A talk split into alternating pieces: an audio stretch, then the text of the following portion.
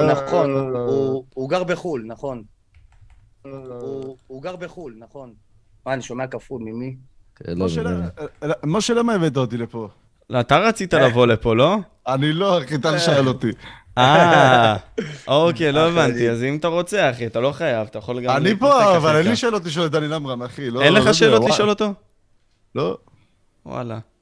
כי אני יודע את רוב אני הסיפור. צריך לשרוף איזה חצי שעה. יאללה. נעשה את זה. לא, אה, תשמע, קודם כל, הוא עוד אני- רבע שעה מגיע. אני לא חושב, אבל זה שהוא בא ושרף את התפילין זה דבר שהוא טוב, אחי. בסופו של דבר. אני לא יודע... מה את צועקת ישר פדרו, פדרו, מה פדרו? אשתי, וואלה, שתהיה בריאה. כל הזמן, רואה פדרו ישר, פדרו, פדרו, מה יש לך? אה, מה יש לך, גברת נעמן? מה יש לך? תשמע, אני חייב לעשות לזה איזשהו מונטאז' לי אתה מת, אחי. למה? אבל, אבל רון, אתה לא חושב שזה פסול? מישהו בא, שורף לך איזשהו משהו שאתה מאמין בו מול העיניים. מה. אני לא צריך, אני לא חושב שצריך להסתכל רק על זה, זה, אחי. מה זה, כאילו- אבל רגע, שנייה, מה זה דבר שאתה מאמין בו? מה זה, אלוהים שוכן בתוך התפילין? אוקיי, כאילו, מבין. לא, השאלה לי אליך, יש אנשים שמסתכלים על אלוהים כאילו יותר מעבר למשפחה אפילו, בסדר? אז אוקיי, אם אוקיי, עכשיו מישהו יבוא. וייתן לאימא שלך, סתם דוגמא, לאימא שלי, סתם דוגמא, לא שלך, שלי, כאפה, אחי, אוקיי? אבל התפילין לא מייצג את אלוהים. אבל מבחינתם, כן. שמע, אתה יודע שלא. לא רשום בתורה, אני חושב שלא רשום בתורה, אחי, להניח תפילין. לא, לא, כתוב, יש לזה הר- הרבה מאוד, אה, אה, כאילו, היבטים, רשום פעמיים אזכור על התפילין, הפעם הראשונה, והיה לאות על ידיכם וזיכרון בין עיניכם, למען תורת אדוני תהיה בפיכם. פעם שנייה, וקשרת להיות על ידיך, והיה לטוטפות בין עיניך. זה הרשב"ם, בתפילת שמונה עשרה, אחי. אה, בסידור, אחי, לא רשום בספר האמירה תורה? הזאת, נכ- לא, זה בספר דברים אה, נכתב. אה, אוקיי. אה, אלף שנה, אף אחד לא מצוין בארץ ישראל בתנ"ך מניח תפילין, לא היה דמות מקראית אחת, אף אחד לא קשר שום דבר. אה, כאילו, כי כנראה לא היה צריך לקשור שום דבר. הפעם הראשונה ששמענו על מישהו קושר תפילין, זה היה אה, מכת הפרושים אלף שנה אחרי זה. אה, והרשב"ם, והרשב"ם שהיה מתוך הסנהדרין, גם, אה, הוא, כאילו, אתם יודעים, הוא היה חכם אה, כאילו, מתוכם, התנגד לזה נחרצות, ואז כאילו גם גירשו אותו מתוך הכת הזאת של חכמי סנהדרין. כאילו, הוא אמר, לא, את, אתם כאילו מעוותים את זה, הפירוש זה תזכור את אלוהים, כאילו, שהוא כתוב לך על היד, ושהוא תמיד יהיה בתוך המחשבות שלך. בגלל זה גם עושים תפילין בין העיניים, כאילו, כתוב בין עיניך. כן, שמים נכון, את זה בין פה, עיניך. כאילו.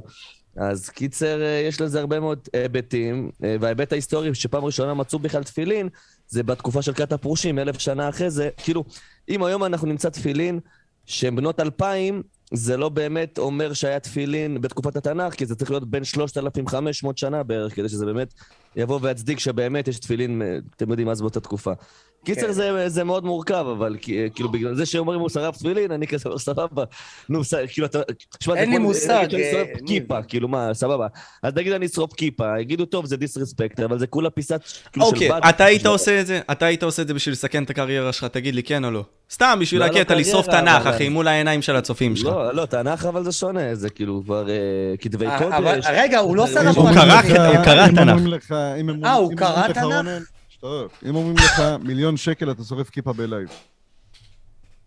וואלה, אבל זה מש... זה- שמע, יש הרבה מאוד מפגרים כאילו שיגידו, "אה, אה, אה", אתה יודע, בדיוק, נכון, אז אני שואל אבל אותך, זה- מה זה אתה מאוד היית יבוא- עושה? האם אתה חושב שתי ששווה מיליון לך? שקל הייתי שורף, כן. שתי מיליון שקל מזומן מביאים לך עכשיו במזוודה, אז אתה שורף איזה כיפה בלייב. פסיכופת. כי זה כלום, אחי. אתה מבין? ואז מה זה הייתי זה גם מסביר כלום? שזה לא מייצג... לא, אחי, ותפילין, אז הייתי מסביר- ותפילין היית מוכן? שתי מיליון, אחי, זה... זה-. היית מוכן לשרוף בשביל שתי מיליון? לכאורה, לכאורה, כן. כל הארץ תשנא אותך, אחי, כל הארץ. אבל הייתי מסביר כאילו את מה שאני מסביר לכם עכשיו. לא היה אבל אתה. תסביר את זה לגבסים, לא, כמו שאתה למה, אתה לא אומר. היית שורף תפילין בשביל שתי לא, מיליון אחי, שקל? היו רוצחים אותי. לא? אחי, אבא שלי היה רוצח אותי, אחי, אבא שלי היה... לא יודע. וואו, וואו, זה מה מטורף פתאום? לעשות את זה, אחי. אה, טס לניו ג'רזי. אני, אני, אני, אני אישית בן אדם שלא כזה אכפת לו מהדת, כן, אבל לשרוף תפילין ודברים כאלה זה דיסרספקט כבר לאנשים שכן מאמינים, אתה מבין? אז אני כן אבל מכבד במה מהמובן הזה. מאמינים? אני רגע, גם ו- מאמין הם. מאמינים, רגע, הם מאמינים שזה קדוש. וקוראן, קדוש, אחי, זה אותו. דבר בעיניי. כמו כאילו שבהודו, אחי, אני לא אשחט פרה מול הודים. נכון. אתה מבין? כי ירצחו אותי, אחי, נכון. אין מה לעשות. אני לא אוכל חזיר אה, מול מה, אה, משפחה מה, דתייה. אני אתחיל לשחוט פרה, אחי, ואני אגיד להם, מה, רגע, רגע, זה כולה פרה, בישראל אוכלים הרבה פרות, חכו רגע, בואו אני אסביר לכם. לא איזה, ירצחו אותך תוך שנייה, אחי. אה, אני מת, כן, אבל אה, זה בדיוק העניין, אז כאילו, מעניין אותי עכשיו, וואו, מעניין אותי עכשיו, אחי, למה הוא מלכתחילה עשה את זה, אתה מבין?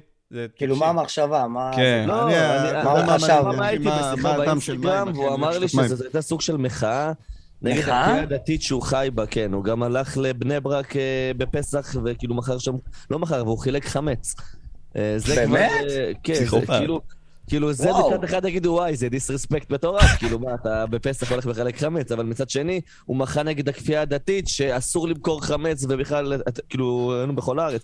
אין בעיה, אתה רוצה לא לאכול אה, דברי אה, אה, לחם ודברים כאלה בפסח? אל תאכל, כאילו סבבה, אבל אל תכפו על אחרים לא לאכול, אתה מבין? זה מה נכון, לו. נכון.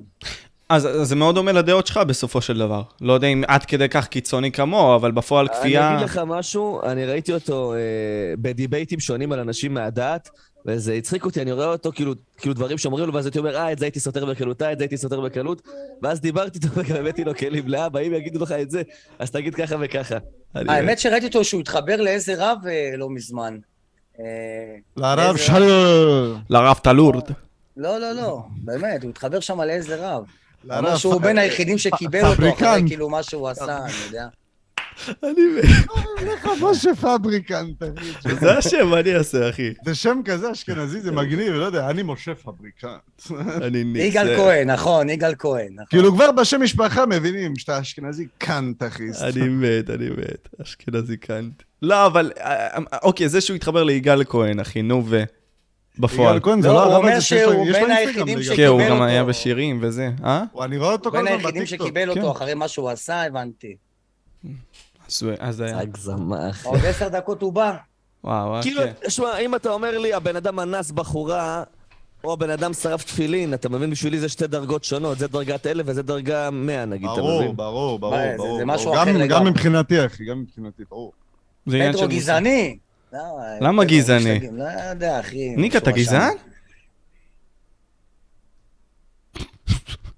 לא משנה. אבל מבחינת השחיתויות שלו, איך הוא מגיע לדברים האלה מעניין אותי. כאילו? מבחינת השחיתויות. שלו, איך הוא מגיע לדברים האלה, לחשוף שולחים אותם. והכל. רונן ג'יג'י שולח. אנשים כמה כמו רונן ג'יג'י, אחי, שולחים. אנשים בעילום שם, אחי, שולחים לו, זהו, תחשוב איזה מפורסמים. מטורף, זה אם אני עכשיו צריך... אה, מפורסמים שרוצים להפיל. אנשים אחרים, אחי, שולחים לו בעילום שם. זהו, אחי. ככה אח שלי. אין השוואה בין דברים פיזיים לדברים אה, רוחניים. אני חושב שדווקא כן יש השוואה. מה זאת אומרת? לא יודע, אשתי שאומרת שאין השוואה בין, כאילו, בין שתי הדברים. למה? לא יודע. גברת נע- גברת אין נעמן, השוואה. את מניחה תפילין? איזה מניחה, אחי. היא שומרת? לא. לא- בכלל? לא. לא, אנחנו- אתה יודע, אנחנו עושים קידוש. למה לחפש לא, סבבה קידוש? אבל כאילו השאלה אם אתם... לתפילין יש ערך רוחני. אתם מאמינים לזה זה- כאילו? אתה... שמע, אני אה, מהבר מצווה לא הנחתי תפילין. אחי. איך? אני, ש- וואלה, אחי, לא יודע. אני שלוש שנים הנחתי. שלוש כל שנים ברצף. כל יום לא פספסתי, אחי, וכל יום התפללתי? לאלוהים. אני נשבע לך, התפללתי, אחי, כל כך קשה. אתם מסכימים איתי, אבל הרבה מאוד אנשים שמניחים או שעושים דברים, הם אף פעם לא באמת וידאו, כאילו, מה המקור של זה? כאילו, האם זה באמת, כאילו... אני לא וידאתי. אחי, הנחתי, אמרו לי, אתה צריך אבל זה להניח, עניין של מסורת. עוד פעם, יש כאלה דברים שאתה פשוט לא. שואל. תשמע, נגיד סתם, אתה יודע מה, שאלה לי אליך. למה בפועל אתה הולך אה, להיות עם מישהי? למה אתה מקים איתה משפחה? כי אתה חרמן. לא, כי זה מקובל בחברה. או, או, נו, אז אתה שואל את זה? אה, זה וגם כי זה סוג של צורך בסיסי של לך ancestors, כאילו, של לך... אנשים שימשיכו אותך. אבל אתה יכול סתם להכניס עכשיו מישהי ב one night stand, אחי, להיריון, והכל יהיה טוב, אתה מבין? תכלס. כן, ניקי יכול אה, לבוא לאיזשהו כאילו, מועדון כאילו, לילה, זה לעשות טק טק טק. ואז יצא ניקי, אתה מבין? לא, ואז ניקי בא מבעיט על הבטן, איזה, לא יצא שום ניקי. לא יודע. ממי, שם איפה בלב, ה- יש איפה ועדות. הקפה? קפה. סיגריה. רגע, דקה, נביא קפה, סיגריה, אחי. אתה תשלשל אחרי זה, כפרה עליך. בסדר, יש שירותים, הכל טוב, אל תדאג. קיצור, כן. דקה, נביא קפה בינתיים, חכו. אבל איך נחשפתם אליו, לדניאל עמרם? עד לפני הרבה, עד לפני קצת זמן לא שמעתי עליו בכלל. בטיקטוק, אחי, איך נחשפתי כן, אליו? כן. לא הוא. פרובוקטור, הוא חכם, הוא יכול להגיד מה שהוא רוצה, אחי, זה חלום של כל יוצר תוכן פה. כי אני ורונן למשל כפופים לחוקים זהו, אם לא הייתי כתובים. חושף כאילו אה, אנ- אנשים בעולם תחתון כמו שהוא עשה, הייתי מקבל אה, כדור ב- כאילו בין העיניים. עזוב עולם בטוח? תחתון, גם- גם יוטיוברים, אחי, היית מקבל תביעות ומה לא, אחי, הוא יכול לחשוף אה, כל אבל עובדה אחד. שעשיתי את זה ו... לא, אבל בוא, חשפת NPCs, אחי, את מי חשפת? NPCs. אחד עבר לערביה, אחי, אנשים מבוגרים גם, מה, מה, אליאס הוא הילד קטן, אחי? לא, אבל... אה, בואנה, אתה יודע, שראיתי את מסוכן הסרטונים כאילו. של אז, שלך, רוניאן עם אליאסו, בואנה, אחי, הוא נראה בן איזה 30 פלוס, אחי. הוא הוא לא היה יודע בן בן כמה. 30 בערך באותה תקופה. באמת?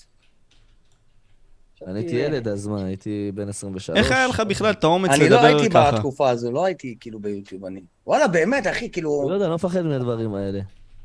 אבל עכשיו אתה כן טיפה מתחיל לפחד לדעתי. לא, לא. כאילו- בחיים אני לא מפחד. אתה יודע למה לפי דעתי אין לך את הפחד הזה? כי לא הרביצו לך הרבה זמן. לא, אני, אני באמת לא מסתלבט, אחי, אני גם גם לא מרגיש פחד, מרביצים אבל... לי, אני לא הייתי... אני לא מדבר איתך על מרביצים בקטע כזה, בוא נגיד עם, עם אליאסו, בתקופה שפתחת על אליאסו, הוא, היה- באמת שולח לך אנשים, והיו מ- מנפחים אותך, אחי, לא היית פותח על אף אחד, אני מבטיח לך. לא, לך אבל אתה לא מכיר אותי, אחי, אתה לא מכיר אותי, אז למה אתה לא, מדבר לא? לא, אני לא לך- לא אומר שאתה איזה אפס, אני לא אומר שאתה איזה אפס, אבל שוב... אה, החוק לא נתן לך מכה, בוא נגיד ככה. ברגע, שאתה תחטוף, בוא נגיד, מכה, או, מה, או מהחוק, מאיזה תביעה, או, או מישהו אבל באמת שיקח את החוק אבל לידיים, כן קיבלתי תביעות, וכן ניסו להרביץ אבל, לי, אה, לא כאילו, בחיים. אה, רונן, אבל היה לך תקופה לא כן, שפחדת כי- לצאת כי אני לא בחוץ? מטומטם, אני לא אגיד דברים, אחי, אם אין לי הוכחות ואני סתם אומר דברים. אתה מבין? אם אני באמת חושב... בוא אני אתן לך הנה, סיטואציה. למשל, הנה, רגע, למשל, הנה, אני מוכן עכשיו להגיד פה, סבבה, בלייב אה, של כולם פה, דוקטור לא לנס. אמרתי. עכשיו אתה תגיד לי, מה, הוא יכול לתבוע אותך. אז אני אגיד, לא, המטומטם הזה אשר התוודה בשידור חי, שהוא היה בן 19, שהוא היה בזוגיות עם בת 12 ועשה את הדברים. אז אני אומר, הוא אנס, כן, הוא היה בזוגיות עם ילדה בת 12, הוא הודה בזה. אז לפי החוק זה נחשב לאונס. דוקטור לא לנס. יותר מזה. בוא אני אתן לך סיטואציה אז, סבבה? לא. דמיין סיטואציה שפתחת על בן אדם עכשיו, והפלת אותו והכל בסדר ויפה. עכשיו, הבן אדם הזה מגיע, מגיע לנקום בך, מוצא איפה אתה גר ומגיע לבית שלך עם עוד, עוד חמש אנשים, ואתה עם מיטל בבית, מה אתה עושה? זו סיטואציה, אחי, שאי אפשר הוא הוא פורץ את לא הדלת, הוא כלום. שובר את הדלת. מטורף, אחי. אני לא יכול לעשות כלום, אני אוכל מכות, אבל כאילו, אני- מה, אני- רמבו? מה, אני אעשה חמש על אחד? רגע, אבל היה תקופות שכאילו הלכת בחוץ... אבל אתה לא מכיר אותי, אני- אני באמת מטורף, אחי. היה לי פעמים, אחי, שהייתי מחכה לאנשים אה, כאילו מתחת לבית יום שלם, אני צריך לתפוס אותם לבד. תגיד לי, תגיד לי, שאלה, שאלה, שאלה, 16. שאלה. יצא פעם אחת שהיית עצבני בסיס וממש רצית להרביץ לילד בן 15. באמת היית עושה את זה? לא יודע, בלהט הרגע כן, אחרי שאתה נרגע שתי דקות. ולאט כן, הרגע. אתה אמרת כאילו, תביא לי כתובת, עכשיו אני נוסע לך, לא. אבל כולנו רייג'רים כאלה. הראשון הייתי כבר אה, נרגע, אחי. אני צופה בלייב, אני צופה בלייב, ואני אומר, אין מצב הוא באמת ירביץ עכשיו לילד בן 16, הוא זפוק, מה? אה, תלוי בהרבה מאוד דברים, אחי. לא יודע, יש מלא פרובוקטורים שמנסים עכשיו להצליח. לא יודע אם זה הדרך הנכונה, אבל להצליח. אז כאילו להצליח לזמן קצר. כל זה- הדברים האלה. זה תלוי, אני אגיד לך משהו, יש הרבה מאוד אנשים שיש להם איזושהי אמת, נגיד את האמת של שי חי, אה, שאחרי איזשהו... כאילו זה כ- כזה מרגיש לי שבאמת הדברים שהוא אומר יש מאחוריהם איזשהו מסר, אבל אז הרגיש לי גם אה, כזה ניסיון להיות בולט ו... ולצבור אהדה, יש את האמת של רון אשר, שהרבה פעמים הרגיש לי שזה אין באמת אמת, יש כאילו סוג של אינטרס, כאילו אני אסביר, כאילו, אני חושב שהוא באמת אינטליגנט, והוא לפעמים כיף לדבר איתו, ו... ואני מבין אותו הרבה מאוד פעמים, אבל לפעמים, כאילו, נגיד שאתה שואל אותו על סטטיק, סבבה? סבבה. אה, אני חושב שזה מוגזם שהוא חשף את זה שהוא לכאורה בגד עם אלעלי, כן? כאילו, זה מה- ממש מוגזם. כאילו, מה- what's your business? אחי, אחי, מה, מה, כאילו, מה הקטע מאחורי זה? אז הוא אמר, כן, סטטיק זיין אותי, הבטיחו לי, אה, הוא, הוא, הוא אמר את זה כמה פעמים, הבטיחו לי, כאילו, אה, קמפיין עם בירה נשר, סבבה? אז מה, אם, אז אם היית מקבל כן קמפיין עם בירה נשר, אז אם היית מגלה שסטטיק בוגד, אז היית מעלים עין, אז, אז מה יש פה? יש פה וואו. אינטרס, יש פה עקרונות, כאילו, אתה מבין? ככה אני מסתכל על זה. הרבה מאוד אנשים לא מחברים אחד ועוד אחד במוח, אתה מבין? אז כשאני בא ואני רוצה לזיין מישהו, נגיד מאסטר אוהד, סבבה? היה לי זה שאני פתחתי, שהבן אדם עושה דברים לא בסדר אז באינסטגרם, והוא גם רקד, וזה שהוא חושף ועושה doxxing. הבן אדם, הייתי מביא אותו אליי לסרטונים, הייתי סבבה איתו, הייתי איתו באותו ארגון. הייתי כן. הכי סבבה איתו שיש, אבל ברגע שהרגשתי שמשהו שהוא עשה באמת מוגזם, יצאתי על זה, ופה זה כאילו נגמר. היום עכשיו, ש- שואלים אותי מה אתה חושב עליו, אומר, אחלה של בן אדם, כאילו אחלה תוכן בסופו של דבר. לפעמים הוא מגזים, כי הוא ילד עדיין, אתה מבין? אין לי באמת, נגיד ששואלים אותי על קיסר, קיסר אני איתו ב- בכסח כבר- כן. כבר מלא זמן. שואלים אותי, נגיד, כאילו מה אני חושב, אני אומר, וואלה, אחלה של יוצר תוכן, גם ש- שעשיתי כאילו דירוגים, דירגתי אותו גבוה. קיסר, אתה בכסח? למה? דניאל עמרם רשם שהוא פה עוד כמה דקות, הוא חונה. מה אתה מתי אתה אומר? בקיסר, אה, בכסח עם קיסר? לא ידעתי. כן, גם אני לא שהוא ידעתי, האמת. זייף אה, פריצה... אה, אה, נכון. נכון, נכון, אחי, נכון. זה כזה לא מעניין, כאילו. כן, אז אני טענתי שזה המזויף, היה לי את הסיבות שלי, ובדקתי את כל הקטע הזה. זה לא כמו עם אינדגם, היה אפשר לעשות שחזור סיסמה שם, וזה אותו אימייל ואותו מספר טלפון. אבל תכלס. סולחים להם. כאילו, לי. פרצו פעמיים. בארץ, אחי... לאף אחד לא. אכפת, לאף אחד לא אכפת, אחי. באמת שהמדינה... תגיד, אני אגיד את ה N-word בלייב אחרי העם זה. אבוד. כאילו, באמת שהעם הזה אבוד, אחי, כאילו. כאילו, אבל זה לא אמור להגיע לרמה של ארצות הברית, אחי, שעל כל מילה רעה שלך תופסים אותך. כאילו, אני רואה בזה סתירה, לא, תכלס. אתה בטוויץ' נמצא ב hot tubs, אחי, עם הפאקינג ציצי בחוץ וזה בסדר, אבל אתה בא ואומר מילה אחת לא טובה ומוציאים אותך, בוא לא אני יודע, אגיד לך, חרא. דוגרי, אני סבור שאם מישהו שהוא מספיק חזק ביוטיוב, עם מעל נגיד 300 אלף מנויים, היה מצהיר על זוגיות עם מישהי... שומע, נגיד שהוא בן 27, 6, 8, נגיד בגיל שלי, והוא יוצא עם מישהי בת 15, זה המחליק לאנשים בגרון, אתה מבין? לא מבטלים אותו. מאה אחוז. לא מבטלים. אני אגיד לך משהו גם, אה, באמת הייתה סטטיסטיקה שיש מעל 300 אלף פדופילים. כן, זה מה ששלחתי לך. בפרטי. וזה מטורף כאילו. ואתה יודע שאני חושב על זה, אני לא יודע אם לבוא ולפתוח את זה קל, אבל אני חושב שזה מושרש לעם שלנו פסיכולוגית, אתה יודע? זה לא רק לעם שלנו, זה טיק טוק, אחי, אני מדבר על זה עם כל כך הרבה פרופסורים, ואנחנו מגיעים לקו אחיד מסוים, שהטיק טוק גורם לך להימשך למישהי בת 14 כי היא נראית טוב, אז זה נותן לך כאילו את האפשרות הזאת, אוקיי, היא נראית גדולה, היא נראית כזאת בשרית והכל, בוא נימשך אליה מינית. תכלס, אחי, אתה לא מסכים על זה, ניק? האלגוריתם תשמע, הכי... רגע, רגע, רגע, אבל זה- זה לא פסול נגיד... תשמע, אי אפשר לפסול בן אדם על זה שהוא חושב שמישהי בת 14 נראית טוב, אבל אם הוא עושה את משהו זה כבר משהו אחר. אחי, אבל הוא יכול לתת לה. הוא יכול לתת, נגיד סתם בצד, על זה, סבבה, ואף אחד לא יגיד לו כלום, הוא עושה את זה בשעות הפנאי שלו, אבל זה מהדהד לו במוח, אחי. זה מהדהד לו במוח, ש- שיהדהד לו, אני אומר שיהדהד לו, כל עוד הוא לא עושה עם זה כלום, אחי. כל עוד הוא לא אבל- אה, מתחיל איתה, כל עוד הוא לא...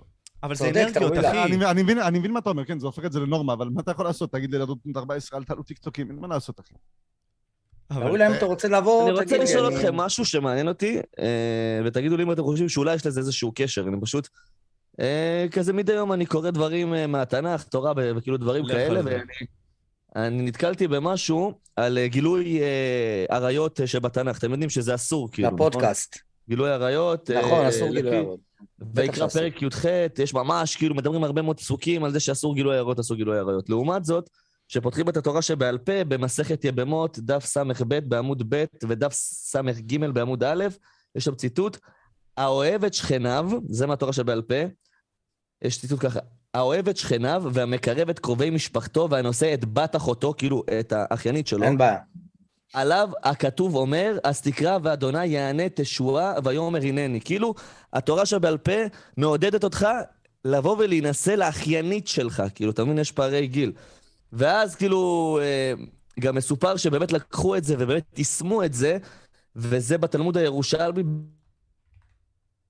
במסכת יבמות י"ג ב', מעשה באמו של רבי אליעזר שהייתה דוחקת בו לשאת את בת אחותו, והיה אומר לה, בתי לכי נשיא, בתי לכי נשיא, עד שאמרה לו, ואז היא הוסיפה, הרי אני שפחה לך לרחוץ רגליי, עבדי אדוני, אף על פי כן אה, כינסה ולא הכירה עד שהביא שתי שערות. כלומר, הוא אמר, אני לא יכול לבוא ולהינשא למישהי שעכשיו נולדה, שהיא בת אחותי, שהיא אחיינית שלי, אני באמת אחכה שיהיה לה שתי שערות, כלומר גיל 12 בערך, אתה מבין? אז אני שואל, יכול להיות שיש פה איזשהו עניין של פדופיליה, שבארץ יש כזה הרבה פדופילים, שזה היה באמת מקובל, כאילו, הרבה מאוד שנים. אתה מבין? בדת. וואלה, תשמע, יש לי מלא דברים להגיד על זה. ב-1970, הפילוסופים הצרפתיים באותה תקופה הוציאו נייר מסוים בגלל העניינים של חירות והכל, למען פדופיליה ולמען ביטול גיל ההסכמה.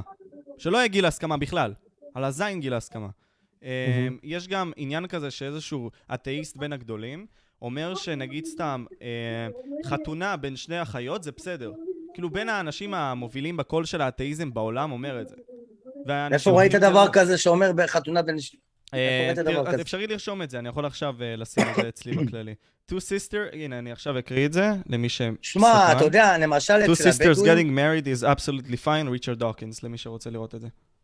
אתה יודע, אצל הבדואים, הם מתחתנים בין המשפחות. אה, לרוב, אם תסתכל על זה, רובם יוצאים שם לא בסדר. רובם בור... כי הם בורים, אין להם את הידע הזה. זה בסדר מבחינתם. לא, לא, לא קשור, אחי. מה זה לא? ברור שיש להם את הידע והם יודעים את זה, ועדיין, אחי. אני לא יודע, הם, הם טיפ... רובם בורים, אחי, עוד פעם. בורים. מבח... מבחינתם זה בסדר, לא, הם לא, הם לא חכמים, אחי, הם לא מבינים שזה לא בסדר גילוי עריות. אחרת הם לא היו עושים את זה. אני לא, לא, זה לא נקרא גילוי עריות, אבל לא זה שהם לא קרב מבינים- כאילו... זה לא שהם לא מבינים קשר שגילו הערות זה. לא בסדר, זה פשוט שבשבילם זה בסדר, זה- הם חיים ככה, אחי, זה כמו שתגיד עכשיו לאנשים, אין יותר יום כיפור. וואלה. לא, יש בזה. רגילים לזה, אחי, אין. זה הרגל, הנורמה. כדי- כדי לשנות הרגל זה לוקח המון, אחי. כמו שאנחנו רגילים לפלאפון עכשיו, תאר לך עכשיו אם לוקחים לנו את זה, אנחנו נתחרפן. אמת. זה נורמה, אחי, אין, אי אפשר לקחת לנו נורמה. אם ייקחו לך פלאפון, אתה תתחרפן בבית, אתה תתחיל לטפס בקירות, אתה לא תדע איך אה, להסתדר עם עצמך, כי כבר התרגלת אחי. לזבל של הדבר הזה. צודק, צודק. כל הטיקטוק זה, כל הבנות. טיקטוק. זה בא לי- לפני, וואלה, לפני 20 שנה, אחי, עם הטלפון, לא- בקושי היינו, לא היינו הייתה בכלל עם תקופה טלפון, יותר טובה אחי. פעם, וחבל שאני לא בן 50, אחי. רונן, אבל אהבתי שאת... הנה, דניאל נכנס. רציתי להגיד לך, יופי שהתחלת לעשות טיקטוקים, אחי. אימא'לה, תן לי להמרם, אני מסתיר את עצמי. אה. דניאל. איזה טרול, מה. שלומך, דניאל? לפני 20 שנה, אחי. מה הולך, גיבור ישראל? לא לכאורה. לכאורה. מה? תכף, תכף נדבר על זה. אחי, תעשה בשקט, כפרה עליך. מה קורה? אחי, שומעים אותך. צריך לשים אוזניות, אה, דניאל. שומע- דניאל, שומעים את הלייב. מה העניינים? כולם? שומעים את הלייב. כפרה עליך. בסדר, בסדר גמור. לא דניאל. אבל אה, רק ת- ת- תשפיק את הלייב, כן, בדיוק. למה אני לא שומע? דקה, דקה, דקה. כי אתה... אוקיי, אוקיי, שומעים? שומע אותנו? עכשיו שומע, כן. סגור. מה הולך, אחי? בסדר גמור. שמעתי טיפה על את השיחה פה, אני לא מכיר את כל הפרצופים, אני יודע, אני מכיר את רונן, שוחחתי איתו, עכשיו הכרתי אותך, וגם אתה, אה, מכיר את כולם בעצם, הכל טוב. דיברנו איזה איתך דניאל. בצהריים היום. סגור. תקשיב, רונן, איתך אני רוצה שהיום בלייב הזה נעשה משהו מעניין, נחשוף פה את ה... אבל- אבל תעשה שיראו אותך, אחי, אתה מתקרב יותר מדי, כן, כפרה כן, עליך. בדיוק. רונן, אתה הזה, אני. רוצה שנעשה משהו מעניין, אני רוצה שנחטוף קייס תביעה, אחי. אני- רק אתה. אבל אני חשבתי על זה, כן, הבן אדם הזה. הבן אדם הזה שעשה דברים עם ילדים קטנים, הוא פרש כבר, הוא כבר פרש איזה שנה מיוטיוב, אתה יודע? אה, מה קרה? פתאום פרש לא רלוונטי. לא. אה, פותחים עליו עדיין. על מה אנחנו מדברים? שמאז- what the fuck? רגע, וואי, לא, וואי, באמת. וואי. בתקופה שהתחלתי לדבר איתך, הוא פשוט פרש ביוטיוב. כאילו אז, אתה זוכר? אה? אנחנו מדברים על לא החיה, לכאורה. לא. כן, כן, הוא העביר את זה למישהו אחר. הבנתי אותך. וואו. אוקיי, אז היום במשך הפודקאסט הזה אנחנו הולכים לחשוף אותו. אני מסכים איתך, דניאל אמרם, אני אביא כוס מים ואני אדליק מצלמה.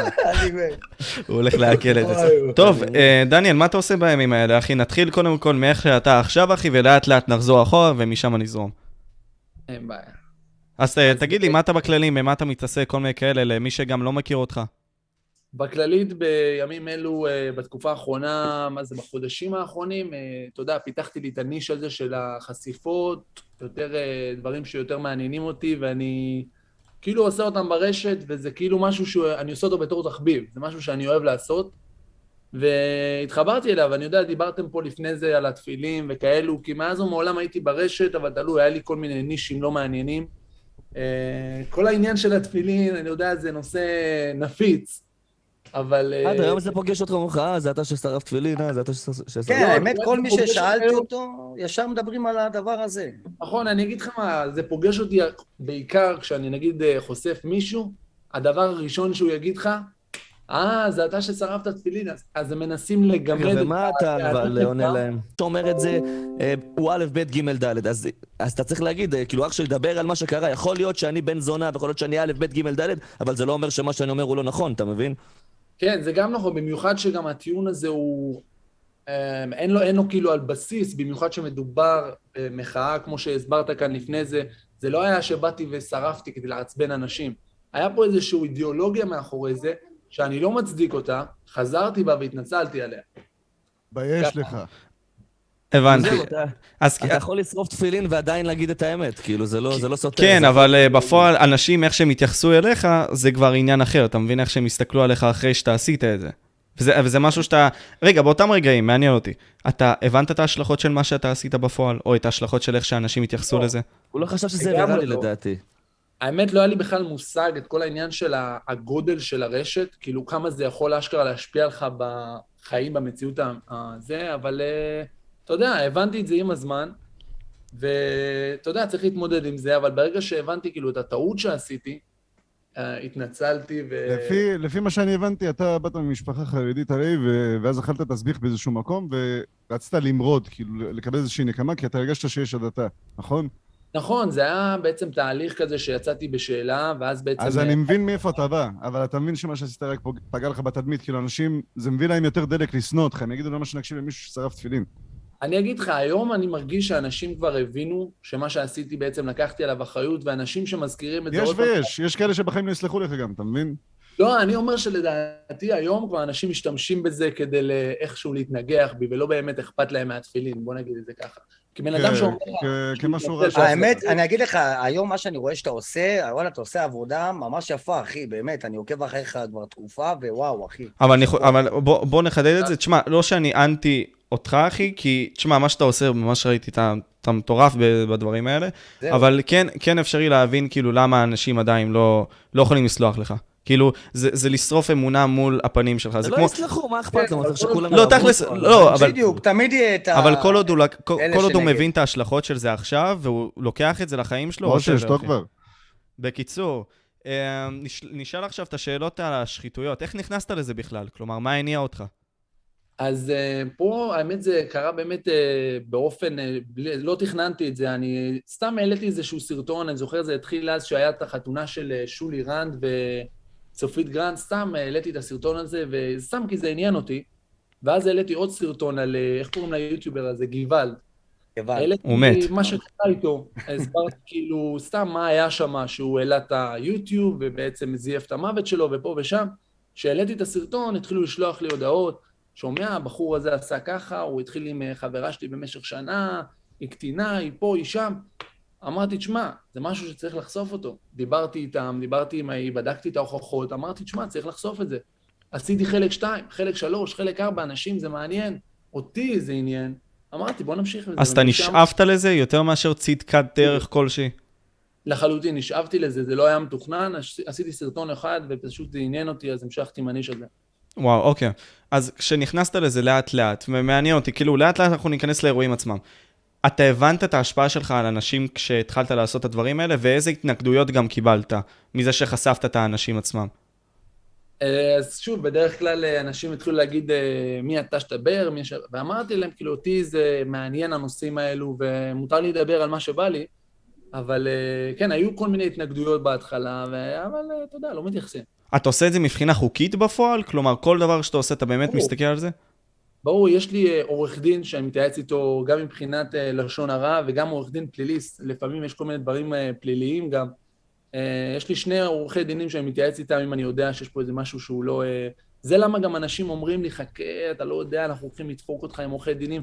הם לא יודעים שכל הדברים שאני עושה, אני בודק אותם, כאילו, אם יש לי משהו, גם אם יש דברים שעשיתי, והיו טעויות בעבר, אני ישר מתנצל עליהם ו... אה, כמו סתם מודיע. דוגמה, מעניין. איזה טעויות היו? כן.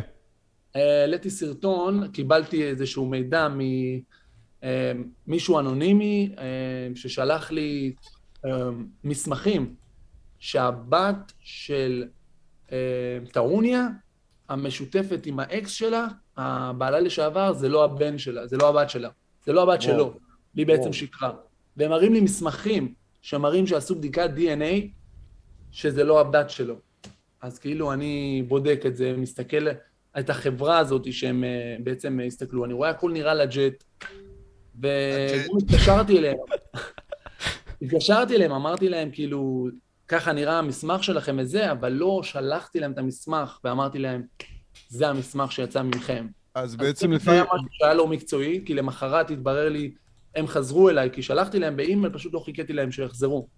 ש- ולמחרת הם חזרו אליי ואמרו לי, אה, לא יצא מאיתנו, זה פייק, מישהו הדביק שתי דברים ביחד ויצר את המסמך הזה. בסופו של יום אתה פוגע פה באמינות שלך, אתה אומר בעצם שלפני שאתה מעלה סרטון, אתה יושב מסטול, אתה מסתכל על מסמכים, אתה אומר legit, ואתה מתחיל לציין סרטון. לא, זה לחלוטין משהו ש... סתם, אני צוחק. לא, זה צודק. לחלוטין, היה פה איזה משהו שאני הייתי צריך לבדוק אותו יותר לעומק, ואתה יודע, לומדים מטעויות, זה משהו אבל אין אה, גבול, ו- כאילו, אתה חושב, לפעמים לא קורה לך שאתה מקבל משהו, אתה אומר, טוב, זה כבר מוגזם שאני אעלה דבר כזה, זה לא זה לא ענייני. אז כאילו- תמיד כשאני מעלה משהו, אני מסתכל על התועלת של מה, מה, מה ייגרם בתועלת שאני אעלה את זה, לבין הנזק שיגרם לאותו בן אדם או לכל הסובבים שיצא מהסיפור הזה. כמו לדוגמה, הסיפור שדיברתם פה על סטטיק, אז אה, אנשים אומרים, תשמע, מה זה מעניין? למה אתה נכנס לו לחדר המיטות? אבל אני מסתכל על הסיפור הזה בתור האנשים שנפגעו מהדבר הזה. לדוגמה, מאיה ג'יריס, זה עוד אה, כוכבת רשת שנפגעה מהסיפור הזה, לדוגמה, כי היא הייתה זאת הבת זוג שאיתה סטטיק בגד. יש את אלה לי שהוא בגד איתה, לכאורה כמובן, ומאיה ג'יריס היא בעצם הייתה בת זוג שלה. והיא לא יכלה לדבר על זה במשך שנה, וואי, איזה לא יפה! אז אני ראיתי בתור שאותה בחורה שבעצם משתיקים אותה, בגלל אותו סטטיק שהוא בעצם גדול, כוכב רשת חזק, שהם בעצם מאיימים עליה. אבל ש... בסופו של יום הוא בן אדם כמוני כמוך. כן, אבל בן אדם כמוני, כמוך, אין לו כוח לבוא ולאיים על מישהו ולהשתיק אותו במשך שנה. אה, אז אתה אומר פה שסטטיקים על אה, מאיה ג'רזי בעצם. לכאורה. באופן ישיר, אני אומר שהיה פה איזשהו אה, אמבוש שנעשה עליה מבחינת המנהלים שלו, כן. וואו, אוקיי. אה, פה אני אשאל אותך שאלה, איך אתה בוחר איזה צדק אתה בא ומתייחס אליו? כלומר, אני אתה בא... מסתכל מבחינת השכל הישר, איך שנראה לי, ובדרך כלל אני גם מעלה את זה קודם כל לטלגרם או לאינסטגרם בזמנו, ואני רואה גם מה אנשים חושבים, ואני מסתכל על זה, ולפעמים אני גם מוריד, כי אנשים אומרים לי, שמע, זה לא ככה וככה, וזה לא עולה סרטון. יש הרבה דברים שאני מעלה מוקדם יותר לרשתות ה... לא לטיקטוק, כי בטיקטוק יש יותר חשיפה. ברור. ואתה, קורה לך גם מצבים שאנשים שולחים לך, שמע, קרה לי ככה וככה, טה-טה-טה, וזה ככה, והוא נוכל וזה, ו... מביאים לך את כל הזה, וככה גם אתה מעלה. כאילו, פונים לך עכשיו הרבה אנשים גם, נכון? ברור, כן, יש הרבה, יש הרבה, הרבה, 90, אני אגיד לך, לא יודע כמה אחוז, אולי 90 אחוז זה מתחיל מפניות, מישהו פונה אליך ואומר לך, תשמע, ראיתי ככה וככה, זה קורה ככה וככה, ואז אני נכנס יותר לעומק ובודק את הדברים, מתקשר אליו, מתקשר, בודק באינטרנט, וככה גודלים חשיפות. איך אתה עושה תחקיר בפועל? כלומר, אתה עכשיו בא ונכנס, יש לך קייס, סתם דוגמה שאתה מדמיין, מישהו נותן לך והכל. איך אתה ממשיך משם? אז לדוגמה, קודם כל אני לוקח ממנו את הצילומי המסך, אה, ואז אני פונה לאותו, מנסה לפנות לאותו בן אדם שהוא בעצם מתלונן עליו. זה הדבר הראשון שאני עושה. פונה אני- אליו, הוא רוצה- לשמוע מה הצד שלו. ברגע שאתה שומע את הצד השני, אתה יכול אחרי זה לבדוק האם מה שהוא אמר לך זה נכון, האם... אה, אתה מבין, אתה רואה לפי התגובה שלו, ומשם אתה מתקדם הלאה. אני רוצה לשאול אותך משהו, כתבתי פה כל מיני דברים. תגיד לי, אם היו שולחים לך על, על, על הנושאים הבאים הוכחות, אם היית מעלה אותם. אם היו שולחים לך עליי שאני מזייף הגרלות, ויש לך הוכחות, היית מעלה את זה? כן. כי זיוף הגרלות מבחינתי זה משהו שיכול לפגוע אה, באנשים. רגע, רגע, היית מעלה את זה בלי לדבר איתו לפני אבל? אה? לא, ברור היית- שאני היית- לא, אומר לו כאילו אני מעלה לך נכון. בודק אם זה נכון כמובן, פונה אליו ובודק את העניין. אוקיי, אז אם היו שולחים לך הוכחות שאני סנוב שלא מצטלם עם, עם אה, ילדים ש, שמבקשים ממני סלפי, לא, זה לא, כי זה זכותך, אתה לא חייב להצטלם עם אף אחד, זה לא... אוקיי? אם היו שולחים לך אה, הוכחות שבגדתי בבת זוג שלי. אה, הוא אושיית רשת, שם גדול. זה כאילו אה, יקדם אותך בפועל, זה לא עכשיו משהו מוגזם. לא בטוח, אבל- כי אבל- לא באמת, אה, אני לא חושב שיש פה מספיק עניין ציבורי, unless החברה שלך תפנה אליי. אבל אם החברה עצמה היא גם אבל- אושיית רשת. אבל כאילו, אני חושב שבגידה בין בני זוג זה כאילו משהו ביניהם, וזה לא אמור לעניין את כל העולם, אלא אם כן זה, זה משהו צהוב סטייל אייל גולן בוגד עכשיו, שהוא ממש כאילו, ממש כאילו סלב טיר איי, כאילו, אתה מבין? כן, אבל אם יש כאילו- פה משהו שאתה מנסה להשתיק אותו, ואתה משתיק אותו בגלל הכוח שלך, לדעתי זה לא, משהו... כאילו. לא, זה בלי קשר, סתם בגדתי, אף אחד לא יודע, ונגיד שולחים לך הוכחות. אבל היא פונה אליי, אותה בת זוג שלך. אם היא לא פונה אליי, זה משהו אחר. למה היא בעצמה לא מעלה פשוט אה, טיק טוק יודע מה? שהבן זוג בגד וזהו? למה היא צריכה לבוא יש אליך? אנשים שלא מצליחים להגיע לחשיפה, או שהם מפחדים, שייכנסו... אה, יודע, אבל סבבה שהם מפחדים, אבל מה אתה עוזר להם פה? איך אתה עוזר להם בזה שהם הם מפחדים? אני עושה להם את העבודה, השחורה. אבל יודעים שזה בא מהם, מה זה משנה? נכון, אבל אתה יודע, גם מאיה ג'יריס היא יכלה לעלות פשוט טיק טוק, אבל היא לא יכלה לבוא עם כל ה... הצורה שבה אני מגיע... אז אתה אומר שאתה שאתה מביא באיזשהו מקום גב, כאילו, לאנשים כאלה. אני עושה את זה בצורה יותר מקצועית. וגם הם, הם, אתה מבין שכשזה מגיע ממאיה ג'יריס, אתה יכול להגיד, שמע, יש פה איזשהו משהו אישי. גם כשרון נשר אה, חשף את זה, היה, היו שאמרו, שמע, הוא חשף את זה כי הוא שונא את סטטיק. אני מגיע פה מאיזושהי נקודה שאין לי איזה משהו אישי נגד סטטיק, או יש לי איזה עניין אישי עם מאיה, אני מסתכל על האמת, ואני רוצה שהיא תיחשף. רגע, דניאל, אם היו שולחים לך הוכחות ששכבתי עם גבר, היית מפרסם את זה? וזה קיבלתי גם כמה. לא, לא ושאבא שלי פעיל נאצי, היית מפרסם? תורה. זה משהו אחר. מה זה? אה, אני חשפתי פעם משהו על אבא, היה איזשהו סיפור עם אה, אבא של אה, העיתונאי, איך קוראים לו? ערן סוויסה. אוקיי. אבא שלו היה באיזושהי תוכנית של אה, חיים אתגר, מהמם. והוא נתפס בעצם אה, גונב או משהו כזה, ובעצם היה איזושהי השתקה, אף אחד לא ידע שזה אבא של ערן סוויסה. עכשיו, זה ברור שזה לא אשמה של ערן סוויסה, שאבא שלו ככה, אתה מבין? מהמם. אבא שלו גם אה, יכול להיות הרבה דברים, זה לא אשמה שלו. הבעיה שלי התחילה ברגע שקיבלתי עדויות שערן סוויסה ניסה להשתיק את התוכנית הזאת ולהוציא אותה, שבכלל לא יהיה. מהמם. אמרתי, תשמע, פה זה כבר... יכול להיות שהוא פגע, ב... כאילו, שהוא פחד שזה יפגע לו בשם, כי זה אבא שלו, אתה מבין? זה בדיוק, כמו שאדי ביטי, אבא שלו היה פדופיל, לא לכאורה, כן? או שזה כן. כבר מוכח. אז, אה. אז כן, וזה פגע בה, אפילו שזה לא היא. נכון, אבל ברגע שאתה מנסה להשתיק משהו, זה בעצם מראה שאתה מנסה להצדיק את זה. אה, אתה בעצם מצדיק את אה, אבא שלך, אז פה זה כבר הפריע לי. זה לא מאה אחוז נכון, אבל אתה יודע, זה משהו שהעליתי בתור... אה, כי זה התחיל להיות ג'וס. ברגע שאתה רואה שהוא ניסה להשתיק את זה וכאלו דברים, זה כבר משהו אחר. Mm.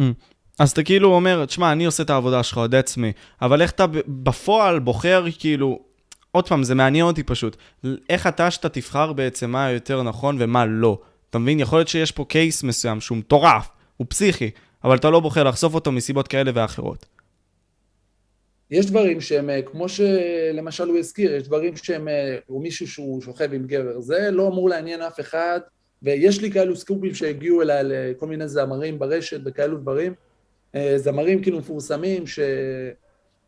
אתה יכול להגיד לנו, סתם אני, לקטע ראיתי, אני ראיתי משהו, תשמע, יש איזה רקדן של סטטיק, לא יודע אם אתה, אתה חשפת אותו, תבין, אני, מה זה גדלתי איתו? מה זה, לא גדלתי איתו או משהו, הוא גדל אצלי בשכונה. מי? אה, בני, בני, אתה מכיר, אתה זוכר? בני, הרקדן של סטטיק, אני יודע. אה, ו... כן. אתה מבין? וראיתי גם- את זה, נשבע לך, ראיתי את זה, הייתי בשוק, אחי. הייתי בהלם, אחי, על הדבר הזה. שם מה, קרה עם הרקדן של סטטיק?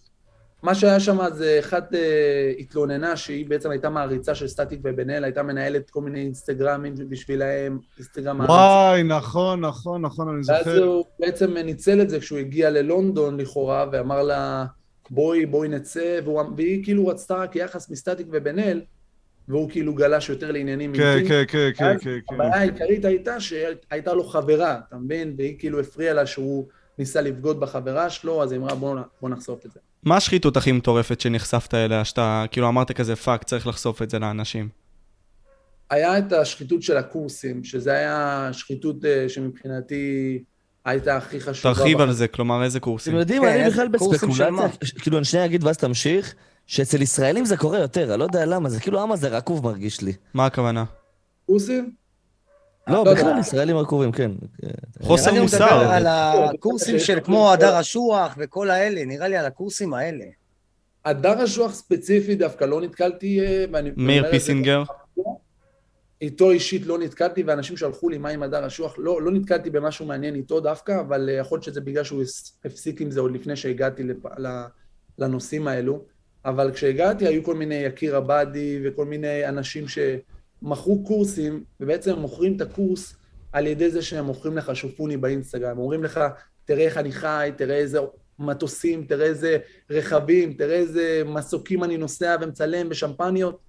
ובמציאות הם מזכירים את זה, או שגם אם זה שלהם, הם לא באמת עושים את הכסף הזה מהקורס. השאלה אם אתה מגדיר את זה שחיתות או שיטת שיווק ממש טובה, נגיד. מבחינתי זה כמו שחיתות. שרדבול נותן לך כנפיים, אחי. אני יודע שאני לא אשתה רדבול ואני אתחיל לעוף, אתה מבין?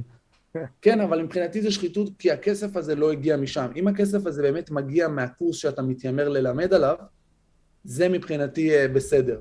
אבל אם אתה בא ואומר, אה, אני, יש לי פה כסף, וזה בכלל הגיע מכל מיני הונאות אחרות שעשית, כמו שאז אה, חשפתי על יקיר עבאדי לדוגמה, ולא איזה משהו שהוא אה, מגיע, או כמו רוב הקורסים, ממש סיימון הקורסים. האמת, גם עם סיימון לבייב אני- הוא... לא יודע, גם אני אגיד איתו לך היה לו... משהו, אני בסדר עם אבל אנשים שמוכרים כן. קורס שבאמת יש להם ידע, נגיד, אם אני עכשיו אבוא ואלמד איך להיות יוטיובר מצליח, ואני באמת הצלחתי כיוטיובר, ובאמת יש לי אה, תובנות שאתה לא מוצא אותן בגוגל, שאתה מריץ חיפוש, אז סבבה, אני באמת רואה בזה הצדקה, אני חושב שדי הרסו את התחום של אתה הקורסים. בן אדם, אתה בן אדם לדוגמה שמתפרנס מהיוטיוב, נכון? כן, אז זה יהיה כאילו נכון שזה יבוא אתה ממני. מלמד איך אתה יכול, איך, איך אפשר להיות כמוך, אבל אותם אנשים, הם בעצם מתפרנסים מאותם קורסים. הם מלמדים אותך על קריפטו, אבל שאין הם להם מושג. הקורסים האלו. אין להם מושג בקריפטו. זה לדעתי אה, מאוד מגעיל. כאילו. זה סוג של לא- פירמידה שמתבצרת לך עם הזמן. כן, זה, זה הנוכלות ש... מה אמרת? זה סוג של פירמידה כן. שנוצרת עם הזמן. כן, זה סוג פירמידה? פירמידה שנבנתה. כי ו- יש כאלה שבאים, יכול- אה, יש בחו"ל לכאורה, כן? אומרים את זה על אנדרו טייט. ש... וזה זה מה שאומרים, הוא פותח קורסים, אומר לאנשים, אוקיי, בשביל להתקדם בקורס אתם צריכים לבוא ולפתוח ערוצי יוטיוב ולשווק את התוכן שלי. ואז זה למה יש מלא טיק טוקים שלו ושורטס, זה מה שאומרים בחו"ל. והרבה מאוד אנשים באים ומקבלים גם על זה נקודות, אם אני לא טועה, בקורסים שלו, משהו בסגנון הזה, אל תתפסו אותי במילה, אבל הם כן מתקדמים על זה שהם באים ומשווקים את התוכן שלו. זה כן. זה מטורף כמה מטומטמים יש באמת. אני באמת כל הזמן באמת נדהם, כאילו, מה הכמות מה... זה מדהים אותי גם, כי אנשים כל הזמן אה, נופלים לזה וממשיכים ליפול לזה, כאילו, איך אתה יכול לראות בן אדם שמעלה לך אותה תמונה במשך כמה חודשים של כסף ומזומנים, וככה אתה... פראיירים לא מתים, אחי, פראיירים רק מתחלפים. כן, תמיד- זה- תמיד יש- תמיד יהיה פראיירים. נכון, הם ימשיכו להתחלף, אבל uh, התפקיד שלנו בתור יוצרי תוכן זה להעלות את המודעות, ובעצם uh, לגרום לאנשים שלפחות uh, מעריצים או עוקבים אחרינו, לא יפלו לזה. במעבר חד, אני רוצה לשאול אותך על השרשרת של הצלב, אתה עדיין עונד אותה או שהורדת? לא, לא, לא. היה איזשהו קטע, גם אני אף פעם לא, אני לא מאמין לא בישו ולא בשטויות האלו, אבל uh, אני הסברתי אז שהיה איזה קטע שהתחברתי לזה, כי היה איזה קטע עם ישו שהוא uh, בעצם ניסה לחשוף את הדת או משהו כזה, אז כאילו בזמנו שהייתי עם הקטע של הדת, אמרתי, יש לי איזה משהו שאני מתחבר בקטע של ישו, אבל... uh, אבל זה מישהו שגרם לך לחשוב על כאילו את כל זה עם ישו? כאילו, זה מישהו שדיבר איתך על הנושא הזה? זה מצחיק אבל ששמת צלב בגללו ואתה לא מכיר את הסיפור. רק בשביל לה- להמחיש את הכפייה. בגדול, הוא היה יהודי שרצה, מה זה שרצה? שחשף את כך ש... אה, שמה שעושים ביהדות זה לאו דווקא מה שאלוהים, אה, נגיד, רוצה, זה שלוקחים על אלוהים בעלות, על השבת, שזה לא בדיוק כמו שכתוב בתנ"ך, על הרבה מאוד דברים. מה על דעתך לדעת למשל. בכללי בקטע הזה, כאילו עכשיו, אם אנחנו נרחיב על זה? כלומר, מה אתה חושב עכשיו על הדת? מה אתה חושב על הכפייה עד כה? כאילו, מעניין. אני אישית כבר, אני לא, לא מאמין אישית בדת, אבל אני חושב שצריך לכבד, אני מכבד אישית כל אחד שהוא, אה, אתה יודע, מאמין ב- באמונתו. אה, אני חושב שבזמנו היה את הכפייה באופן אה, חזק, וזה למה אז זה הפריע לי. כיום אני כבר לא מתעסק בדברים האלו, אני לא חושב שיש אה, כפייה ברמה הזאת יותר, אני יודע שהדברים האלו ירדו, אבל אה, אני לא מאמין בכפייה, עדיין אני לא מאמין בכפייה, כל אחד צריך אה, לחיות אה, בדרכו שלו. אבל אני לא חושב שצריך להילחם בזה בצורה שאני נלחמתי בזמנו. מה- אני חושב שרוב ה-? מה זה? אתה מניח תפילין או שהפסקת? לא, אני לא מניח אה, תפילין, אבל אני צריך להתחזק לאט לאט. סתם, לא, לא. אני חושב אבל שהרבה כאילו מ- מהמגזר הדתי, מלא כאילו כופים עליהם. לרוב, אחי, מי שמיינים כאילו כופים עליהם. יכול להיות. רובם, אחי. יש בכל רובם. מגזר, יש בכל מגזר אה, אנשים שלא רוצים להיות במגזר הזה והם אה, נכפים על כך. זה יכול להיות גם במגזר החילוני, כשאנשים מרגישים לחץ וההורים רוצים שהם ילכו וילמדו ויהיו עורכי דינים והם רוצים להיות יוטיוברים. אתם שומעים, שומעים אני אעשה עכשיו פליי, אתם הולכים לשמוע את זה? אוקיי, אנחנו שומעים, שומעים עכשיו. שומעים? רגע, אני רוצה שנייה לבוא ולהשמיע לכם משהו, סבבה? על, הכפייה, עם איזשהו סרטון. רגע, זה מההתחלה בעצם, הנה, תקשיבו. היהדות, התורה, היא בעד כפייה דתית. זה רב, אגב. אתה, לא בא לך לשמור שבת, מה אתה שמעתי את זה. זה של אייגוד. אפילו עונש מוות על זה. ולכן, עלינו יש חובה להפעיל כפייה. כלומר, הכפייה זה חלק מהיהדות. נו, אתה רואה? אתה מבין? אבל, שמע, זה לא כולם, כן? אבל יש כאלה ש... רובם. שרואים את זה ככה. אבל כל דת היא כזאת, אחי, הדת האסלאמית היא דת כפייתית. אתה לא יכול לבוא נכון, נכון. ולחשוב מעבר לדת, כי הדת מחזיקה אותך באמונה הזאת. אם אתה לא תהיה באמונה, אתה תאבד מהכוחות של האמונה. האמונה נכון, נותנת ו- לך אפשרות להיות הכי גדול, הכי טוב שאתה יכול להיות, בפועל. לגמרי, גם כשאתה חושב על זה, זה לא רק בדת, זה מה שאני הייתי באמצע להגיד, שכל אחד שגם נמצא, ב, גם בצפון תל אביב, ההורים רוצים שהוא יהיה עורך דין, אבל הילד רוצה להיות אה, יוטיובר. הוא לא רוצה להיות עורך דין, אבל ההורים לוחצים עליו, ו- ו- ובעצם כופים עליו את הדרך שהוא לא רוצה להיות בה. שמע, יש כמה שאלה אליך, הוא- תשאל אותו למה יש לו חשבון אחר שתומך בפלסטין בזמן שומר חומות. אוקיי, אז אה, כמו שהסברתי את זה פעם, כמה פעמים, אה, התמיכה בפלסטין הייתה אה, ב- ב- במיוחד לאותם אנשים, ורק, לאותם... שמתי את הצלב שלי. או, איפה יש לך צלב? סתם, סתם, זה חרב, זה אחי. נראה זה חרב, זה חרב. זה חרב, זה חרב. קניטול, נראה אחי. לי ניק הלך לחפש את זה במגירה, בגלל זה הוא לא. אחי, תראה, זה חרב. אז וואלה, נראה כמו צלב, אחי. אחי, זה חרב. הבנתי חשפנו שזה אותך. חרב, מאמינים לך, מטורף. איך זה חרב? זה לא נראה... טוב, לא מה לא משנה. נראה? אה, דיברנו- לא, אני אוסף אותו מחר. דיברנו פה על פלסטין. לא, כן, אני אומר, היה, היה את הקטע הזה עם פלסטין, אני העליתי סרטון פעם, שאמרתי, תשמע, לפלסטין יש גם בני אדם, יש להם שם אנשים שלא רוצים להילחם ולהרוג יהודים. גם אצלם יש אה. שמאלנים, כמו שיש אצלנו, שלא רוצים להילחם. אז אני אומר, אותם אנשים שלא בוחרים במלחמה וגרים שם ונולדו שם, יש שם ילדים, יש שם אה, אנשים שנולדו שם בלי בחירה, לא שהם בחרו בזה. אותם אנשים מגיע להם לחיות. אז השאלה לי אליך, יש אנשים בחו"ל, כמו ג'וליאן אסנג', שחשף אה, פשעי מלחמה, סבבה, בארצות, בארצות הברית זה היה. אה, נניח, סתם דוגמה, אם עכשיו יהיה פשע מלחמה שיגיע אליך מצד ישראל, אתה תחשוף אותו? אני חושב שיש בזה הרבה צביעות מהבחינה הזאת שהם חושפים רק את הצד הזה, אבל ברגע שיש את הצד השני, שפלסטין לדוגמה שולחים אה, אתמול רקטות על ישראל, אתה לא תראה שהם יחשפו את זה, שמישהו נרצח בגבעת שמואל שבוע שעבר, לא נחשף בשום מקום שם.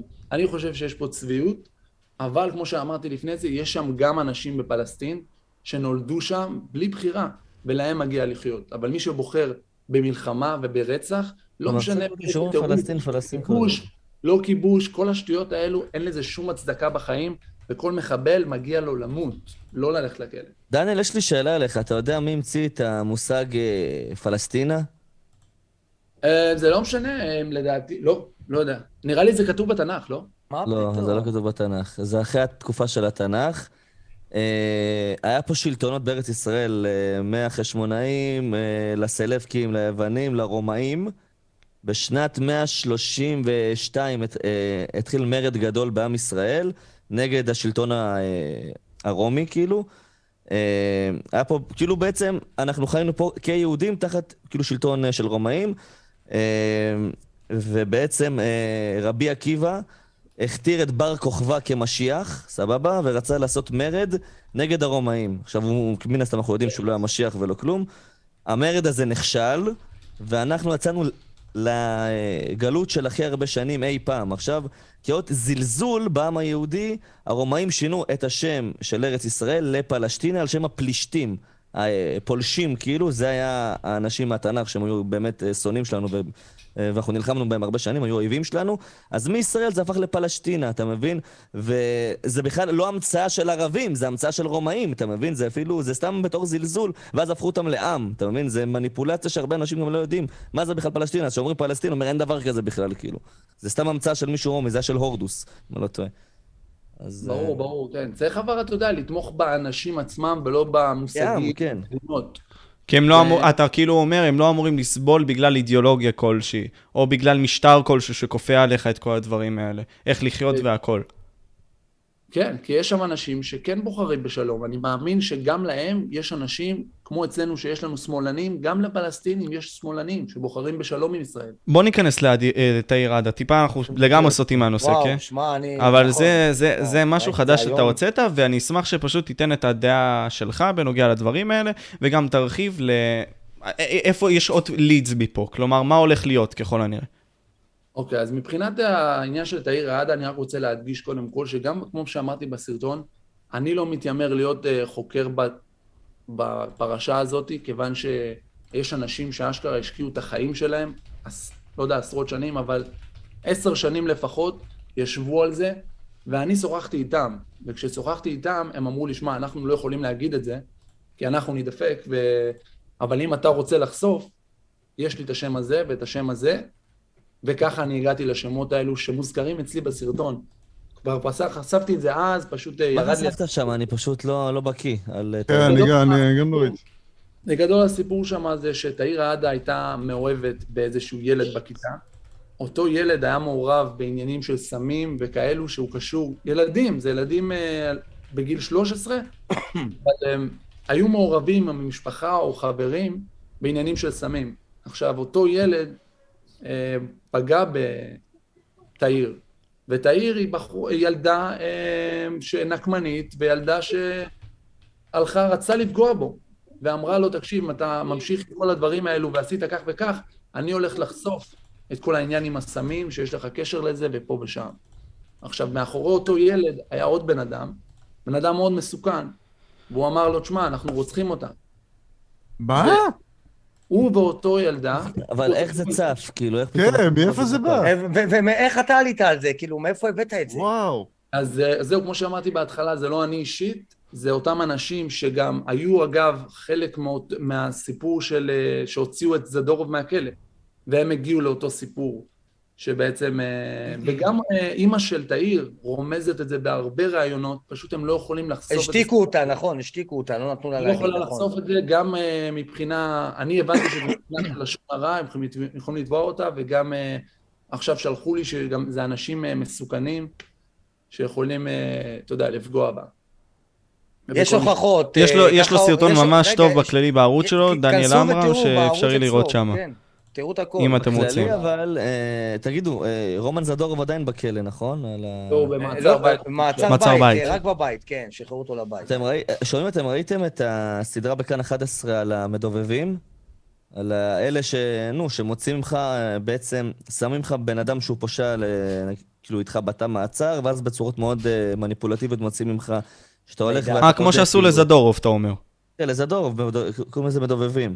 שזה לא, כאילו כל השיטה שהם השתמשו בה היא לא חוקית, כי הוא קיבל מידע מהמשטרה, ובעצם הבן אדם שהוא... אה, אתה מכיר את זה אגב, דניאל? אתה רוצה שאני אסביר לך? זה באמת מעניין, כאילו. אה, ספציפית את זה לא, אבל אני יודע שזו שיטה מאוד מקובלת. לא, אבל זה אפילו הרבה יותר מטורף. יש לזה חוקים, שאתה מכניס למישהו מדובב, שהוא יעני פושע, מפוברק על ידי המשטרה, זה יכול להיות בן אדם שעשה פשיעה, ואז אמרו לו, שמע, אם אתה לא רוצה לקבל עכשיו 20 שנה, בוא תיכנס ואתה ואתה הולך לזיין אנשים. עכשיו, יש לזה חוקים, אסור לבן אדם, למדובב, לדעת דברים על הבן אדם שנעצר, אבל המשטרה עובדת איתם יד ביד ומספרת להם הכל.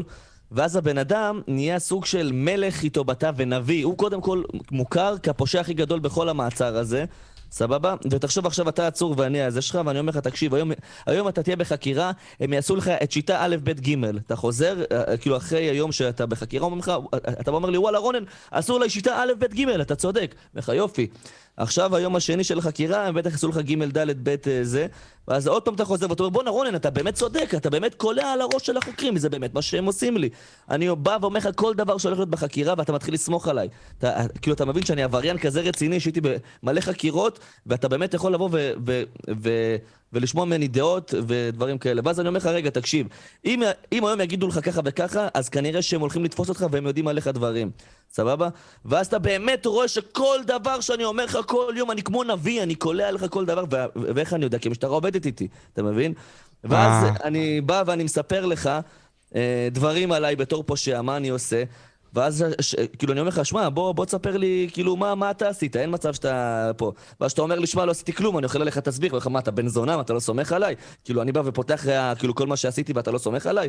ואז, אתה יודע, אנשים בשביל להרגיש שאתה כבר מבין שאתה הולך לכלא, כי אני אומר לך, תקשיב, היום, כבר יום שביעי של החקירה, אם אה, כאילו עכשיו לא משחררים אותך, אתה כנראה הולך לכלא, כאילו זה תמיד ככה, זה, זה הפרוטוקול, אתה כבר יודע שאתה הולך אה, ללכת לכלא, אתה חייב את הכבוד. אתה בא ומספר לי שאתה רוצח, אתה רוצה להרגיש כבוד בכלא, אה, ואתה בא ואומר, כן, נגיד, אה, כאילו רומן זדורוב, בא וסיפר, כן, אני רצחתי, אני עשיתי לה ככה וככה וככה וככה, והממצאים בזירה בכלל מראים שזה לא תואם את מה שקרה אפילו, אתה מבין? אז בצורות מאוד מניפולטיביות, ש... ש... שהן אסורות על החוק, אסור שאף אחד גם ידע את זה, כן? אה, המשטרה עושה הכל כדי לשים אותך בכלא, את, ה... את הפושעים, אתה מבין? נכון, יש איזה אה, משהו שחשוב לדעת, שכשאתה מגיע ל... יש איזה, אני חושב, עמותות כאלו שהיום עובדים על זה לפרסם, אל תדברו עם שוטרים. ברגע שאתם מגיעים לאיזשהו מצב שאתם בחקירה, פשוט אל תדברו איתם בשום מצב, תשמרו על אתם זכותו. בטוח ראיתם תיק 512, נכון? את מה שעשו... אה, זה... אתה יודע מה אני יכול להסביר? אני רואה שהם הרבה פעמים עוצרים את... אה, איך קוראים לו? את אה, יצחק אברג'יל, ואומר להם, אני שומר על זכות השתיקה. סבבה? אומר להם, זכותו.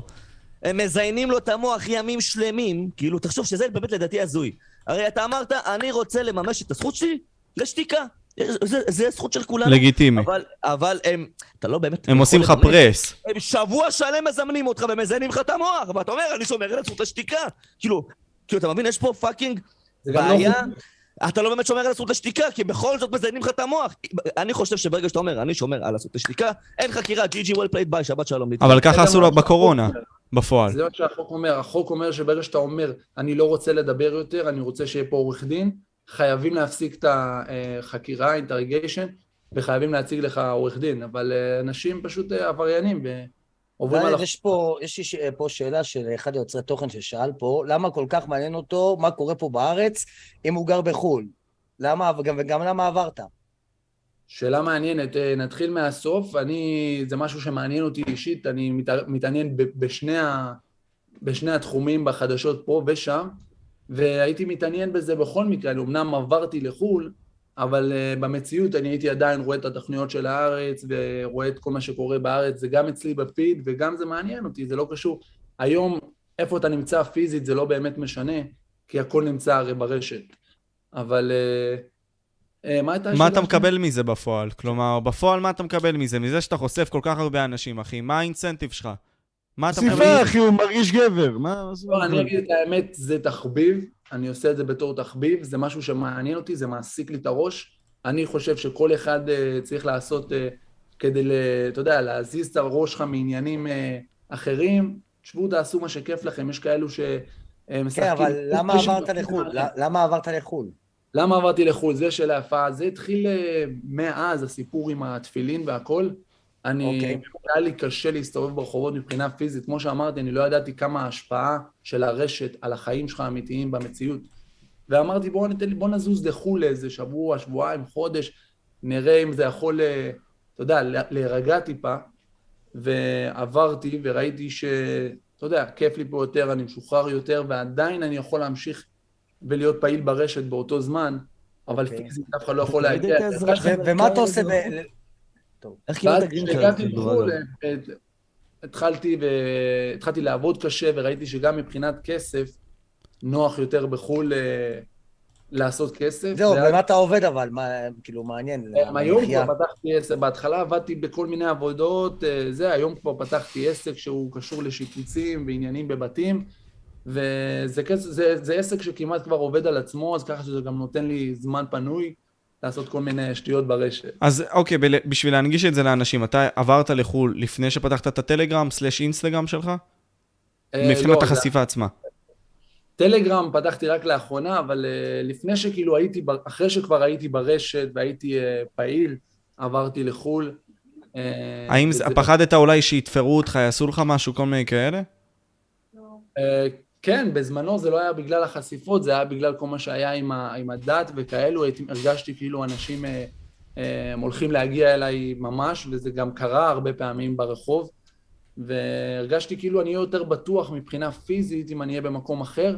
עברתי לא על מנת uh, להשתקע, אבל בסוף מצאתי לעצמי סוג של חיים ב, ברוגע פה, ויש לי בית וחיים uh, טובים, אז למה, למה לי לחזור? Mm. איך קיבלת אזרחות שם? תמיד היה לך אזרחות או ש... אה, לא, זה לא אזרחות, אני כרגע חוקי, אה, וזה זה לא נקרא אזרחות, זה יותר מבחינה חוקית. ואיזה ויזה אתה זאת? מקבל- אתה מקבל ויזה, זה ויזה של עבודה, ויזה של זה, ויזה של פה, ויזה של שם. כמה שנים- של עבודה? זה לא קשה אבל לקבל שם ויזה של זה עבודה? קשה, אבל אחרי עבודה קשה אתה יכול להשיג הכל. כמה שנים אתה שם כבר? אה, כמעט חמש שנים, וואו. לדעתי, אם אני סופר נכון. Mm. כן. אוקיי, בוא, בוא ניכנס לעוד סוגיות. נוכל הטינדר, דיברת על זה הרבה מאוד בזמן האחרון, גם וגם נכון. בכללי לפני כן. תסביר בעצם את הקייס שלך שבנית מבחינת הש... אה, הדבר עצמו.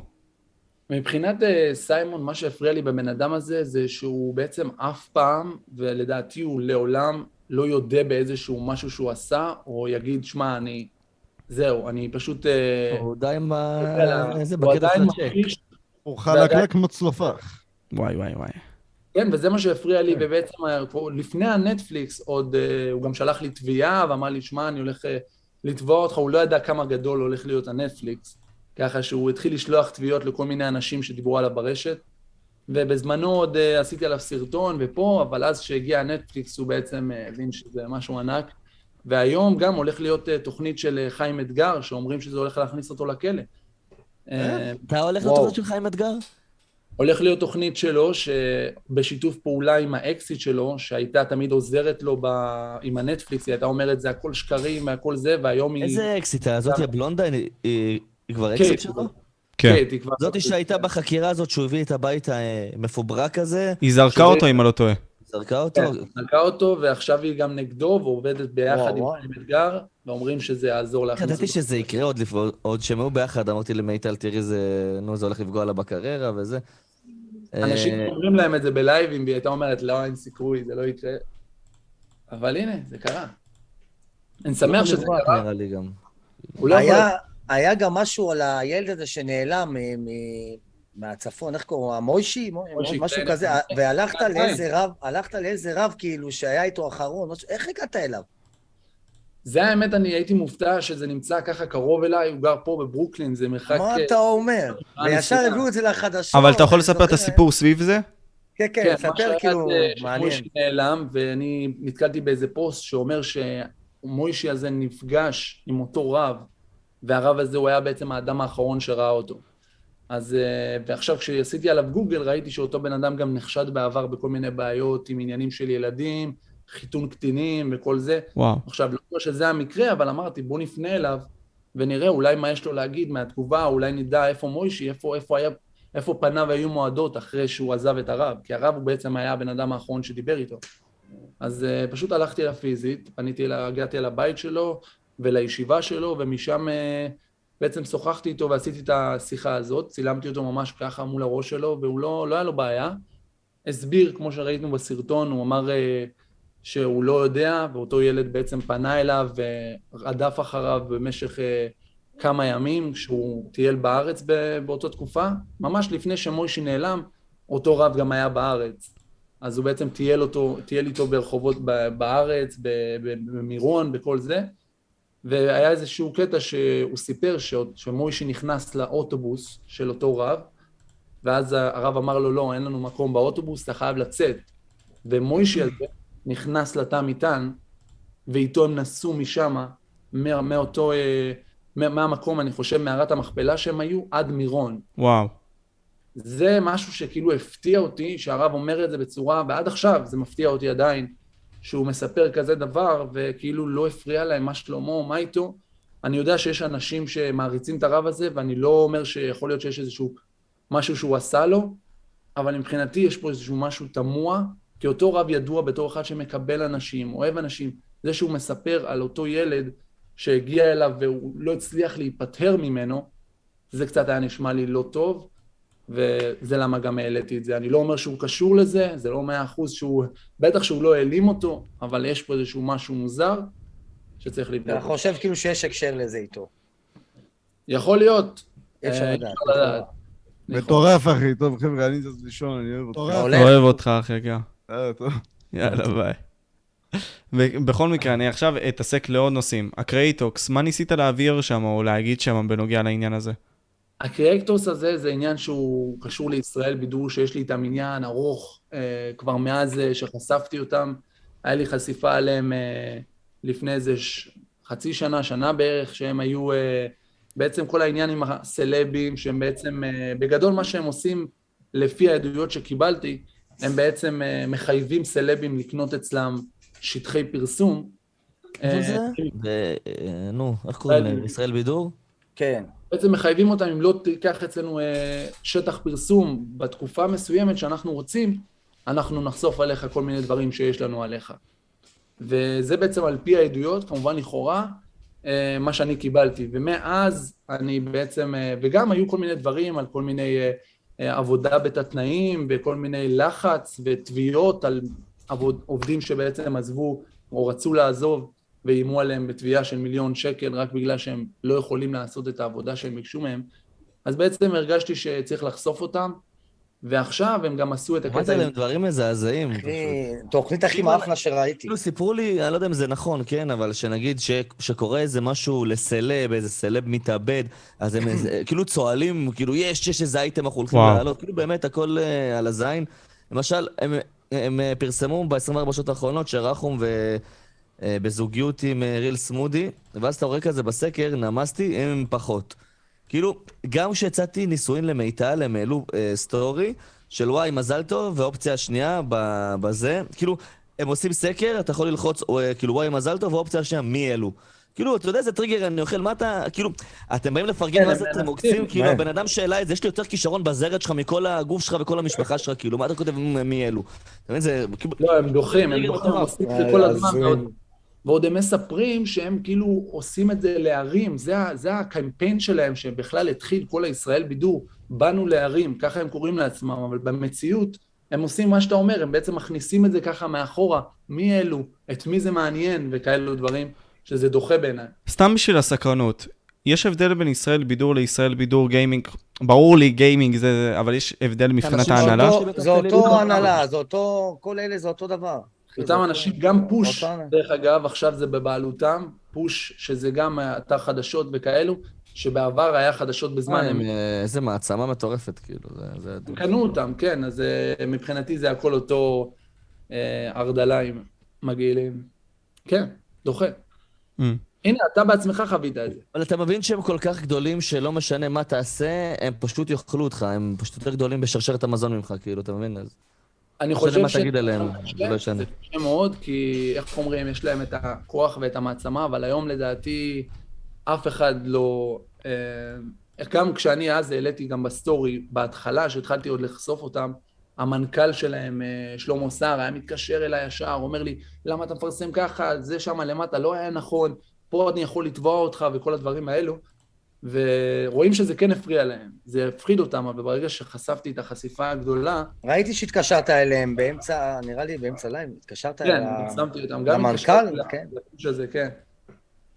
שמע, זה מפריע להם, אני יודע שהם צופים אדוקים, יש גם uh, כל מיני עובדים שלהם, של ישראל בידור, שאצלי בטלגרם עוקבים אחרי כל אייטם, הם כן יודעים, הם יודעים את זה, אבל הם פשוט מעדיפים להתעלם מזה, כי כמובן, הם לא רוצים לתת לזה חשיפה, והם אה, רוצים פשוט לשרוד עד שהדברים האלו יצאו.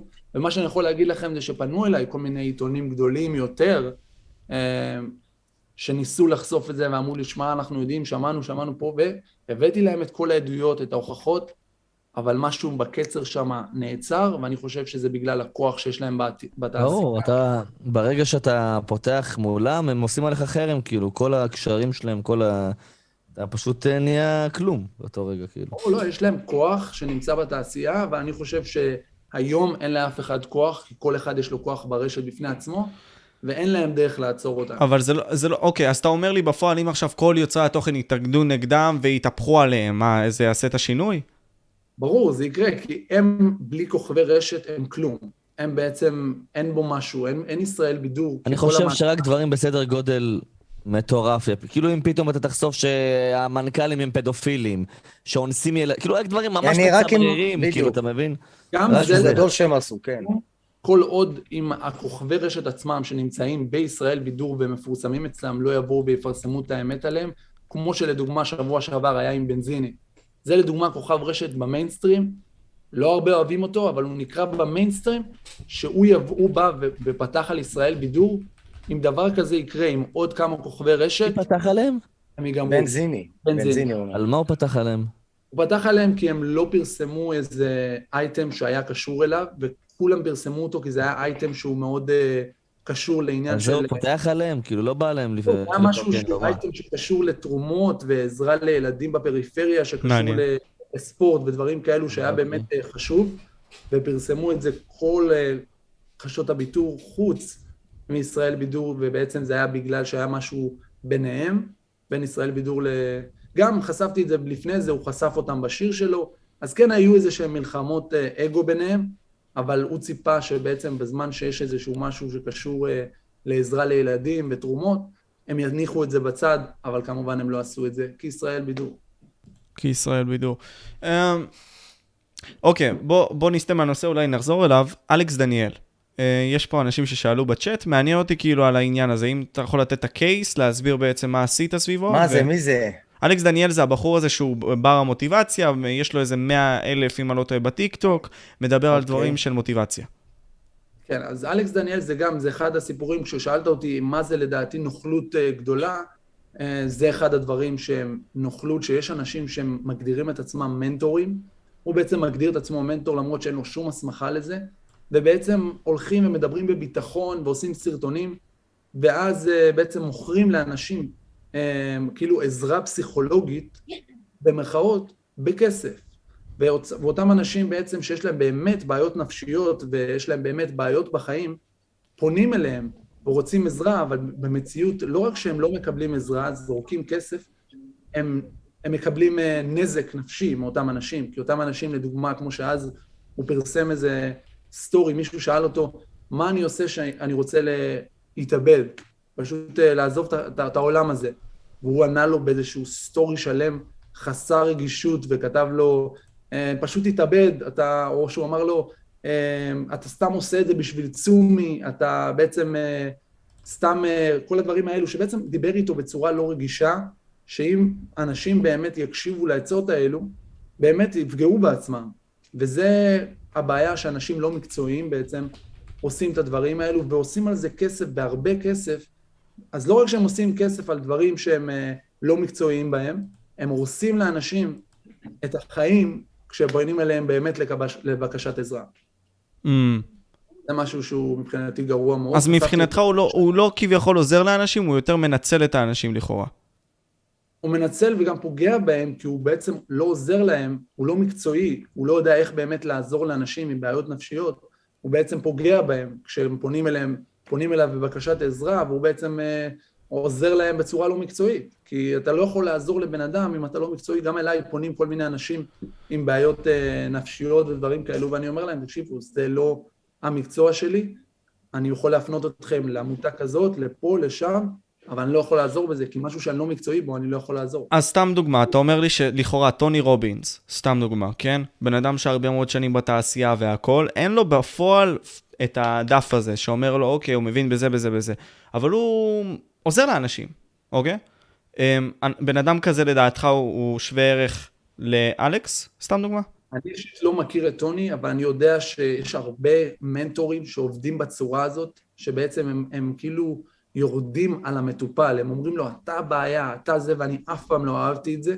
זה משהו שבאמת יכול לפגוע באנשים. יכול להיות שיש אנשים שצריכים את זה, שיצעקו עליהם, יאללה, תתעוררו, וזה באמת עוזר להם, אבל כשאתה עושה את זה בצורה כוללת על אה, מטופלים שלך, ואתה לא באמת בודק את מי שאתה מטפל בו, זה יכול באמת לפגוע בהם, ומספיק שיהיה בן אדם אחד, והיו הרבה בתגובות שכתבו שהם היו מטופלים של ספציפיק, אה, אלכס דניאל, שהם נפגעו ממנו אישית, מספיק שבן אדם אחד אתה תפגע בו, וכל העסק שלך צריך אה, ליפול. וחבל שהוא חזר לזה, כי אנחנו הצלחנו כבר להוריד אותו, אבל אה, היה שם בלאגן, הוא הצליח להוריד כל מיני סרטונים מהיוטיוב, אני יודע שיש אנשים שהם מאוד חזקים ברשת, והם יכולים להוריד לך סרטונים, וזה למה גם הוא הצליח לחזור, וחבל.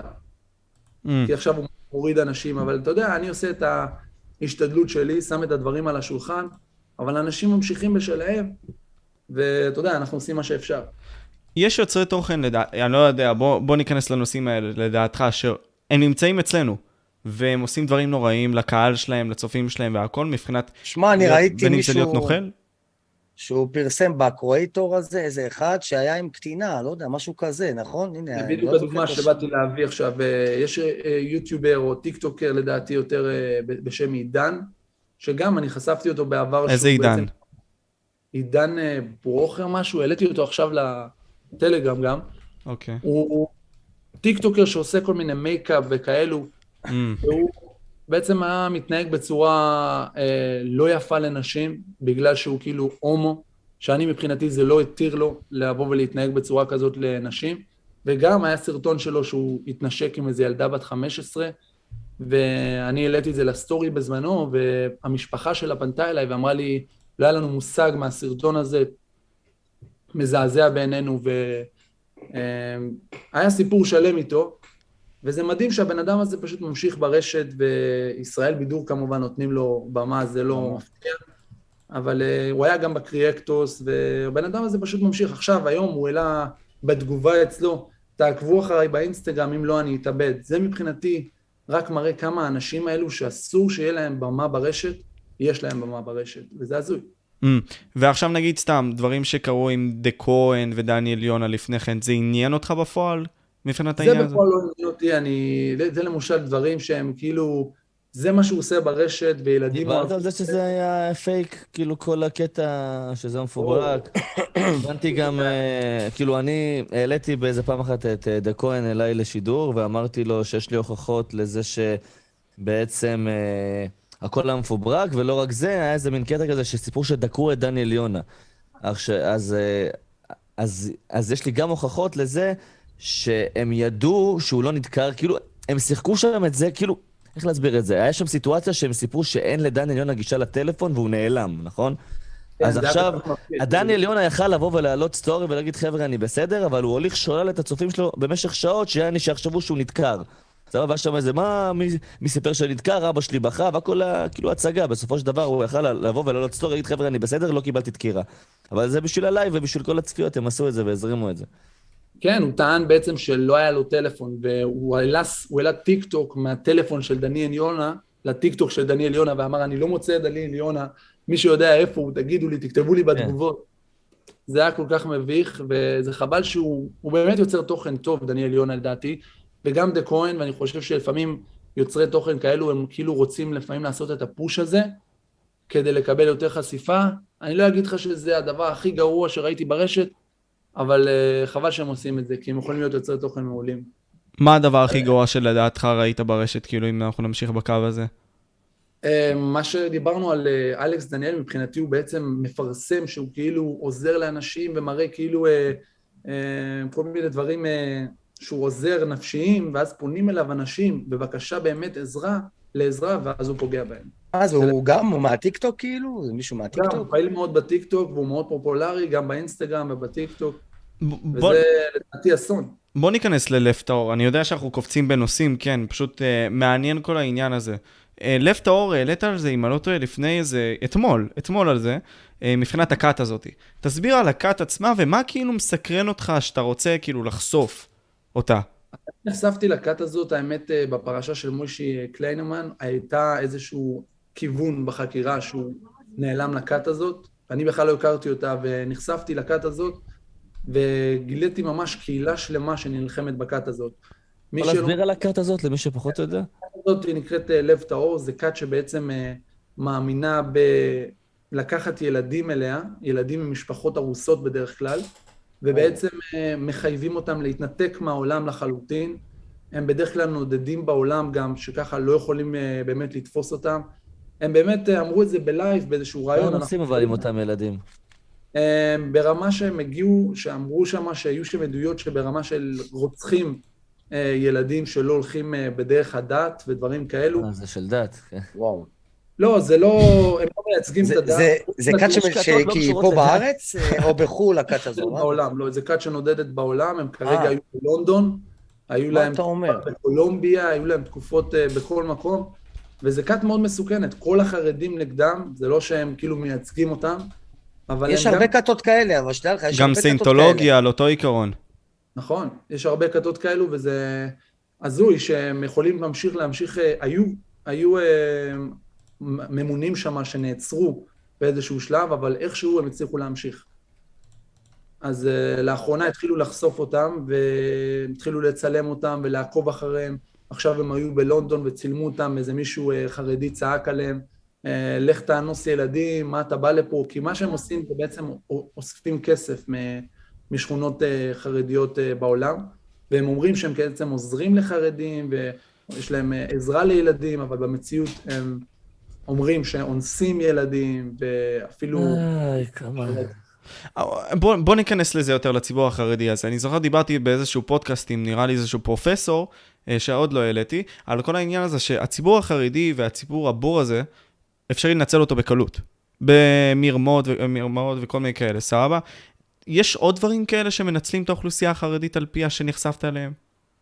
אני חושב שאני אישית הייתי מאוד תמים כשהייתי במצב החרדי. היום אני חושב שהתחיל להיות יותר אה, מודעות גם במגזר הזה, אבל בתקופה שלי היה מאוד מאוד קל לעבוד עליי, לדוגמה. כשמישהו בא אליי ואומר לי, אני יכול לעשות לך 100 אלף שקל, או זה, הייתי מאמין לו, הייתי מנסה להקשיב. היום כשמישהו אומר לי, אני אעשה לך 100 אלף שקל, אני אומר, אוקיי, אתה מנסה לעקוץ אותי ואני כבר לא מתייחס לזה.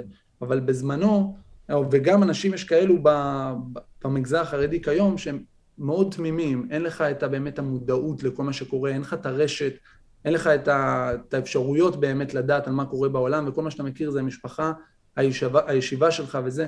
כמובן שזה לא כולם, היום יש אה, פתוחים, חרדים פתוחים, חרדים פחות, הולכים למועדונים אפילו. וזה בסדר גמור, כי יש חרדים שהם בוחרים בדרך פתוחה יותר, אין בזה שום בעיה, אבל אה, אה, יש חרדים יותר סגורים, שאין להם אינטרנט, ומאוד קל, אתה יודע, לאיים, מה זה לאיים? לשקר להם. אז אה, כשמישהו אה, בא לך בתור אחד אה, חרדי ואומר לך, דופק לך בדלת, אנחנו באמת צריכים עזרה, ויש לנו אה, מוסד, והוא כולו עם זקן, ואומר לך שהוא באמת צריך עזרה, אז אתה תתרום לו, אתה לא יודע באמת על הכתות ודברים כאלו. אז זה לדוגמה עם לב טהור, וגם אני זוכר שהיה אז עם אה, אבני הכותל, שאחרי שהם סיימו ל- לדפוק הרבה אנשים עם האבנים ומכרו לאנשים אה, כל מיני NFT של אבני הכותל, הם הלכו לבני ברק, וניסו וואו. למכור לבחורי ישיבות, והתחילו לספר להם על ה-NFT, כי אין להם מושג, אז חשפנו אותו ברשת, וזה היה בצינור. כן, באינסטגרם אני זוכר שראיתי את זה, כן. את הלייב.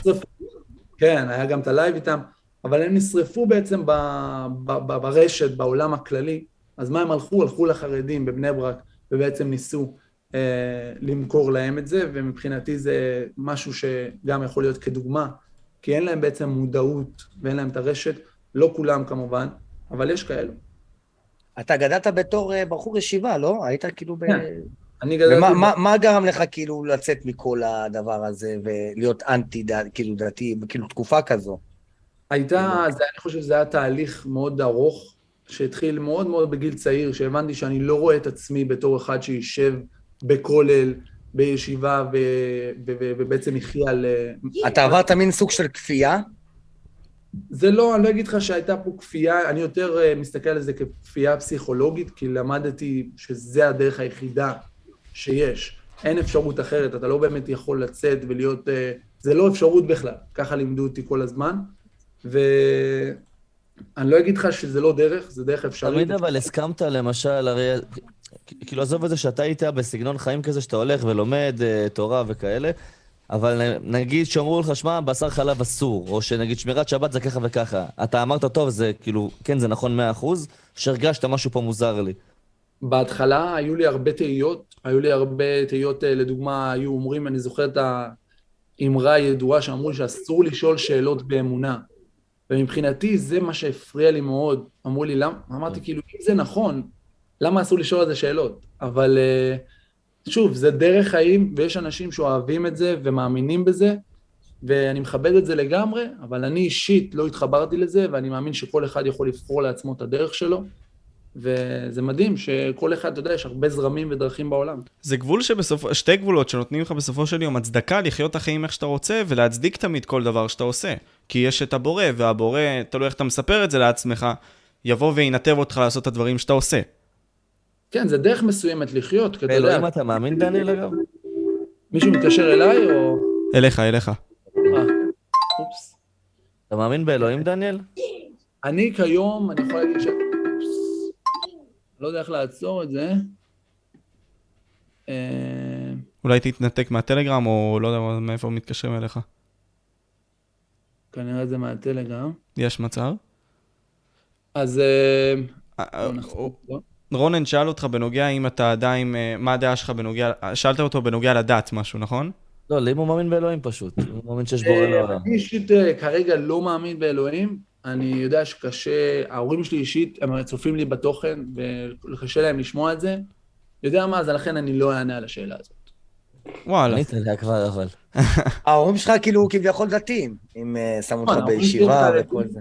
אבל אתה. יודע שאמונה באלוהים ודת אלו שתי דברים אה, לגמרי שונים. אתה יכול להאמין נכון. באלוהים ולא להאמין בדת, כי אלוהים אף פעם לא יצר דת, לא את הנצרות, לא את האסלאם ולא ולא את היהדות, כאילו. החוזה שיש נכון. לאלוהים מול העם היהודי זה חוזה בברית סיני, אף אחד לא אמר להם, אה, לכו תתפללו שלוש פעמים ביום. אלוהים לא אמר, אה, אה, תקראו קדיש, לעשות בר מצווה, לשים כיפה, לברך על המזון, זה הכל כאילו המצאות של רבנים בגדול. אין לזה קשר כן, לאלוהים. הם כן מאמינים שזה הגיע בציווי ישיר מאלוהים, גם העניין, ה, גם, גם התורה שבעל פה וגם התורה שבכתב, הם מאמינים שהיית, שהיה פה ציווי ישיר, ותודה, כל אחד והאמונה שלו. Mm. Um, יש פה אנשים בצ'אט שמדברים בכללי על רון נשר ועל הדעות שלך בנוגע אליו. Uh, יש אנשים שאפילו קוראים לך בן אדם שאוהב את רון. נכון, אמ, אז קודם כל אני יכול להגיד שרון נשר אה, עצמו יצא נגדי מספר פעמים ברשת, ממש בצעקות, קללות, ברמה שכל אחד היה נפגע בזה. הייתי אצלו פעם בלייב וכתבתי לו איזה משהו, והוא ממש נכנס בי ברמות אחרות. אני רואה את רון נשר כיום בתור דמות. אני לא רואה אותו בתור בן אדם שבאמת מתכוון למה שהוא עושה, אני רואה אותו בתור רק אבא שרוצה לפרנס את הילדים שלו, ובאמת, הוא בן אדם שלא לא, לא, לא, לא קל לו, כן? יש לו שני או שלושה ילדים, שניים שלו ואחד אה, של אשתו, ובעצם זה, זה, זה, לא, זה לא פשוט. אז כן, הדרך שלו היא לא כל כך אה, נכונה לפעמים, הוא כן פוגע לפעמים באחרים בדרך, אבל באופן אה, כללי, הוא הולך בדרך האמת, ואיפה שזה האמת, אני אהיה שם. אתה, ובמיוחד בקטע שהיה עם סטטיק, שהוא חשף פה אמת, ואני אהיה איתו לדור לאורך כל הדרך. זה אגב לא נגמר הסיפור עם סטטיק, יש על זה עוד אה, משפט שהולך להגיע. תגיד לי, בגלל העניין הזה שאתה בא ומדבר את האמת שלך, בכללי, בקונספט זה מעניין אותי, כי, תשמע, אני בדיוק כמו, סוג של בדיוק כמוך, אני רואה את הדברים, אבל פשוט פחות מדבר אותם, אה, כי ככה. אה, לא, לא הבנתי עדיין למה במוח שלי, כי ככה. זה מנגנון הגנה שלי. אה, יש דברים שאני כן אומר, ואני נלחם עליהם, ומציג אותם בתוכן שלי, בין אם זה קונספירציות כלשהם והכל, ואני שואל את עצמי, מה... אתה לא מפחד מהדברים האלה, שבאמת כל הדברים שאתה אומר בעצם יפגעו לך בעתיד? כלומר, אתה יכול להיות סוג של חושף דברים, אבל רואים את, ה... מי, את מי שאתה, אתה מבין? אתה חשוף. אתה חשוף לפגיעות, אפילו אם אתה עם עורכי דין והכל. אתה חשוף לזה. כי יודעים מי אתה. אני אגיד לך מה, מבחינה, יש, יש כמה אפשרויות שאפשר לפגוע. בוא נתחיל מהקטע הזה של אה, תביעות, כמו שאתה אומר. על זה קודם כל אני מנסה לבדוק במאה אחוז אה, שאני פועל על פי החוק, ואני לא חושף דברים שאין להם בסיס, ויש לי עדויות לכל דבר, וכל הדברים שבעצם אה, הם תחת החוק. כמובן, לא שקרים וכאלו דברים. ויש את העניין הפיזי, שגם אנשים לא מעט ניסו גם מבחינה פיזית, איומי- איומים ודברים כאלו, לעצור אותי מבחינה פיזית, שזה טיפה קשה, כיוון שאני לא גר בארץ. ויש את החשיפות. אתה יודע שתמיד, מאז שהתחלתי עם החשיפות האלו, כל אחד שחשפתי אותו אמר לי, חכה, אני אחשוף גם אותך. הבעיה זה שאחד שאין לו ממה באמת לפחד, לדוגמה, יש, יש כל מיני אנשים מהעבר שאומרים לי, תקשיב, אנחנו הולכים לחשוף אותך, אנחנו יודעים שהשם שלך זה לא דניאל עמרה. אתה, כאילו, אתה חושב אבל כאילו שתבוא לארץ מתישהו? אה, יכול להיות, יגיע יום אחד. יגיע, מה- אבל לא, לא תפחד להסתובב כאילו? אתה יודע, יש כאילו הרבה ירצו לנקום בך, כאילו, על כל מיני דברים, לך תדע, כאילו, בכללי. מה, זה יהיה לא פשוט. אה, כל בן אדם לדעתי מפורסם, יש לו אנשים שאוהבים אותו ולא אוהבים אותו, אז יהיה לו, פש... יהיה לו קשה ל... ללכת ברחוב. אני לא חושב שזה יהיה ברמה כזאת גדולה, אבל אה, כמו שהתחלתי לפני זה, יש חשיפות שאנשים מנסים בעצם אה, כאילו לחשוף אותי, אבל כיוון שאני יודע שאין מה לחשוף, חוץ מזה שלא קוראים לי דניאל עמרם, הרבה לא יודעים את זה אולי, אבל השם שלי הוא לא דניאל עמרם, אבל זה לא חשיפה. כי אני התחלתי את הרשת ואמרתי את השם, לא אמרתי את השם שלי, כמו כל, כל הרבה אנשים, לא יודע אם לכם קוראים אה, רונן ג'י ג'י, או לא יודע אם זה השמות האמיתיים שלכם, אבל אנשים לא משתמשים בשם האמיתי ברשת. אז הרבה אנשים אה, כאילו מנסים אה, לחשוף ולחפש דברים עליי, אבל במציאות שאתה יודע שאין עליך כלום, אין באמת אה, לך מה לפחד. אז זה בעצם שלושת הדברים שהם בעצם, אה, בדרך כלל אנשים מפחדים לדבר ברשת, ממ- שלכן הם אה, פשוט לא מפחידים. אבל אם אתה תהיה עם משפחה בפוטנציאל שלך, תמיד יש לך מה, כאילו, יש לך מה להפסיד. נגיד, סתם עצם העובדה שאתה לא עם המשפחה שלך, יש לך מה להפסיד. זה שאתה לא עם אישה פוטנציאלית, ווטאבר, סתם דוגמה, כן? יש לך מה להפסיד. אז כאילו, יש לך פה על מה להפסיד בסופו של דבר, במבחן התוצאה. השאלה זה מאיזה בחינה להפסיד. אני יודע שבדרך כלל אנשים אה, באים ברשת ומאיימים עליך מה הם עושים, הם הולכים למעביד שלך ומנסים לגרום לך להיפטר, מה, להיפטר מהעבוד, לפטר אותך מהעבודה ודברים כאלו. אז אז אני זוכר שאז היה לי שיחה עם יקיר עבאדי, ממש שהתחלתי, הוא אמר לי, חכה, אני הולך להרוס לך את החיים וכאלו. אז אמרתי לו בלייב, אני, יש לי הכל. כאילו, מה זה יש לי הכל? יש לי כל, כל הדברים שהשגתי, זה ב, בזכות עשר אצבעותיי. מי זה. מי זה יקיר עבאדי? מי זה, מי זה יקיר יקיר עבאדי עבאדי? זה אחד האנשים זה הראשונים של עוגיות. עבאדי. ובאמת אני חושב שיש לו כוח ואנשים מאחוריו, שבאמת יכלו, אם היה לי, נגיד הייתי עובד באיזה עבודה, הם היו יוכלו לפטר אותי מהעבודה. אבל כיוון שיש לי את העסק שלי, יש לי את הבית שלי, יש לי את הרכבים שלי, מה הוא יכול לעשות? לקח לי את הבית? לא, הוא לא יכול. אז זהו, מבין, כאילו קשה, קשה לפגוע בי, כי במציאות יש לי כאילו דברים שהם שלי, והעסק שלי, אז קשה, אתה יודע, זה לא שאני עובד את זה למישהו, והולכים אה, ומדברים עם הבוס שלי, מפטרים אותי מהעבודה. אז אתה אומר בפועל שכאילו בגלל שאתה לא בשטח הטריטוריאלי, אז לא יכולים לעשות לך כלום. בגלל שאתה, גם הזהות שלך בשם שלך היא לא זהה למה שהיא באמת. בגלל שגם לא יודעים כל כך מה אתה, כאילו, יודעים שאתה, יש לך כסף, נכסים והכל, זה מותיר לך את האפשרות לבוא ולהגיד את הדברים בצורה מאוד חופשית. Not given a fuck, כי יש לך הכנסה, יש לך אפשרות גם לא להיות בשטח שעליו אתה מדבר, ובסופו של דבר לא יכולים לעשות לך כלום. כלומר, גם אם עכשיו עשית עכשיו משהו נוראי, מפוצץ, מטורף, לא יעשו לך כלום. נכון, כן, זה לא, זה לא כזה, אגב, סוד גדול, הקטע, אנשים פה כבר שואלים בתגובות, רגע, אז מה השם של עדינה עמרם? מי שבאמת עוקב אחריי יודע שזה לא השם שלי הרבה זמן, וגם זה כבר פורסם כמה פעמים ברשת, מי שרוצה באמת לדעת, אני אישית לא רוצה להגיד את זה, כי זה משהו שאני התחלתי ברשת ואמרתי, אני לא אגיד את השם שלי, כי אני לא רוצה, אז, בזמנו לא רציתי לפגוע במשפחה, בשם משפחה שלי, אבל uh, מי שבאמת רוצה לבדוק את זה, זה נמצא ברשת בכל מקום. שאלה, נגיד אתה בא, נגיד אני איזשהו מישהו מסוכן, אתה בא ומפרסם עליי דברים וזה מאוד מפריע לי, ואני רוצה לנסוע עד לארה"ב, לתפוס אותך ולזיין אותך מכות. אני יכול, אני כאילו, כאילו זה אופציה לתת גר, אנשים יודעים מהרשת. אנשים ניסו אה, הרבה, אה, אפשר למצוא את ה... לדוגמת הכתובת של הבית שלי האישי, אה, איפה שאני קניתי בית, זה קל מאוד למצוא, אבל אה, אתה לא יכול באמת כאן בארצות הברית, אתה לא באמת יכול לפגוע בבן אדם אה, בלי שאתה תיכנס לכלא. אני אישית גר במקום אה, מאובטח, ברגע שמישהו ידפוק בדלת, יהיה מישהו פה יודע כבר את. הכתובת שלך מהרשת אבל? אי אפשר לדעת, הכתובת שלי האישית, יש, אה, יש דרך פה בארצות הברית לעשות אה, hidden address, אתה יכול בעצם, לה, לה, זה בעצם, בדרך כלל זה למפורסמים, אבל גם אנשים שרוצים פרטיות, פשוט אה, יכולים לה, להסתיר את הכתובת שלך מהרשת. זה עולה כסף? כאילו, מה הפרוצדורה לזה? אה, לדעתי, לא, זה לא עולה כסף, אתה עושה את זה ברשת, אתה פשוט, לפני שאתה עובר לאותה כתובת, אתה פשוט אומר שאתה רוצה אה, כתובת אה, מוסתרת, וככה גם, ה... לדוגמה, בדרך כלל הטלפון הם אלו שמעבירים, החברת טלפון מעבירה את הזה שלך לרישום, ל- לרשת.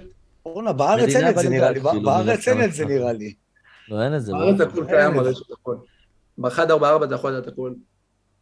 מה זאת אומרת באחד ארבעה ואתה יכול לדעת הכל? אני אומר, אתה רושם את השם של מישהו, אתה כבר יכול לדעת את הכתובת שלו הכל. בארץ זה מאוד קטן, אין להם את הדרך באמת להסתיר את זה, גם כל מה שהיה עם האגרון וכל זה. וואלה, אני ראיתי אותך גם לא מזמן, רצה לתפוס איזה בן אדם, אבל בסוף הוא התגלה שהוא באבו כביר אמרו לך, והגעת לאח שלו, לאמא שלו, אני יודע, לאחותו, נכון, הכל בלייב, וממש... אה, נכון, נכון, בשידור. חי את זה, נכון. נכון, כן, זה מאוד קל אה, להגיע, אנשים חושבים שוואו, איך אתה מגיע לאנשים, הכל קיים ברשת, אתה יכול לרשום שם של מישהו, אה, ומהפייסבוק אתה כבר רואה את המשפחה ואת השם של האחיות, אתה מגיע לאגרון זה לא חוקי, אבל אה, 144 ואתה יכול אה, למצוא את זה. וואו. אז אתה כאילו אומר לי, תשמע, תכלס, אם אני רוצה למצוא מישהו, אני יכול ללכת לפייסבוק, לאינסטגרם, ווטאבר, להתחבר לבן אדם השני, להגיד את השם של אותו בן אדם ובמיקום שבו הוא גר, ואחד ארבעה נותנים לי את המספר.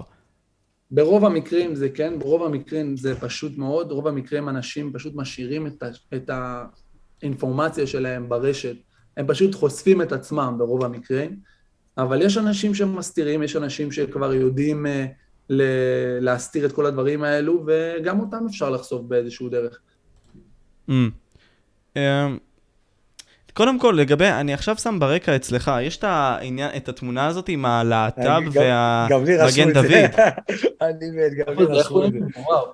כן, זה משהו שקנתה לי אה, האקסיט שלי, האמת. אה, זה בעצם מגן דוד עם הזה של להט"ב, כי זה משהו שאני אישית גם אהבתי מאוד שהיא קנתה לי, אבל זה חמוד.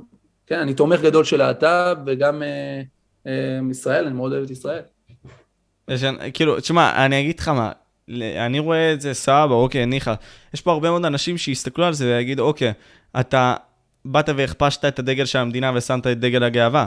אני, אני אישית, תקשיב, בעיקרון, אני... ממש לא סותר, לדעתי. לדעתי הדגל של המדינה הזה אמור להיות משהו שההפך, מקבל את כולם, ולהפך, אתה יודע שמדינת ישראל אה, ידועה בכל העולם בתור אחת שמאוד מקבלת את הקהילה הלהט"בית, והעניין עם ה... מצעד הגאווה זה משהו שמכניס הרבה בעניין של תיירות וכסף כל שנה למדינה, ולהפך, אני חושב ששניהם אה, מתחברים מאוד ביחד, וכל אחד פשוט צריך לחיות את החיים שלו בדרך שלו. אבל זה שאתה חי את החיים שלך בדרך שלך בקטע הזה, זה לא איזשהו סיכון. כאילו, אני, אני מסתכל על זה בצורה כזאת, אין בעיה שאדם יבוא ויבטא את עצמו, בעולם, כמו שאתה עושה, סתם דוגמה. כמובן שיש לזה השלכות, אתה יודע אותם, ווטאבר. מבחינתי, יש בעיה עם זה שאתה מוציא את זה, כאילו, אתה גאה בזה. כלומר, גאווה פעם זה היה חטא. כבר בסיפורי האנטיגונה, אחי, חטא העברי זה היה חטא הגאווה, אתה מתגאה בזה. אתה מוציא את זה לבחוץ, ואתה בא ונותן לחברה בעצם לבוא ולקבל את זה, כאילו זה סבבה, אוקיי. זה, אני, אני חושב אישית שלהילחם על זכויות זה טוב, אבל אני חושב שעכשיו המצעדים הם כבר לא על זה. הם על אי לקיחת אחריות וסתם פשוט להביע את עצמם בצורה מוקצנת. שאני לא חושב שהיא גם הכרחית. כי בפועל כולנו יכולים להביע את עצמנו ככה, אבל אנחנו לא מקבלים את הלגיטימציה לעשות את זה. אני אגיד לך משהו, אני שמעתי מה שאתה אומר, אני לדעתי אישית לא מסכים איתך, כי אני חושב שהאנשים שהם בלהט"ב, הם חלק מהלהט"ב, זה לא רק הדעה שלהם, זה מי שהם. הם גדלו והם נולדו ככה, הם נולדו להיות, לדוגמה, אוהבים גבר, לדוגמה, אה, אוהבים אה, להתחתן עם, רוצים להתחתן עם גבר, אתה לא יכול להגיד, זה הדעה שלך, אבל אל תתגאה בזה. כי זה לא הדעה שלהם, זה מי שהם. אוקיי, בפועל, כשמנסים להכניס אבל את המסרים האלה בצורה מוקצנת, כמו לדיסני, סתם דוגמה, 50, ש-50% מהדמויות יהיו כאלה, בפועל. זה מה שהם רוצים, זה התכנון. או בקיוטיז, אני לא יודע אם אתה ראית את הסדרה בנטפליקס, מראים ילדות קטנות כאלה, בפשוט צילומי זווית מסוימים שהם חודרים להם. בפועל אני שואל כאילו, בתור בן אדם שמסתכל על הדברים האלה, האם זה מטריד אותך או לא מטריד אותך? בפועל. אישית זה לא מטריד אותי, כי אני חושב שאין כזה דבר שאני רואה הרבה שאנשים אומרים, אתה בעצם מכניס להם להיות, גיי, ואתה בעצם הופך אותם להיות אה, הומואים. אני לא מאמין שיש כזה דבר, כי מי שנולד הומו, הוא יהיה הומו, ומי שנולד סטרייט, הוא יישאר סטרייט, לא משנה כמה דגלי גאווה יהיה לו בפרצוף. אבל זה רישרוש. יש כאלה שטוענים שזה לא מולד, העניין של... אה, שלו. זהו, זו שאלה מעניינת, אחי. למה יש כאלה שאתה יודע, ההתנהגות שלהם מגיל קטן, אתה יודע, אבל בוא אני אשאל אותך שאלה, דניאל. ופתאום בגיל יותר אה, בוגר הוא יוצא מהארון, אתה מבין? אם אני עכשיו... אני לא יודע. יוצאת בהתחלה, אבל זה משהו מולד, זה מוכח. אבל. אבל זה גם מסביבתי, כי תשים לב לזה, סבבה? אם עכשיו אתה תהיה מול חמש חברים, שכולם באים ומקללים, אתה תקלל. אם אתה תהיה, אני לא, אני לא אומר שזה פאקט, אני לא אומר שעכשיו, עצם העובדה שבאים ומעבירים לך את המסרים, אתה תהיה הומו, בסדר? לא אומר את זה. אני פשוט אומר שבוא ניתן גם דגש לעניין הסביבתי, שאם כולם, או רוב האוכלוסייה, הם כאלה, הנורמה הופכת להיות שאתה אני תשאף אגיד לך לזה גם עוד בטבעיות. משהו. בתרבות הרומאית, אצל הרומאים היה להם אה, ממש אה, בתקופה של לפני אלפיים שנה מעמדות ו- והכל. הם היו עושים שם מסיבות סקס אה, דו-מיניות, וזה היה ממש ברגיל. אתה יודע, גבר מוצץ לגבר, וכולם מזדיינים עם כולם. זה היה ממש בתוך התרבות שלהם, אתה מבין? אז כאילו, ו... אני חושב שנדיר שה... לא, אני לא מעוניין בזין שלך, כאילו, זה היה, זה היה די ברגיל, כאילו, אתה מבין? Mm. תראה, אני חושב, שוב, שבן אדם שנולד הומו, הוא יהיה הומו, ובן אדם שנולד סטרייט, הוא יישאר סטרייט. לא משנה כמה תנסה לנרמל את זה, זה מציאות. אתה תישאר סטרייט, גם אם תראה 20 אלף אנשים מתנשקים עם גבר. אולי אתה לא בן יקרה. ה-20, אבל הילד בן ה-6, הוא חושב שהוא fucking גיבור על, אחי. אני חשבתי עד כיתה ז' שאני גיבור על. הייתי מדמיין, אחי, אנשים ש fucking הולכים לידי, אחי, וחשבתי שאני ספיידרמן, בחיי. אתה מבין? אז זה היה קל לשחק לי בראש. בואנה, בתחילת הלייב דיבר, דיברתם פה על משהו מאוד מעניין שאמרתם שאתם רוצים לדבר עליו, לא? שאתם לא רוצים לפתוח. תכף. זה גם נושא שצריך להתחיל לדבר עליו, זה, תדברו עם ג'יג'י, עם אה, רונן ג'יג'י. לא אני, לא רוצה לקבל תביעה, אחי, בן אדם הזה מאוד כוח. הוא במקום אחר, אתה אומר. מי שלא לא, כי מבין- אני אגיד לך משהו, אני... רגע, ויש איזה הוכחות בכללי? יש איזה כאילו הוכחות הוכחות? אה, לי יש הוכחות, אני חושב שגם שלחתי לדניאל, שלחתי לך את כן, הכל. אז למה לא עשית על זה, דני? אם יש לך... רגע, למה אתה... כי א' הם מדברים על זה עכשיו, עכשיו, כאילו אם בפועל לא, לא, הוא לא, את זה, רגע. אז לא. לא, אני אומר בכללי. אה. זה- לא, לא, נדבר, נגיד, סתם דוגמא, הוא כאילו, יעשה אה. על זה סרטון מסודר, נגיד. נגיד הוא יעשה על זה סרטון מסודר. אני לא... אה, אני יוצא דווקא, אה, פניתי לרונן, רונן פנה אליי אז עם הנושא הזה, ואמרתי לו שאני אשמח לחשוף את זה, כי הוא בעצם אמר לי, אני לא רוצה לדבר על זה, אני לא רוצה לקבל תביעה, ואני כמובן לא, לא מפחיד אותי הדברים האלו, ואני אשמח לחשוף דברים שהם אמיתיים. אממה, אה, הבנתי עכשיו ממנו שהוא כבר לא פעיל ברשת, אז זה אומר שהוא בעצם כבר לקח אחריות. אין לי עניין לחשוף אנשים שכבר לא קיימים ברשת, ולא... לא, זה גם אחד מהדברים שחשבתי עליהם. עוד באמת חלק מהדברים שחשבתי עליהם זה, אין לי כוח, כאילו, מה זה אין לי כוח? תחשוב, אני רוצה ליצור תוכן, אני רוצה להיות שמח ביום-יום, עכשיו פתאום בא בן אדם, תובע אותי במלא כסף, ויש לו מלא כסף, ואני, וזה נהיה לי מטרד בראש עכשיו, איך אני מטפל בקייס הזה, ואין לי זין לכל האנרגיות שאני צריך לבזבז על זה. אני רוצה פשוט לעשות תוכן, ליהנות מהחיים שלי, קניתי בית, רוצה להיות עם האישה שלי, רוצה ליהנות מהחיים. מה יש לך? מה להפסיד, יש לך מה להפסיד. לא, אין מה להפסיד, אתה מבין? ואני אגיד לכם דוגרי, כל פעם שיותר ש... כאילו באמת יצא לי ש... ש... שאני חשפתי אנשים ופרשיות ופדופילים, זה בסוף יוצא הפוך. נגיד, אנשים היו אומרים עליי, איך זה יכול להיות שכל בן אדם שמסוכסך עם רונן בסוף פדופיל? אז אני עונה, איך זה יכול להיות שאני משקר? כאילו, מה אני, מטומ... מה, אני... כאילו, מה, אני מטורף? אם אני אומר על מישהו, הבן אדם פדופיל והוא לא פדופיל, הוא יכול לתבוע אותי איזי פיזי, כאילו, אתה יודע, אני, אני אשלם שש ספרות כמו כלום. נכון, נכון. ועובדה שעדיין לא שילמתי לאף אחד, כי כנראה לא משועמם, כנראה שאני מדבר את האמת. אה, אבל כל פעם שזה קורה, אז תמיד אומרים לי, אה, הוא בטח כאילו, איך זה יכול להיות? הוא אוהב להרוס לאנשים את החיים, הוא זה, אין לי כוח לזה. לא. לא, לא, כל הכבוד רונן, תדע לך שאנשים אה, נוח לפעמים להיות- בנורמה, לעשות את הרשת, אבל לפעמים אנשים צריכים להשתמש בכוח שלהם כדי, אתה יודע, להציל אנשים. אבל אם אותו אחד כבר לא ברשת, הוא לא מהווה סיכון. אם הוא היה מהווה סיכון, הייתי הייתי אומר... גם מוצא את הדברים האלה לא ברשת, הייתי נוסע ל-105 קבוע עם החוקרים, היו שואלים אותי דברים, הייתי עוזר להם אה, מאחורי הקלעים לתפוס אה, פדופילים ודברים כאלה. כן, דיברנו. אה, ולא הלכתי, אתה יודע, ואמרתי, הנה חבר'ה, זה לסרטון ביוטיוב. זה היה, אתה יודע, היה לי אכפת. זה דוגמה שאיך צריך להיות כוכב רשת, שבאמת עוזר לעוקבים שלו, ולא, אתה יודע, רק עושה בשביל כסף. צריך באמת להשתמש בכוח שלנו כיוצרי רשת, יוצרי תוכן, כדי, ל, אתה יודע, לעזור באמת, ולהפוך אותנו לקהילה יותר טובה. אז כאילו, אוקיי, בוא תגיד לי דבר כזה. עכשיו יבוא בן אדם מסוים שירצה סתם... היי, שון, מה הולך? יש בן אדם מסוים ש... שרוצה סתם דוגמה עכשיו לחשוף דבר מסוים. הוא רואה שיש פה אי צדק, בצורה גלויה. מה הוא צריך לעשות? כלומר, כמובן שדרגת הצדק היא שונה. שחיתות לבין חשיפה משהו על בן אדם מסוים ואקט מיני, אבל בפועל, מה הוא צריך לעשות? כי יש כאלה שפשוט הם מפחדים לבוא ולהגיד את הדברים. מפחדים. מי שמפחד כמובן אה, שיפנה אליי, אני אעשה לו את העבודה, אבל אה, כמובן שזה משהו שצריך לעשות, אה, כי אני חושב שכוכבי רשת, צריך להסתכל על כמה אתה תפסיד מהעניין, כמה הבן אדם יפסיד וכמה התועלת שתיגרם מזה. כי אתה בעצם, כשאתה חושף את זה, כל כך הרבה אנשים יראו את זה, וינצלו מה, מה, מאותה בעיה שקיימת, או מאותו עוול שקרה. אבל מה הזכויות שלנו, כלומר, לעשות את זה? האם... אתה דיברת גם היום בטלגרם על זה, על עניין של זכויות, שאתה יכול, סתם דוגמה, לצלם בן אדם, בלי אפילו רשות שלו, בציבור, נכון? זה, זה מה שאמרת. בציבור, ברור. ציבורי, כן, מותר לצלם בן אדם, ואני להפך, אני חושב שכל אחד צריך כל הזמן להחזיק מצלמה בציבור, ואתה יודע, כל דבר שקורה צריך פשוט לצלם אותו, כי היום אה, אנשים אין להם כל כך מודעות לזה. הנה, ראית מה קרה- אגב. לי? ראית מה קרה לי? אני הייתי בשידור חי, אחי, אני עושה להם עם המשאית וכל זה. מישהו נכנס לי ברוורס, משאית עושה עליי רוורס, בשידור חי, בום, אחי, מאשים אותי. אתה מבין? אני לא זה... ועוד אני צופה לו, תעצור, אחי. איזה מזל שזה מצולם, אתה אומר. כן, אחי, תורה. הוא רוצה- זה היה הוא בלייב. רוצה לתבוע אותי. יודעים מה קרה לדוד שלי? אה, הוא- באמת מתנהלת נגדו חקירה, והוא נעצר בעבודה, על מה? דודה שלי היא אבת בית של הבניין, ויש איזשהו, כאילו זקן בן 80, שהלך למשטרה והגיש תלונה על דוד שלי, שהוא זיין אותו מכות על זה שהוא לא שילם את הוועד בית, סבבה?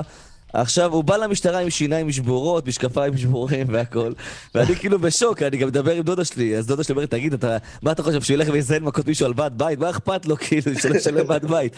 עכשיו, מה הקטע? כנראה שהיה לו שיניים שבורות, יש לו, הוא גם זקן עם שיניים אה, תותבות. אז הם הלכו למצלמות אבטחה של הבניין, ורואים שהוא לא עשה כלום, כאילו בדיוק בזמן שהוא טען שזה קרה, ואיפה שזה קרה, והחוקר. לא קיבל את זה, אגב, הוא אמר, לא, זה לא קביל הצילומים האלה, כי יכול להיות שהוא הרביץ לו ב- ב- ב- במקום ב- אחר. במקום אחר או משהו כזה, כן. אז אה, הם לקחו ממש עורך דין, ועכשיו זה נהיה באמת מטרד בשבילם, אבל זה כאילו מטורף, כאילו, תחשוב, בא לך בן אדם זקן, עם שיניים שבורות, הולך ואומר, אה, וואלה, הוא הרביץ לי, כאילו. אני מת. זה הזוי זה. לא, אז, אז זה עניין של הזכויות הזה, אז, אז, האלה. אני, אני כאילו באמת רוצה להעביר, אולי איזה, איזה זכויות אתה יכול להעביר לאנשים בציבור פה, ששומעים את הפודקאסט הזה, דברים חשובים מסוימים שהם צריכים לדעת מבחינת הזכויות שלהם. כמו לדוגמה, מי שבר לי את השיניים. כן, צריכים לדעת שיש להם זכות לצלם כל דבר במרחב ציבורי. אגב, אנשים לא יודעים אפילו דבר שהוא נמצא בתוך אה, מקום אה, פרטי, לדוגמה חצר, כל עוד אתה רואה את זה, אתה יכול לצלם את זה. ו... אבל יש כאילו, יש בעיה לדעתי עם כל הדבר הזה, שאני רואה לאחרונה, כאילו מה זה לאחרונה? בשנים האחרונות, עם כל המדיה וזה, שקורים סיטואציות נגיד בציבור וזה, ואנשים במקום לעזור בסיטואציה הזאת מצלמים כאילו. שזה הדבר הכי גרוע שכאילו אני יכול לחשוב עליו, נגיד סתם אם יש תאונה וזה. אבל... אה, כל, לא, אבל נגיד, לא יודע. מה, יש... זה כבר אה, מוגזם. כאילו, אתה יודע, זה שמצלמים, זה טוב שיהיה לזה עדות, אבל מישהו גם צריך לקחת, אה, אתה יודע, בדיוק, לעשות... זה כן, אז, אה, אז, העדיפות הראשונה זה לצלם, ואחרי העדיפות השנייה זה זה לעזור, אתה או? לשים גופרו שזה על מבחינתי המצח. גרוע. זה מבחינתי גרוע. שוטר עכשיו מרביץ לזקנה, סבבה? זה יותר קריטי לדעתי שאני אצלם את זה ובאמת יראו את כל התופעה הזאת, וזה בכל הרשת, מאשר טוב, עכשיו אני אעזור אה, לסבתא, אתה מבין? כאילו, מן הסתם אני אצלם ואז אני גם אנסה לעזור, אם אף אחד לא בא צריך לראות לעזור. אם אתה יכול נגיד להגיד למישהו, אתה תפריד, תן לי לתעד את זה, אבל אם אתה לבד שם, אני חושב שעדיף שתפריד. בדיוק. ברור, ברור, נכון, בדיוק. אז זהו, זה בדיוק מה שאני אומר. אבל אם זו תופעה, כן, זה סתם דוגמה, ואתה רוצה קייס לבנות על זה.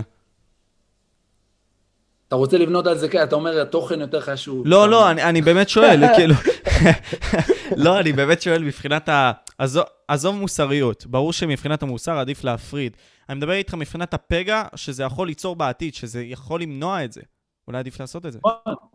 אני חושב שאני לא הייתי יכול לעצור ולצלם כשאני רואה אותו דופק לפיצוצים בראש, אבל כן. הייתי, הייתי יוצא רגע, מפריד, נותן לו פצצה, ואז ממשיך ומצלם ואומר השוטר... פתאום עכשיו- סונגוקו תופס, אתה אותו לזה. אתם יודעים אבל בינינו, שאני הולך עם מצלמה, ושון ראה את המצלמה שלי, באמת יש לי מצלמה בעשרות אלפי שקלים, עדשה ענקית 7,000 שקל, שאתה הולך עם זה, פתאום מתייחסים עליך שונה, אתה מבין? כאילו, באמת אומרים, בואנה, הבן אדם הזה, כאילו...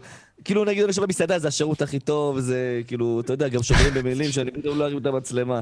נכון. כולם נחמדים, כולם זה. זה כמו ללכת עם אקדח שלוף, אחי, אתה יודע? אני מת. מצלמה זה כמו נשק, כן. יש למצלמה לפעמים כוח כמו נשק, אתה יודע, אתה יכול לצלם דבר, ואז... תחשוב, אז אם אתה הולך עם האייפון, זה כמו אקדח, אני הולך עם בזוקה על הצוואר, אתה מבין? אנשים יודעים לפחד. אתה חוסך את המשקל. היא גם באמת שוקלת כמו בזוקה, אחי. כן, מצלמה אחוז שרות הכבדה. אני מת. מצלמים את הסרטונים. אמ, אה. נ- אוקיי, אז, אז, אוקיי, מבחינת הזכויות עצמם, בנוסף לכך, אתה אומר לי עכשיו תמיד לבוא ולתעד את הדברים, או לחלופין לבוא ולהפריד כשצריך. איזה עוד זכויות אתה חושב שאנשים צריכים לדעת, גם מבחינת ביטחון הרשת, גם מבחינת איך להגן על עצמם, מבחינת דברים מסוימים, אולי דיבה, כל מיני כאלה, שאתה נתקלת בהם כחלק מהעשייה שלך. אני חושב שיש הרבה אה, אי מודעות לנושא הזה. לדוגמה, אה, אנשים אומרים לי, איך אני יכול עכשיו לשתף אותך בצילומי מסך ממה שההוא אה, אמר לי, או לשתף אותך בשיחה פרטית שהייתה לי איתו. זה, הוא יתבע אותי, אסור לי בעצם לפרסם שיחה פרטית, זה גם משהו שאנשים לא יודעים. מותר לך לפרסם, שיחת פרטית, שיחה גם. הקלטות. כל עוד אתה חלק שם, כן. בדיוק. מותר לפרסם את זה, וכן, כל הזמן שאתם בשיחה עם מישהו חשוב, עם בוס, עם משהו, כל הזמן תקליטו את השיחה. אה, אגב, אתם יודעים, אה, סיפור אה, מעניין, אה, גם שאלו אותי אז למה אני מאוד אוהב לבוא ולדבר על תופעות של אי צדק. בצבא לי הרבה מאוד אי צדק, אבל אחת מהתופעות הכי אה, משמעותיות שהיו לי זה שאני עבדתי בעבודה מועדפת אחרי הצבא, והיה לי את המנהל אה, עבודה, את, הבעל אה, של התחנת דלק הכי נוכל שבאמת יצא לי לראות. הבן אדם היה גונב מהעובדים שלו בצורה שיטתית. כלומר, פתאום אתה קולט שחסר לך כסף בתלוש שכר, אתה... אין לי גם בעיה להגיד את זה, כי גם עברו מלא שנים. אני הייתי נגיד קולט שנגיד במקום לקבל 4,000, אני מקבל 3,200. 800 ככה הלכו. עכשיו אני בודק על מה? חוסרים בקופה, סבבה? וואו. כאילו... ועזבו את זה שזה היה נגד החוק להוריד לי. אני כבר הגעתי למצב שאני לא מעביר מוצרים בקופה בכוונה, ש... שייווצר לי פלוס 100 שקל, שגם אם יש לי, חו- נגיד חוסר, זה לא, כאילו, זה לא אפשרי, אתם מבינים? ועדיין הייתי מקבל חוסרים, כאילו, ואז אמרתי, טוב, הוא נוכל. עכשיו, מה היו עושים אותם עובדים? הם היו גונבים מאותו מעסיק. שהמעסיק? היה מסתכל במ- אה. במצלמות אבטחה, כאילו, תחשוב, כל חודש בום אלף שקל נעקץ לך בצורה שיטתית, כל פעם אלף שקל, אלף שקל. העובדים היו מנסים לגנוב, אז כבר אתה מהקופה. הוא היה מצלם אותם ולא מפטר אותם, כי היה מאוד קשה למצוא עובדים. הוא היה עוקב אחריהם בצורה אובססיבית, כאילו ממש מסתכל במצלמות אבטחה, היה לו אפליקציה ממש בטלפון שהוא עוקב אחריהם, והוא, והוא היה בונה תיקייה על כל עובד. ואז מתי שאנשים התחילו לעזוב, הם היו מספרים לי בזמן שאני עוד עובד שם, שמע, אני באתי, התפטרתי, הוא סוחט אותי ב-20 אלף שקל, הוא תפס אותי גונב, א', ב', ג', מה אני עושה? הם היו משלמים לו 20 ומשהו אלף שקל, שלא ילך אה, אל המשטרה ובאמת יעשה להם תיק פלילי. ואז הגיע התור שלי לעזוב את העבודה, ואני בא וכאילו מגיש מכתב פיטורים, ואומר לו, אני, אני עוזב, סיימתי את העבודה המועדפת. עכשיו, מה הוא עשה? הוא בא ומראה לי כל מיני קטעים שאני לא העברתי דברים בקופה. דברים מפגרים, נגיד, אני רוצה, נגיד, אה, כאילו נגיד לנו היה מותר אה, נגיד נס קפה, אז נגיד פה ושם רציתי הפוך. הייתי משתמש בקפסולה שלא לו כמה שקלים. אה, פה יצאת לא בסדר. כל מיני דברים שטותיים להיתפס כאלה. עליך. חיפש לך, בדיוק, בקטנה, בקטנות ואז הוא בא. ואומר לי, תקשיב, גם לא מגיע לך, אה, נגיד, החזר נסיעות, כי אני הייתי עובד ממש אה, שתי דקות הליכה, והוא כאילו באמת ניסה לזיין אותי, אתה חייב לי ככה וככה וככה וככה, ואז אני אמרתי לו, תקשיב, אה, דבר ראשון, איפה המשכורת האחרונה שלי? אתה לא שילמת לי משכורת שלמה. דבר שני, וכאילו, כאילו אני באתי לשם, אליו, לפגישה, הוא בא זימן אותי לאיזושהי פגישה, הקלטתי הכל. באתי, שמתי את הטלפון על, על רקורד, אני שם את זה בכיס, סבבה? ואני מדבר איתו, ואני אומר לו, דבר ראשון, אתה, אתה לקחת לי בתקופה שאני עבדתי לפחות משהו כמו 14-13 אלף שקל על חוסרים. בדקתי, אני עושה לו, זה נגד החוק, אני רוצה את הכסף הזה בחזרה. הוא ככה היה בשוק, שהוא מנסה לעקוץ אותי ואני עוקץ אותו בסוף. ואז אני אומר לו, החזר נסיעות אתה חייב להביא לי, אתה לא יודע מאיפה באתי לעבודה, בסדר? אז זה, זה ככה. עכשיו, כל מה שאתה אומר שגנבתי, אין בה כמה זה, 70 שקל? 70 שקל אני אתן לך, אין בעיה. והוא בא, עשה איתי פגישות, פגישות, פגישות, הבאתי את אח שלי שהוא עורך דין, והוא לא יודע שכל פעם, חמש פגישות אני בא אליו, הכל אני מקליט. עד שאכלתי תסביך, שהוא אומר לי, בוא, אה, כאילו, אני לא חייב לך את הכסף, אני בא ואני מוציא את הטלפון, ואני אומר לו, תקשיב, כל שיחה ככה בפרצוף, הכל מוקלט, הנה, תראה, בפרצוף שלך אני מקליט את זה. מה אתה אומר? אתה אמרת לי שאתה... וואו, וואו. הוא אמר לי, שוב אני שואל אותו, למה אתה לא משלם לי משכורת? הוא אמר לי, אני החלטתי לא לשלם לך חודש איזה משכורת, כי א', ב', ג', ד'. הוא אומר לו, זה הלנת שכר. אני הקלטתי אותך כאן, מודה שאתה לא שילמת לי כסף. ואתה מודה פה, פה כאילו באמת על מלא דברים. אני הולך לתבוע אותך, אחו שרמוטה, כאילו. והוא, והוא גם יודע שאני מסוגל, יש לי עורך דין שיכול לעשות את כל זה. באותו אה, אה, זמן, אחרי יום, 20 אלף שקל מזומן הוא מביא לי. טק, טק, וואו. טק, 20 אלף. שקל. הבן אדם לא דיבר איתי. אבל אני תבין, עובד אם הוא לא- אם הוא לא היה מקליט את זה, אחי, הוא לא היה נותן לך. בחיים לא. אני העובד היחיד, אני באמת נשבע לכם, ב-15 שנה האחרונות שם שהוציא כסף. אנשים היו פונים אליי, שואלים אותי, איך? תביא את אחיך, משהו. אחי עוד מה אמר לו? אחי פוליטיקאי, הוא בא איתי אליו לפגישה בתור עורך דין, אומר לו, בוא נמצא את עמק השווה, זה היה המילים. סבבה, עמק השווה. ואז הוא אומר לי, תקשיב, אה, כאילו, המעסיק אומר לי, בוא אנחנו נמצא באמת את עמק השווה, כמו שאחיך הציע. אחיך, אה, כאילו, אני חייב לך 20 אלף, אתה ידעת שהעבודה הזאת היא כרוכה בזה שנגיד, אם יש לך חוסרים אז באמת יורד לך כסף מהמשכורת. הרי מה זה עובד? באמת, כאילו, גם שאתם תדעו בעתיד, אנשים שעובדים פה, אם אתה עובד באיזה עבודה באיזושהי קופה, אז קודם כל אתה צריך לחתום שאתה יודע שבעבודה הזאת יש אה, באמת עניין שאם חסר לך כסף בקופה, אז יורד לך כסף מהתלוש, ועל כל הורדה של כל חודש אתה, אתה צריך לחתום שאתה מודע ואתה מסכים שירד לך הכסף. הוא לא עשה את זה, אז אני אומר לו, תקשיב, אין עמק שווה, על הזין שלי עמק השווה, 20 אלף אתה נותן לי עכשיו או שאני תובע אותך. כמו גנגסטר, אני תובע אותך, אין עמק השווה אצלי. אתה עשית עבירה שחור גבי לבן, אתה הולך לשלם לי את הכסף. שלם לי את הכסף, אין עמק השווה. מה, אני אוותר על 10 אלף שקל? מה, אני פראייר? והיה לו, אגב, עוד משהו, שיצאתי מטומטם רצח, לפני, פתאום מצאתי ש, ש, שלפני שמונה, נגיד, משכורות, הוא לא שילם לי בכלל משכורת, ולא שמתי לב uh, ב... אבל באים ומענים ב- אותנו, כי אנחנו לא יודעים את הזכויות שלנו, אנחנו לא מבינים על מה אנחנו בכלל נלחמים. בטח. מענים אותנו בעיניים. דברים. היה לי מה זאת עבודות, אומרת- מה אחי. זאת אומרת לא שמת לב שהוא לא נותן לך משכורת? חודש מרץ לא נכנס לי משכורת, לא שמתי לב, אחי. איך "תקשיב, אבל לא שמים לב? לא שהוא- שמתי לב, הייתי טמבל, אחי. טוב, אני מראה לו, תקשיב, מרץ לא שילמת לי. אני אומר לו, הנה, תראה. אומר לי, מה פתאום? בטח הבאתי לך מזומן. אני עושה לו, אוקיי, אם, אם הבאת לי מזומן, אני צריך לחתום איפשהו, שיהיה לזה זכר, עדות אה, אה, איפשהו. אין, הוא עושה לי, אין, אתה עוקץ אותי, איך אתה לא מתבייש? אני, כאילו, אני אומר לו, תקשיב, תסתכל עליי, מה, אני נראה לך כזה מטורף? לבוא ולעקוץ אותך עכשיו עוד 4,000 שקל, כאילו? תשלם לי, כאילו, כי, כי ככה, או שאני אתבע אותך. ובסוף יצא מזה, כאילו, הרבה מאוד כסף, כאילו, אבל וואו. אני באמת, באמת... יש הרבה נוכלים. כאלה, יש המון כאלה. הבן אדם הזה עושה את זה עד. היום, הוא פשוט, אה, שמע, אני שמעתי כל כך הרבה אנשים שעקץ בעשרות אלפי שקלים מזה שהוא גנב מהם, ואז הוא. תפס מהם גונבים. תתחיל עם השמות, בוא נחשוף אותו. אתה יודע שהיה לי פעם אחת סיפור, באמת, זה באמת, פה כבר אכלתי תסביך. היה איזושהי משמרת אחת בלילה, הייתי עובד בתחנת דלק, ונכנסים שני אנשים מרעולי פנים, עם סכיני מטבח של החיים, ככה סכין מטורפת, והם שמים את הסכין, ב, ב, כאילו, בחריץ של הדלת, הרי בלילה כשאתה עובד בתחנת דלק, הדלת סגורה תמיד. אז הם מכניסים את הסכין כזה, ככה בחריץ של, ה, כאילו, של הדלת, ואני באותו רגע, עוד שאני רואה אותם, עוד לפני שמכניסים את הסכין, אני כבר יודע שהולך להיות פה שוד, זה היה בקיץ, למה אנשים באים עם מעילים וזה, לוחץ על הלחצן מצוקה, סבבה? עכשיו, אה, הם נכנסים בכוח, פותחים את הדלת, זה, זה דלת חרטא, ואני כאילו, אני נשדד. ישר תביא את הכסף, לוקחים את כל הסיגריות.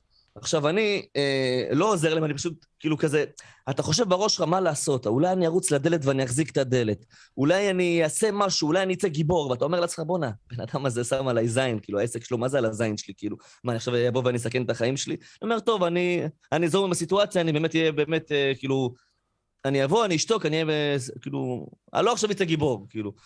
ואז הם שודדים אותי, ואומרים לי, בוא תעזור לנו לשים סיגריות בתוך השקית. עכשיו, אני בא ושם את הסיגריות הפושטיות, כל הסיגריות המסריחות, הנובלסים, איזה צרחות אני מקבל, מצמידים לי את הסכין, מטבח אני בגב. יא בן זונה, שים על באמת, כן, אתה צוחק, אבל בשבילי זה הטראומה של החיים. ואני, אתה יודע, אתה בהלך, שם להם סיגריות של טיים, שם להם נובלס, אתה לא שם לב, אחי. והם צועקים עליך.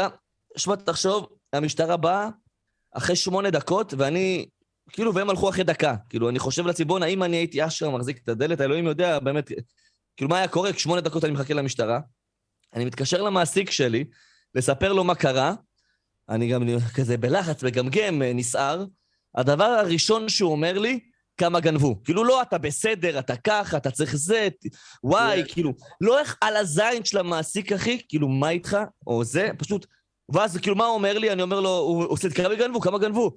אני עושה לו 500 שקל, משהו כזה, עושה לי fuck! כאילו, אני כאילו, מת. וכאילו, אתה מבין? כי יש לו סכום שאם, שאם בעצם, אם אתה עובר את הסכום הזה, אם נגיד עכשיו, אה, אה, אה, זה נגיד היו גונבים לו בסך 2,000 שקל, אז הוא יכול לתבוע את הביטוח, אתה מבין? מזה הוא מתבאס, כאילו, ש... וואט כאילו, מטורף, אחי, מטורף, באמת. דניאל, עכשיו, כאילו, בגלל העניינים האלה, כאילו, זה מאוד מעניין אותי. אנחנו צריכים לפחד על כל פעם שאנחנו נמצאים ברשת, כאילו, אם ככה, שיקליטו אותנו, שיבוא, כאילו, עד כמה אנחנו צריכים להיות זהירים? מעניין אותי. כלומר, צריך אם... כל אני- הזמן להיות זהירים, אבל אה, אתה יודע, אם אתה לא עושה דברים שהם נגד החוק, או דברים לא מוסריים, אין לך מה לפחד. לא, אבל יכולים להוציא את הדברים... יכולים להוציא את הדברים שלי מהקשרם. סתם דוגמה, אני מדבר עם מישהו ב-Dis, וקראנו לנו כבר כמה דברים. מקרים, לזייף דברים, לחבר בין. sound bites, אתה בעצמך מכיר את הדברים האלה, זה קורה. עד כמה אנחנו צריכים להיות זהירים? זה דבר שצריך, אה, אתה יודע, להיות זהיר, מה זה מבחינת, צריך פשוט אה, להיזהר אה, למי אנחנו מקשיבים ברשת, אנשים ש, שעושים דבר כזה, חותכים ודברים כאלו, אתה יודע, תבעו אותם, זה, זה צריך לתבוע, אתה יודע, אין מה לעשות. אבל אתה יודע, אתה לא יכול עכשיו לסתום את הפה ולא להיות ברשת, בגלל שאיזה מישהו מטומטם הולך לחתוך לך משפטים ולהוציא מזה משהו שאמרת ולא אמרת. Mm. אתה מבין?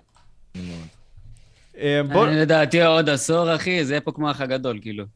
אה, אז... אה, יהיה לך- מצלמה בכל חור, אחי, כולם ידעו כבר הכל, אתה לא תוכל לעשות כלום, לדעתי. זה למה אני אוהב את גם הספר. הזה. זה כל כך מתקדם, זה. כזה fast pace שאנחנו אפילו לא שמים לב, כאילו. זה- זה נכון, ככה, זה- נכון, נכון, נכון. זה משוגע, אחי. זה טוב מאוד, לדעתי, ככה לא יהיו פחות עוולות. אתה מבין? אם הכל מצולם, אתה לא יכול באמת לעשות עוולות. בדיוק. אבל אני- אני אני מה זה לא מסכים עם זה? בכל מקום. זה מפחיד, אחי. לא, זה זה לא בסדר, כי ב-2000... כאילו, חוסר פרטיות. אז זהו, אתה ב-2030 זה... תתרגל לזה, אתה תתרגל לזה כבר. אבל זאת ה- לא בחוץ. אבל זאת כן. האג'נדה, אחי. נכון. לא, אבל- בבית שלך לא מצלמות, מן הסתם, אני מדבר איתך, אתה יודע, ברחובות, כל מיני מקומות אבל כאלה. עזוב, ב- בגלל 9-11, אחי, מאז עוקבים אחרי האנשים, אחי, בטלפונים שלהם, אתה לא יכול כלום. כלומר, אם אתה עכשיו מדבר על נושאים מסוימים, הם יכולים לחטט לך בטלפון, חופשי. כי זה נכון. כדי להגן על פי טרור. הם לא תפסו דבר אחד של טרור. ב-20 שנה האחרונות הם לא תפסו כלום. זה הזוי. מה זה נכון, לא זה- תפסו? זה לא- היה טרור. תקשיב, לא, לא, לא הבנת. לא הבנת. היה את הטרור של 9-11, נכון? אסון אטומי. נכון. לאחר מכן, הם באו ושמו משבבי מעקב בטלפונים, במכשירים והכל בשביל למנוע. דברים כאלה. אה? הם גם יכולים לשמוע כל שיחה ושיחה, יש להם אלגוריתם ש... הכל, הכל נכון. יכולים היום בטלפון, לפרוץ לך לטלפון. אבל אחי, כל יום בטח יש לא איזה שואלים. מיליונים של שיחות, איך תקשיב לכל אוקיי, שיחה? אבל... לא, לא, לא, אם לא, הם זה רוצים לא- זה לעקוב לא אחרי זה לא מישהו ככה. יש מסוים. להם אלגוריתם, יש להם אה, מכונה שמקשיבה. הסוס, אם אני ואתה- אה, לא הסוס אם אני איך ואתה קוראים לזה? בטלפון, אנחנו נדבר על פיגוע שאנחנו מוצאים לפועל, אז יבוא ממש... זה לא מנע כלום. זה לא מנע כלום, אנשים ניסו לחשוף את זה, כמו כנראה. לא מדברים את זה בטלפונים. לא. אה, בסדר, אבל גם אם נניח, קרה לפחות פעם אחת שהייתה אמורה לקרות, תסכים איתי, לפחות פעם אחת, לא קרה כלום. לא היה לא, שום... אבל לומדים, אחי, לא אפילו. עבריינים מדברים בשפות קוד, מה יש לך? אבל... אתה ראית 512, אז אחי? למה, אה, אז, למה, אז למה הם עוקבים אחרי אם זה לא יעיל בפועל? למה, מה זה כי עושה אני להם? חושב, ש- היום אני חושב שיש לך כל כך הרבה דרכים לעקוף את זה. כאילו, אני מאמין אני אגיד לך משהו- בוואטסאפ, אחי, זה לא תופס. יש כאילו. מילות כי זה קוד, לא... אה. זה דרך אינטרנט. אתה מבין? זה לא קו סלולרי. אתה מבין? שיחה בוואטסאפ, אחי, אתה לא יכול... לזה.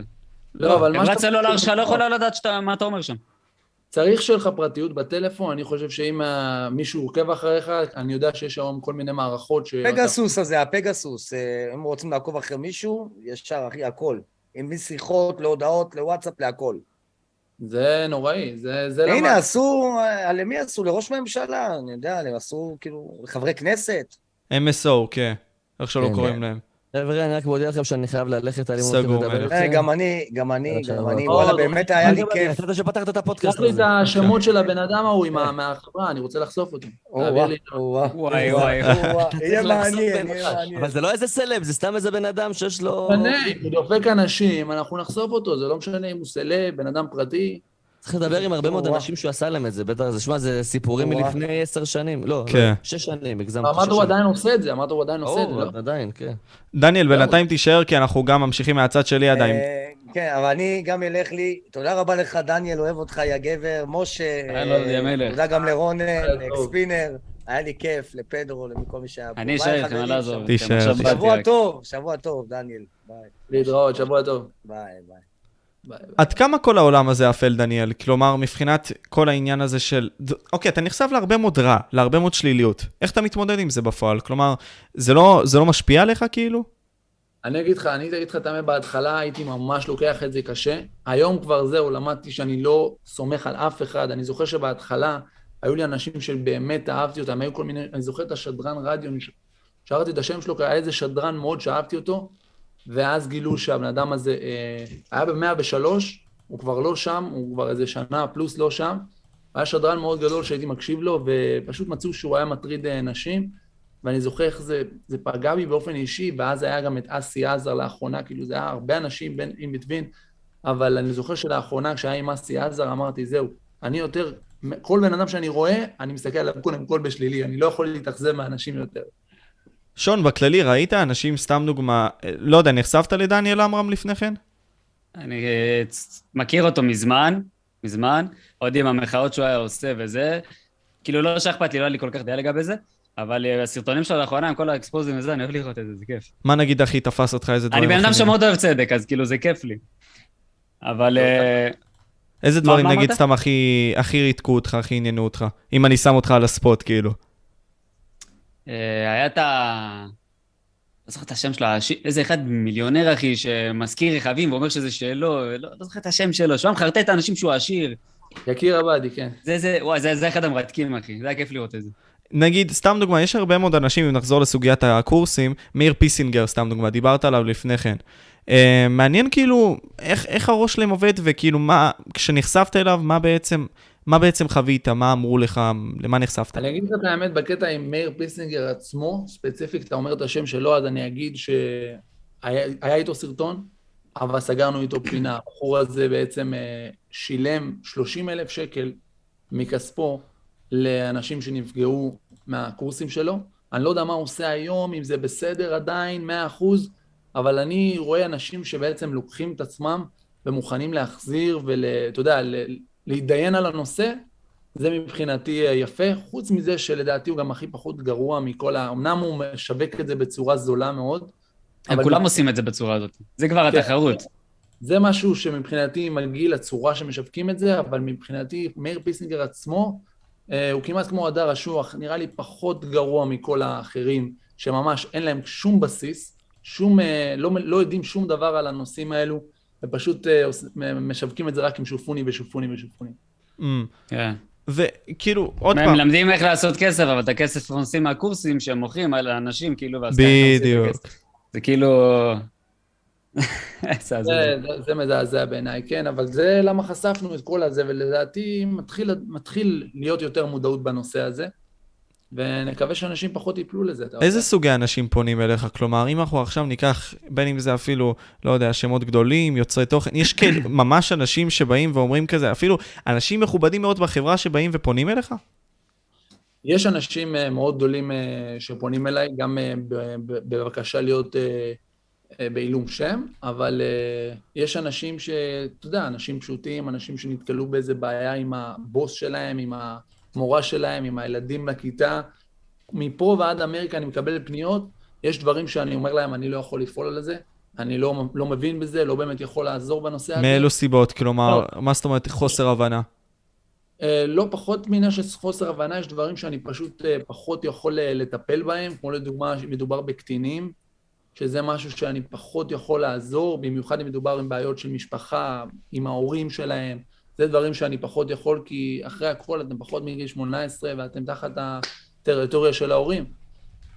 אבל יש, יש כל מיני דברים שאתה יודע, קשה מאוד לעזור בהם, שאני מפנה אותם, יש דברים שהם יותר מדי גדולים בעיניי, יש לדוגמה משהו שהוא מאוד גדול, שפנה, בן אדם מאוד מאוד גדול שפנה אליי, ממש אה, מיליונר, אה, שהרסו אותו, עשו לו איזושהי כתבה אה, באחד מהערוצים הגדולים, והוא הוכיח לי ממש שהכל היה שקר, ואני עדיין עובד על זה, אם אני בכלל יכול לעשות דברים כאלו, כי זה משהו שהוא באמת מאוד גדול וצריך לבדוק אותו, ויש עליו כבר משפטים והכול, וזה משהו של בין מיליונרים, אתה מבין?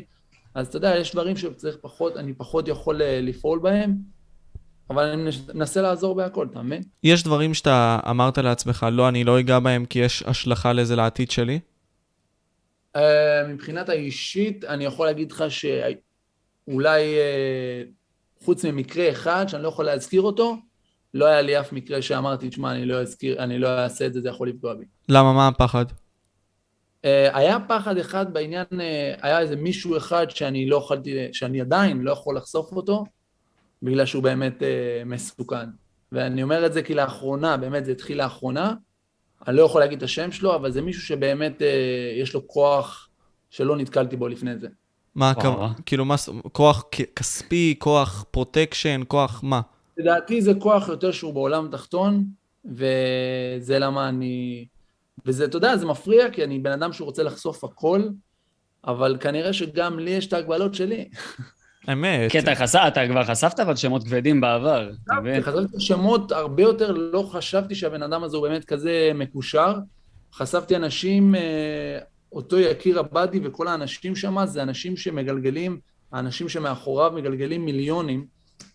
וחשפתי... יש שם אנשים שאני מפחד להגיד את השם שלהם פה, שלא הוא אלה בטעות.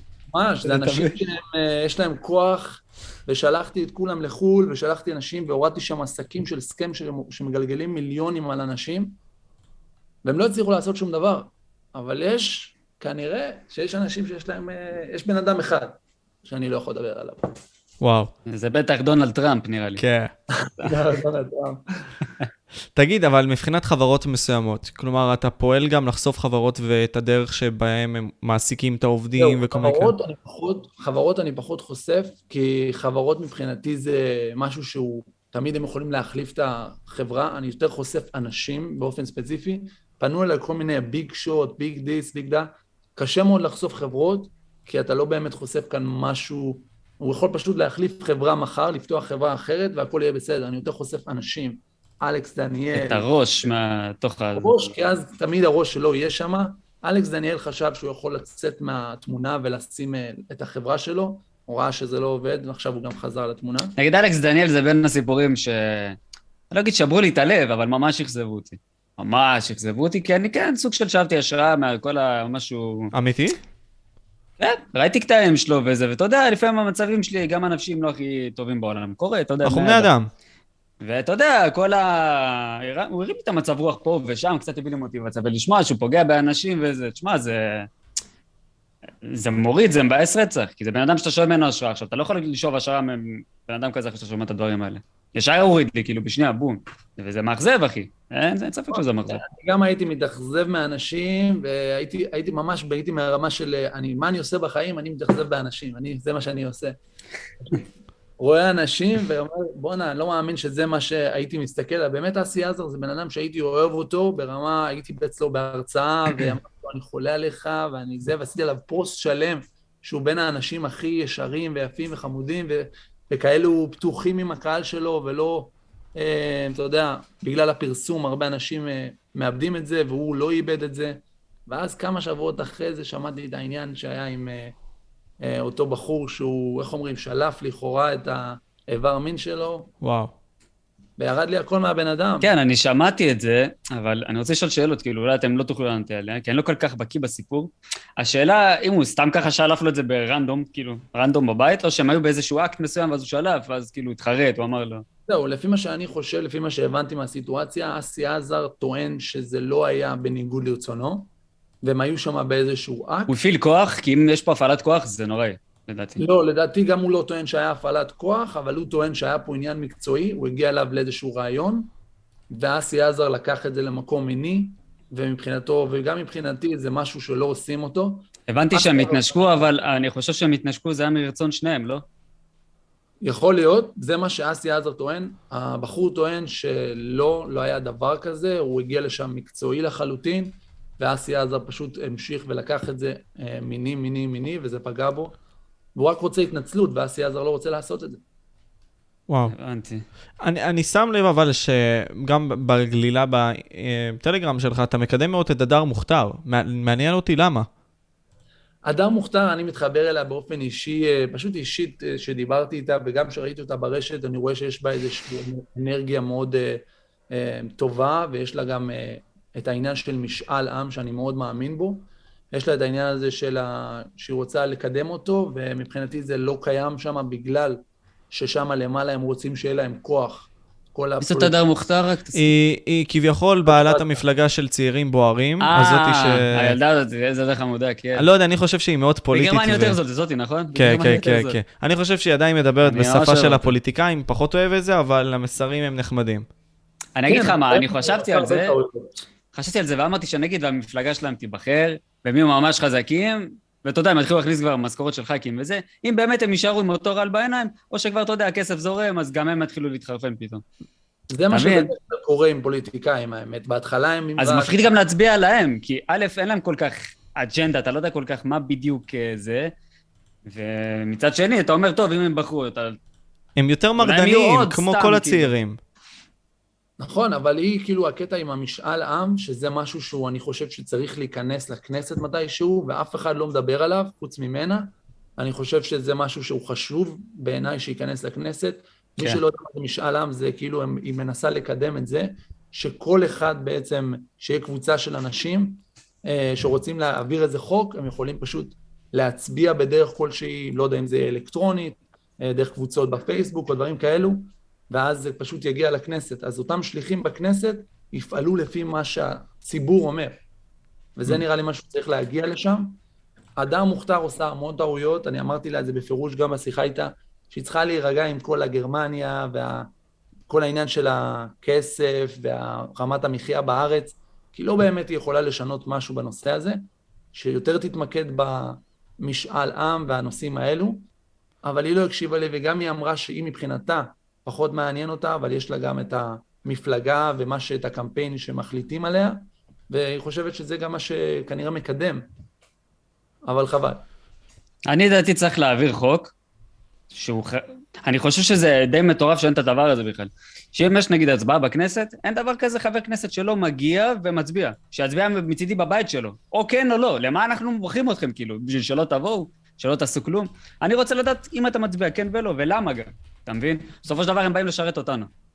וזה נכון. לא הגיוני שנגיד יש העברת חוק של משהו, שאולי הוא חשוב לנו, אולי פחות, זה לא משנה מה, והם לא באים פשוט, נמנעים. חוק, תקשיב, אתה בוא- חושב שאתה לא מאמין בחוק הזה, סבבה, תצביע לא. זה הדרך אמונה שלך. אתה חושב שהוא כן, תצביע כן, אבל תעשה משהו. אני דיברתי על זה עם, אני דיברתי על זה עם חבר, ממש לפני אה, שתי פודקאסטים נראה לי, על חוק הסמכויות. חוק הסמכויות זה חוק שהוציאו אה, בעקבות משבר הקורונה, ששמונה אנשים מובחרים יכולים לנהל את כל המדינה ולעבור זכויות יסוד. זכויות יסוד שלנו כבני אדם. אה, והם פעם רצו לעשות את זה כמה חודשים, ועכשיו זה עד דצמבר 31. זה התחיל ביולי 2020, ועכשיו זה עד דצמבר 31. ועוד פעם, הם יכולים לעבור על הזכויות שלנו. בשביל להגן על אותם דברים של קורונה וכל מיני כאלה. למרות שבפועל זה לא כזה, זה לא כזה בעייתי, המ- המחלה עצמה, לרוב האוכלוסייה. עוד פעם, מוות יכול להיות, אבל במעט. לא בגדולה, זה לא עכשיו מגפה פסיכית. זה לא מוגזם. כן. אני לא מבין את זה. ולך ולי ולהרבה מאוד אנשים אין את הידע על זה. והם יכולים לעשות הכל סביב זה, אתה מבין? כמו העניין עם ה-9-11, אותו דבר. דני, אתה יכול להתמקם יותר באמצע, אחי יקר? אין בעיה. אני אומר, הקטע עם אה, הפוליטיקאים זה מזעזע, כי תחשוב שאנחנו, או כל אנשים, כל בן אדם שנגיד עובד בעבודה רגילה, והוא עושה משהו שהוא לא נכון, בום, מפטרים אותו. אני לא מבין איך הפוליטיקאים יכולים לעשות מה בזין שלהם, כמו שההוא פה הזכיר. לא להגיע פשוט לאיזושהי אה, הצבעה, ואף אין לו, אין לו שום דבר שאנחנו יכולים לעשות. אנחנו הרי אלו שמעסיקים אותו, אלו שמשלמים לו את המשכורת, אלו שבעצם אה, בחרו בו, והוא פשוט יכול לא להגיע, לעשות מה שהוא רוצה. זה מזעזע בעיניי. יש להם איזה, אם אני לא טועה, אני לא רוצה סתם להגיד, אבל אני חושב של איזה מאה ומשהו ימי חופש בשנה. זה מטורף, אחי. זה מטורף, למה אנחנו שאנחנו מקבלים כזה, לא מתקרבים לסכומים האלו, ואנחנו אין לנו אפילו את ה... אתה מבין? זה כמעט חצי שנה של חופש. ולא לעשות כלום. ואתה fucking נבחר ציבור, אתה חייב לעבוד הכי קשה והכי הרבה. אמת. כאילו, אין הנחות לדעתי. אם אתה רוצה להיות נבחר ציבור, זה משהו שאתה בחרת, זה שליחות שאתה בחרת לקחת, אתה צריך לעבוד הכי קשה בשביל זה. אבל זה לא עניין של לא כוח. על הזין שלך. אתה מגיע לעמדת כוח הזאת, יש אנשים שאוהבים אותך, יש קבוצות שתומכות בך, על הזין אני, על הזין אתה. זה למה להיות פוליטיקאי זה בולשיט. זה למה להיות נכון. פוליטיקאי זה בולשיט. נכון, דניאל? כן, אבל אתה יודע, על זה אין מה לעשות, ככה העולם עובד, ואם אנחנו נגיד, שמע, אני לא אצביע עכשיו בגלל שכל הפוליטיקאים שקרנים, אנחנו בעצם נותנים כוח לאנשים שאנחנו לא רוצים שיהיו בכנסת, ולא משנה אם זה ימין, שמאל. אמת. אתה צריך תמיד להצביע, לא משנה כמה אתה לא מאמין ב- בפוליטיקאים, ברגע שאתה לא נותן את הכוח, אתה בעצם נותן את הכוח לצד שאתה לא רוצה שיהיה לו את הכוח. היום אתה לא צריך להצביע למי שאתה מאמין בו, אתה צריך להצביע למי שנראה לך הכי פחות גרוע שיכול להיות. זה, זה לצערי מה שעובד היום, כי אין כן. מצע היום לאף אף מפלגה אין לה מצע.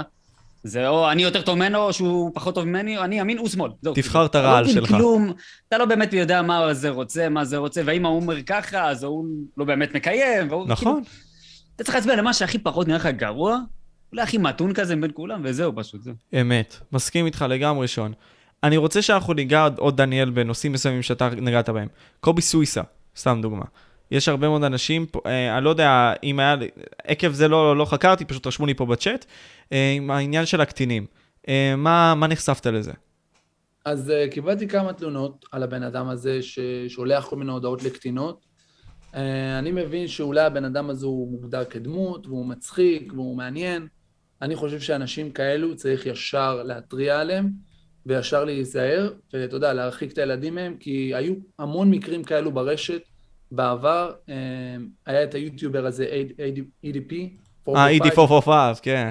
הוא, אם אתה לא יודע, שון, זה כביכול יוצר תוכן מסוים שהיה לו איזה שתי מיליון איש, שעקבו אחריו בארצות הברית, ועשו אחריו איזשהו מחקר, תחקיר מסוים, שלקחו איזושהי מישהי שהייתה בת 23, ששיחקה אותה קטינה, ואחרי זה תפסו אותו... עשו לו פרדטור, כאילו, תפסו אותו. בדיוק, catch a predator, בדיוק, זה העניין. איזה מטורף זה. צריך לקחת דוגמה מהמקרה צריך הזה. לעשות כזה בארץ, אחי, איזה משוגע זה. נכון. אני תמיד חשבתי על זה, גם דיברתי עם האנשים, חייב לעשות איזה משהו כזה, אחי, לעשות בייטים, אחי, וכאלה.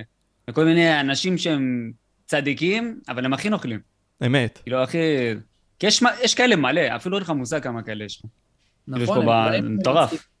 הם כאילו נותנים תחושה שהם מצחיקים ברשת, ואתה יודע, נחמדים, אבל באיזשהו מקום יש להם את הקטע הזה, וברור שהוא, ברגע שראיתי שהוא שולח הודעות לקטינות, ולא אחת ולא שתיים, במיוחד שהוא נותן את כל הלייבים המוזרים האלו, שהוא שואל כל מיני קטינות על הגיל ועל הזה, ושיעשו להם, מבחינתי דבר כזה צריך ישר להתריע, אני לא אגיד עכשיו שהוא פדופיל 100%, אבל צריך להתריע על הדברים האלו ולפקוח עשר עיניים על הבן אדם.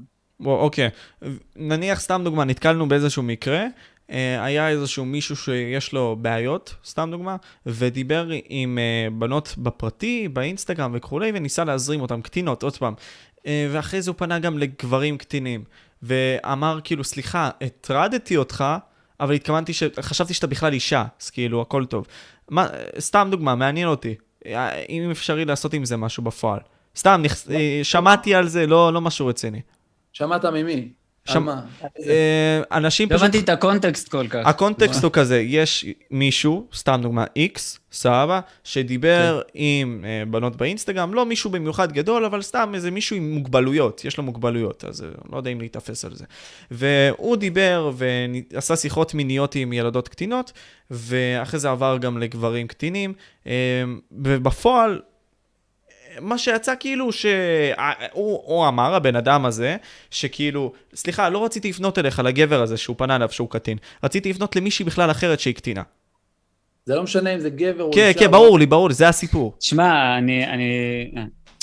זה מעשה מאוד נוראי, אבל אתה אומר שיש לו קצת בעיה. השאלה כן, כמה באמת מוגבלויות. הבעיה שלו, לא, אם הוא, הוא הוא, ממש הוא כאילו... עם מוגבלויות, הוא מוגזם. אז אני לא חושב. שצריך לעשות לו משפט שדה, כי הוא לא יודע מה הוא עושה פשוט. אבל זה עניין מוסרי, אם אני עכשיו בא עם בעיות מסוימות ואני רוצה... אבל הוא לא יודע נראה לי מה מוסרי, מה לא מוסרי, הוא לא בסדר, אתה מבין? אבל- כאילו, זה לא... אבל שון, נניח, סבבה, אני אוטיסט, נניח, סבבה.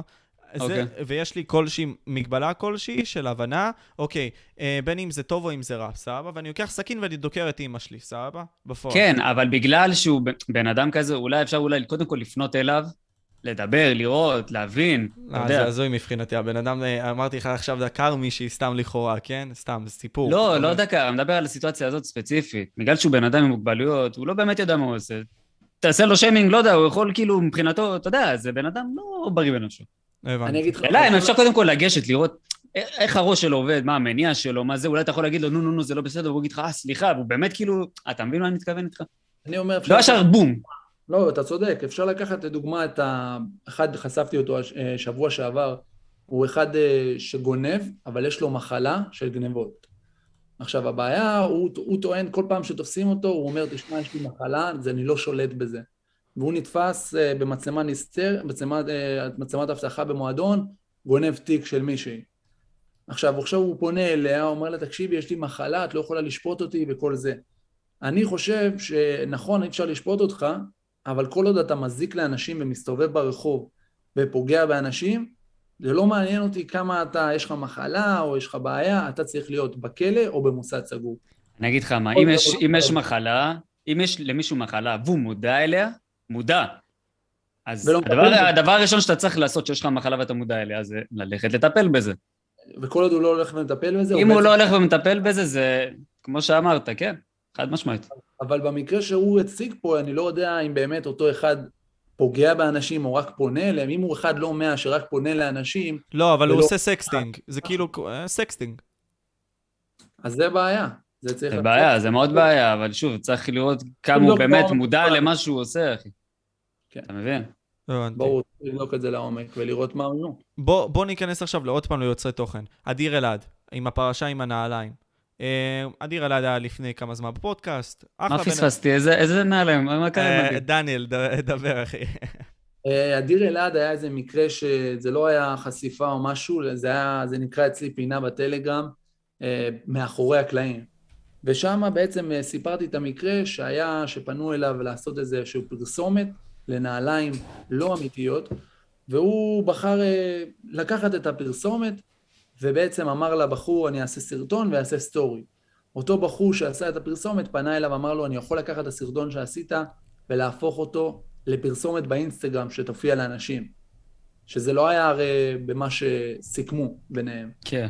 בא לזה, אדיר אלעד מחק את הסרטונים, את הסטורי, לא ענה לו, אמר לו, אני לא רוצה את זה, מחק את הסרטונים שהוא העלה, יש לו את הנעליים, חסם אותו. עכשיו, שניהם יצאו פה לא בסדר במקרה, הוא בא ומנסה לנצל אותו, להגיד לו, אני הולך להפוך עכשיו סרטון שעשית, הוא אפילו לא שילם לו על הפרסומת, הוא הביא לו נעליים בחינם. ואומר לו, אני עכשיו, חוץ מהסטורי והסרטון שעשית, אני גם יהפוך את זה לפרסומת שתופיע לאנשים. זה מבחינתי כאילו היה נראה שהוא בא לנצל אותו, ומצד שני, גם דניאל, אה, איך קוראים לו? אה, דיר אלעד? דיר אלעד התנהג גם בצורה לא מקצועית, שהוא בעצם אה, חסם אותו ישר והוריד את הסרטונים, ובעצם שומר לעצמו את הנעליים. תשמע, אדיר- אדיר הוא בן אדם מאוד תמים. כאילו, קל בקלות לעבוד עליו. לא, לא בקטע רע, באמת, חלילה. נכון. אבל זה עשה- הבעיה, כאילו, זה האנשים שאתם נותנים להם כוח ברשת. כאילו, אני מדבר כאילו לקהל, אתה מבין? אני חושב שאדיר אלעד, דווקא יש לו דרך מאוד יפה שהוא עשה ברשת, היו, התחילו לעשות... אני חושב שהוא ילד נ- מקסים, כאילו. הוא כן, ב- לגמרי. אבל- הוא מאוד תמים, מאוד תמים. נגיד נכון, סתם האם הקרייטוקס, אה, לא יודע, זה מה שאומרים השמועות.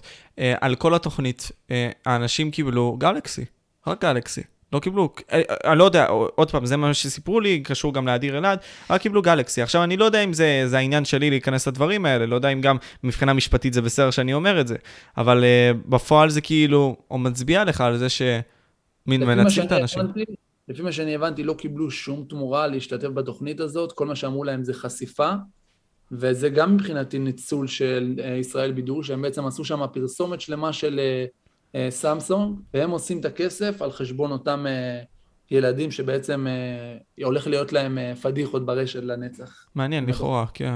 לא, זה- לא ש- רגע, איזה... אה, אתה מדבר על התוכנית הזאת, לא מקושרים. קרייטוקס? הזאתי מרושתים הדין- הזה, איך קוראים לזה? הוא לא מכיר את זה, וכל הכ... ואיך אומרים?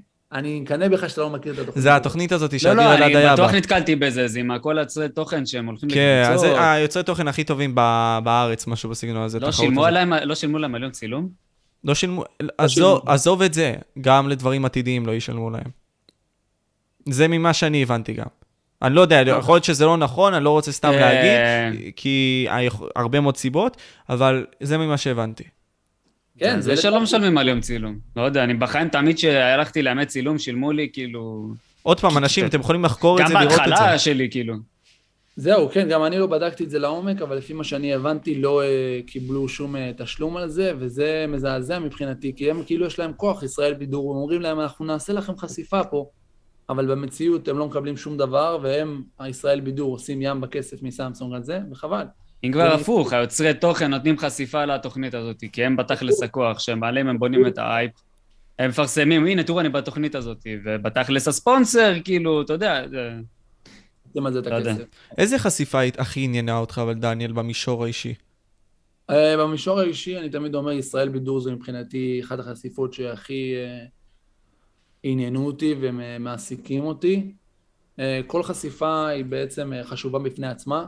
אני מתעסק בה בתקופה עד שזה פחות מעניין אותי, אבל ישראל בידור זה, זה חשיפה שכאילו מצליחה לעניין אותי עד היום, מאז שחשפתי אותה. כאילו, אני כבר לא מתעסק ביקיר עבאדי, אבל זו חשיפה שעניינה אותי מאוד בזמנו. אתה מבין? זה כאילו דברים שעולים ויורדים, אבל יש חשיפות שהן עדיין אה, חשובות לי, כמו לדוגמה עמרי יערי, זה לא חשיפה שלי אגב, זה חשיפה של אה, אה, ערוץ 13, אבל אה, זה משהו שמאוד עניין אותי, כי היה כאילו את הכתבה, ואז שקט מוחלט בכל אה, תעשיית הבידור, שזה משהו שהפריע לי מאוד, ועד היום אני מדבר על זה. כי זה, מי שלא יודע, עמרי יערי זה סוכן של הרבה דוגמניות, שהוא בעצם אה, כאילו מחליף של אה, שי אביטל. והיה שם כל מיני בלאגן שחשפו בחדשות 13, שהוא חשוד בכל מיני סרסור בדוגמניות וואו. ודברים כאלו ב- לכאורה, והוא זה שבעצם עכשיו אה, סוכן, שעובד עם אנה זק, ועובד עם נתן חמיסטר וכל זה, ועוד כמה שנים אני מעריך שיצאו בעוד חשיפה מאוד גדולה, ואז אנה זק וכל אלו יגידו, לא היה לנו מושג, בדיוק כמו שהיה עם שי אביטל. וזה מזעזע בעיניי. יש אנשים שיגידו שאתה רוכב על דרמות. מה יש לך להגיד לאנשים כאלה? תראה, דרמות זה משהו שמעניין אותי גם באופן אישי. יש, דבר, יש דרמות שפחות מעניינות אותי ויש דרמות שיותר.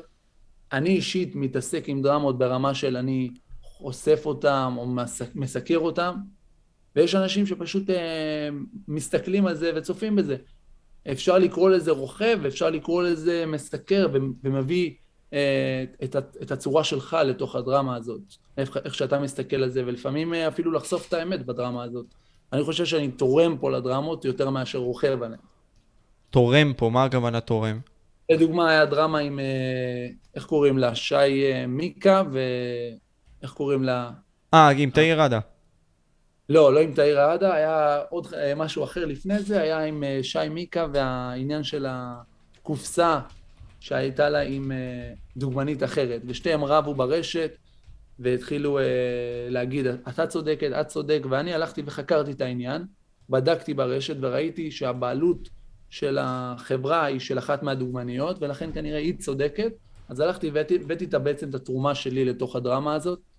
אני חושב שזה כאילו איזשהו מקום אה, מעניין להוסיף לדרמה ולא לרכב עליה יותר.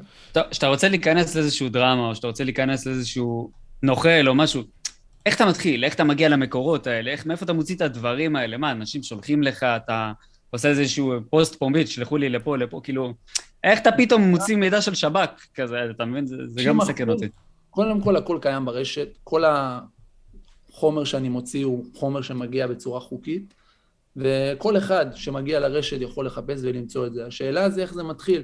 בדרך כלל זה מתחיל מפניות, 90 אחוז זה מגיע מפניות, אני לא עכשיו יושב ברשת ומחפש, בדרך כלל פונים אליי, ואז כשאני מקבל איזושהי פנייה, אני, אני מתחיל להסתכל וחוקר בעצמי ובודק ופונה לאותם אנשים, ורואה איך, אה, איך, אה, אם זה מעניין אותי לחשוף, יש דברים שזה פשוט לא מעניין אותי, פחות אה, חושף, פחות מתעניין בזה, אז אני לא חושף אותם, אבל אתה יודע.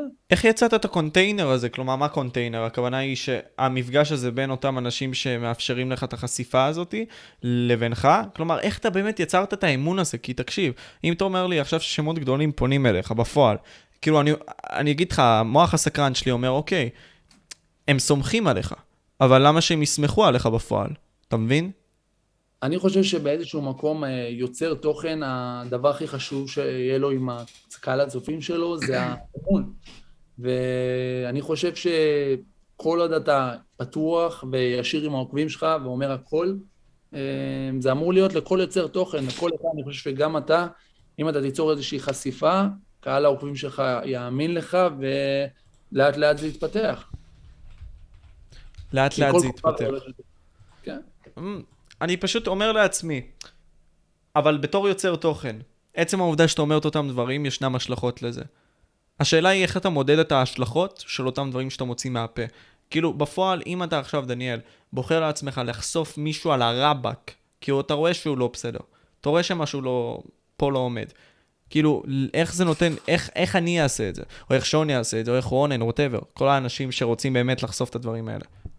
אני חושב שכל אחד שהוא uh, ייקח את המקום שלו לזה, אתה לדוגמה, uh, אתה יכול לעשות את זה בפודקאסט, לפתוח uh, פודקאסט שלם, שבו אתה בעצם תפתח על איזשהו בן אדם, אני חושב שזה יכול להיות uh, דווקא משהו מאוד מעניין.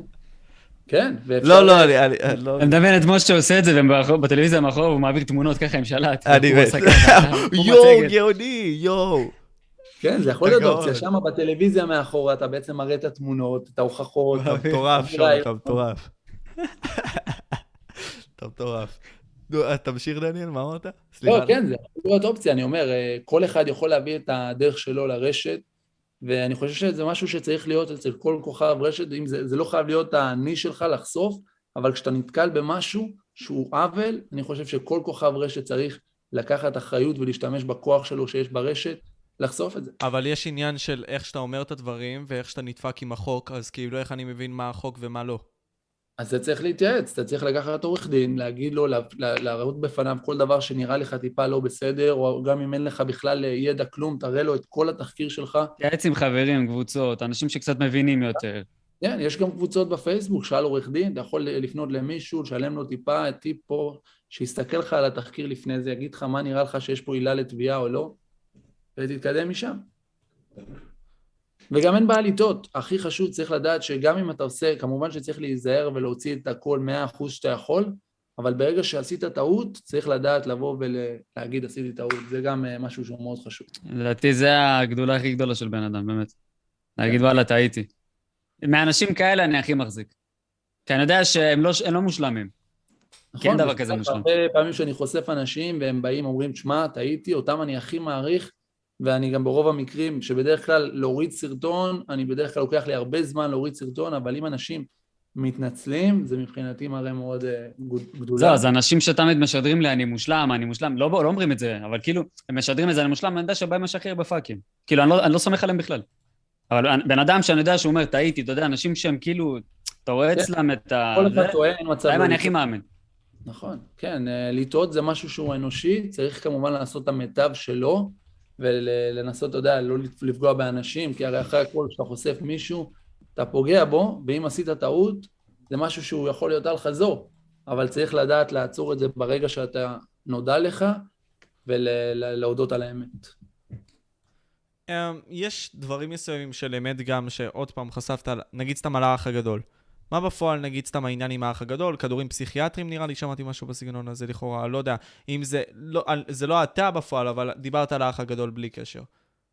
כן, אני דיברתי על האח הגדול מהבחינה של הבריונות, אני חושב שכשאתה רואה איזושהי בריונות בטלוויזיה, יכול להיות שזה משהו שמעניין והכול, אבל אנחנו בתור צופים צריכים להיכנס לבפנים ולהגיד שזה בריונות וזה לא מקובל, כיוון שאנשים יכולים לראות את זה, ילדים וכל מיני, ולחשוב שזה משהו שהוא נורמלי וככה צריך להתנהג אה, בין בני אדם, ולכן אנחנו בתור אה, יוצרי תוכן צריכים לבוא ולגנות את זה ולהגיד לא, זה לא בסדר, וזה מה שהעליתי שם בנושא של האח הגדול. אני לא צופה בזה, אז אין לי מושג על מה אתם מדברים. כן, טוב שאתה צופה בזה. זה ממש לא מעניין אותי, באמת. כאילו, מה מעסיק אותך בחיים האישיים שלך, דניאל? כאילו, אם אנחנו עכשיו נתעסק בזה, חוץ מהעניין הזה של התחקירים, להתעסק בלחשוף אנשים והכל, כאילו, מי הבן אדם מאחורי הבועה הזאת? כאילו, מעניין. אם עכשיו אנחנו מדברים על אמון. אני אישית, הרשת מאוד מעניינת אותי, כמובן שמעניין אותי גם העניינים האישיים שלי, הקריירה שלי, מבחינה, בלי קשר לרשת. אמ, חשוב לי שיהיה לי את החופש כלכלי, שזה משהו שבאופן שהוא הספקתי להגיע אליו כבר בגיל כזה, ואני חושב שצריך כל הזמן להמשיך ולעבוד ואתה יודע, לעשות את עצמך better and better. אני חושב ש... אתה יודע, אנשים אומרים, אתה רוצה להיות מאושר, אני אומר את זה הרבה פעמים, אולי אין כזה דבר להיות מאושר, אבל אתה צריך להיות מועסק, מבחינה שהמוח שלך יהיה מועסק. אז יש אנשים שמעסיקים את עצמם בזה שהם מביאים ילדים לעולם, והם פשוט, אה, יש להם כמה ילדים, והם כל היום עסוקים בהם, מביאים אותם לבית ספר, לוקחים אותם, שזה משהו מעולה, שאולי גם אני אעשה אותו בעתיד. אבל אתם צריכים פשוט, אני ככה, אני חושב, אני אישית, אם אתה באמת רוצה להיות מאושר, זה להעסיק את המוח שלך. ברגע שאתה מועסק, זה טוב. זה לא משנה אם זה להעסיק את עצמך. אני בת... מאוד מתחבר לזה, כי זה משהו שאני גם מאמין בו. מה הכוונה? תסביר, שון. שבן אדם, לדעתי, אתה צריך תמיד לעבוד, לפעול, לעשות. אתה יודע, לשאוף לדברים ולעשות אותם, דברים במיוחד גם שאתה אוהב. ואז כשאתה עסוק, אז אתה יש... אתה לא נשאר בפעולה, אתה נשאר פוזיטיבי, אבל אם אתה לא תעשה כלום, אתה אוכל תצביחים על החיים. לדאון, אתה תתכנס לדאון, וזה בדיוק ההפך מאושר, אתה מבין? האושר אמיתי לדעתי זה שאתה עושה את הדברים שאתה אוהב על בסיס יומי. אתה יודע, שם לעצמך יעדים וזה, ואתה עומד בהם כל פעם. וזה אף פעם לא נגמר. היום ממש רשמתי לי את זה שבפועל, כשבן אדם, נגיד סתם, לא עושה את הדברים שהוא אוהב, הוא הולך אחרי זה לסיגריות, לאלכוהול, דברים שיקחו ממנו את המשך זמן הזה, כי הוא לא באמת עושה את מה שהוא רוצה לעשות, או לחלופין הוא ממלא איזשהו חור מסוים שהיה לו בחיים כדי לעשות דברים מסוימים. כי החיים הם קשים, החיים הם לא קלים, והרבה מאוד מאיתנו סובלים בעקבות זה, כן. אבל אתה אומר לי כאילו, דניאל, בקטע הזה, שכאילו, אתה רוצה לבסס את עצמך, שיהיה לך את האפשרות הזאת, שיהיה לך FU money, שגם אם יקרה עכשיו משהו אתה תשרוד. אה, כן, זה משהו שצריך, כל אחד אני חושב צריך לחשוב עליו כל הזמן, על עצמאות כלכלית, זה משהו שהוא מאוד חשוב. גם מבחינת, אה, כמו שאנחנו אומרים, עושר וכאלו, כי כשאתה עסוק כל היום בעבודה, אתה קשה לך לעשות את הדברים שאתה באמת אוהב, אז עצמאות כלכלית זה הדבר הראשון שצריכים uh, לשים אותו בראש מעייניך, ואחרי זה גם דברים שאתה יודע שאתה אוהב ותעסיק לך את הראש בדברים אחרים, אבל זה שני דברים מאוד חשובים, גם להעסיק את הראש שלך בדברים שאתה אוהב, וגם עצמאות כלכלית זה משהו שהוא מאוד חשוב. אני חושב שבן אדם שמרוויח בעצמו את העצמות הכלכלית שלו, זה גם כמו בוסט לאושר הזה. אתה מבין מה אני מתכוון? אם מישהו משיג איזושהי עצמאות כלכלית, נגיד, קונה בית, שאת כל הכסף הוא עשה בעצמו וזה, הסיפוק פה הוא הרבה יותר גדול. נגיד אם יש לך עצמאות כלכלית, כי קיבלת, לא יודע מה, ירושה או משהו. אתה מבין? זה אולי פחות, אבל כשאתה עושה את זה בעשר אצבעות... כשאתה עושה את זה, אני, אני חושב שזה בוסט לאושר הרבה יותר גדול, כאילו. אושר עם א', כן? ברור, ברור, כן, זה משהו שהוא מאוד חשוב, כי אתה יודע שכאילו יש לך את הכל פה בעשר אצבעות, וגם שמעתי שכסף שמגיע מהר הולך מהר, וכסף שעשית אותו בעמל, אתה מעריך אותו יותר. כן, חד משמעית. איך אתה, אתה גם צורך תוכן מיוטיוב בכללי? בין אם זה בשביל להבין את השטח והכל, כאילו מעניין, סתם. האמת שאני פחות בשטח של יוטיוב, אני צריך להיכנס יותר, אני יותר... Uh, צורך תוכן ממקומות... כבר נהיה פה שממה, אחי. שממה פה. ממש לא, מדבר. מהסיבה שיוטיוב זה, אתה יודע, קשה יותר ליצור תוכן אה, מהיר ביוטיוב, אני חושב. וזה למה, אתה יודע, יוטיוב זה יותר אחרי זה. כי יותר קשה, אתה יודע, ליצור, לערוך וכל הדברים האלו. בטלגרם, בטיק טוק, בטוויטר, אתה בשנייה יכול להעלות תוכן, ולכן יותר קל אה, לשאוב משם אה, השראות. וואלה, תכלס, טיקטוק מי, זה ש, מי מטורף. שיוטיובר ועובר לטיקטוק זה בשבילו משחק ילדים. כן, זה בפועל. משחק ילדים לגמרי, כאילו. אבל אני הראש, אומר את זה מניסיון. אבל הראש לעשות את זה, שון, הוא- זה זה קשה, כי אתה מתרגל ליוטיוב. ולעשות את זה זה... כמו ש body builder ילך, לא יודע מה, לזה של המשקולות וירים את הקילו. כן, זה כן. ככה, אחי. זה זה ככה, זה ממש ככה. ברור, זה מאוד קשה, אבל בפועל נראה לי זה הדבר הנכון שצריכים לעשות. כאילו, בכל הפודקאסטים האחרונים שלי, אחי, דיברתי על זה, יוצרי התוכן, כאילו, כל היוצרי תוכן אומרים את זה, אבל אף אחד לא עושה את זה. אתה מבין? זה אני למה אני אתן לך גם את הדוגמה הכי חזקה, קופצים. אני אתן לך- אני אתן לך את הדוגמה גם הכי חזקה למה שאמרתי. שים לב שכל היוטיוברים שהם חזקים עם קהל, שעברו לטיקטוק, הם מצליחים גם שם, אבל כשזה קורה הפוך, זה לא תמיד קורה. כי הם לא מבינים את עולם יציר... איך ליצור תוכן ביוטיוב. האנשים בעולם יצירת התוכן ביוטיוב מבינים איך ליצור תוכן ככלל, גם לאינסטגרם, גם לטיקטוק. מבין מה אתה אומר? אז זהו, אתה מבין, כאילו פה אתה מפתח שרירים לדעתי ביוטיוב. טיקטוק זה באמת משחק ילדים. נכון, אני חושב שטיקטוק יש פה איזשהו fake אה, fame, משהו כזה, שכאילו אתה בעצם, אה, יש לך מאה אלף בטיקטוק, אבל במציאות הם לא באמת, אני תמיד אומר שהעוקבים ביוטיוב זה העוקבים היותר איכותיים. כן. אה, זה, אני זה, בחיים לא משווה 100 אלף בטיקטוק ל-100 אלף ביוטיוב. זה, אין- רחוק, אין- זה רחוק מזרח ומערב. רחוק מאוד אפילו. אני חושב שטיקטוק זה גם כלי מאוד uh, יעיל, שמשם יגיע לך, uh, אתה יכול לאט לאט לבנות קהילה מזה, אבל זה בבטח, אין לי מאה אלף עוקבים בטיקטוק. גם בנית- שיש לי מאה אלף, אין לי. איך בנית את הקהילה בטלגרם? כי אולי זה משהו שגם יוצרי תוכן צריכים לעשות. אתה יודע, בפועל, נגיד סתם עכשיו, יכולים לסגור את השלטר מחר ביוטיוב, וזהו, אין, אין המשכיות, אין כלום. זה כמו שפעם, אתה יודע, באתרים יסגרו מסוימים- מחר את השלטר של הטלגרם. אז נכון, אני חושב שזה לא בגלל זה דווקא, אני חושב שיוטיוב יישאר פה לנצח, ויוטיוב זה רק... חד משמעית. אבל אני אומר שטלגרם זה משהו שהוא מאוד חשוב, והיה לי אישית מאוד חשוב בגלל שהיה לי אינסטגרם, והייתי מעלה הרבה תוכן באינסטגרם, אבל אז הורידו לי חשבונות, אני חושב שמבחינת אבטחה, אינסטגרם זה פחות, ולכן טלגרם זה משהו שהוא מאוד חשוב, כי אינסטגרם זה משהו שהוא מאוד אה, חלש, אתה לא יכול לדעת, פתאום נסגר לך החשבון, ואתה לא יכול, אין לך למי לפנות. איך אה, את זה אבל בפועל? כלומר, אם עכשיו יש לך לתת את זה ליוצר תוכן מסוים שרוצה באמת לבנות את הקהל הזה בטלגרם, סתם דוגמה, איך אתה עושה את זה בפועל? איך עשית את זה?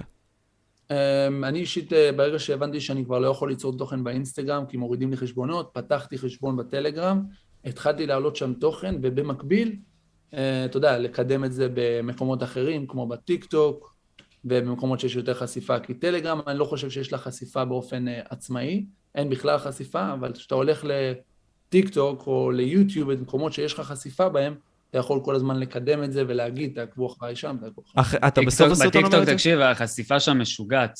בטיקטוק, כן, אני כל הזמן משוגעת. חושב בתגובה לעקוב ב- בטלגרם, כי אני יודע ששם יש חשיפה מאוד גדולה. אני מעלה שם סרטון, אחי, פעם בחודש, פעם בחודש וחצי, 80 אלף צפיות, 90 אלף צפיות. זה הזוי. ואני לא עושה שם כלום בסרטון, באמת מינימום עבודה, אחי, מינימום השקעה. זה הזוי מה שהולך שם.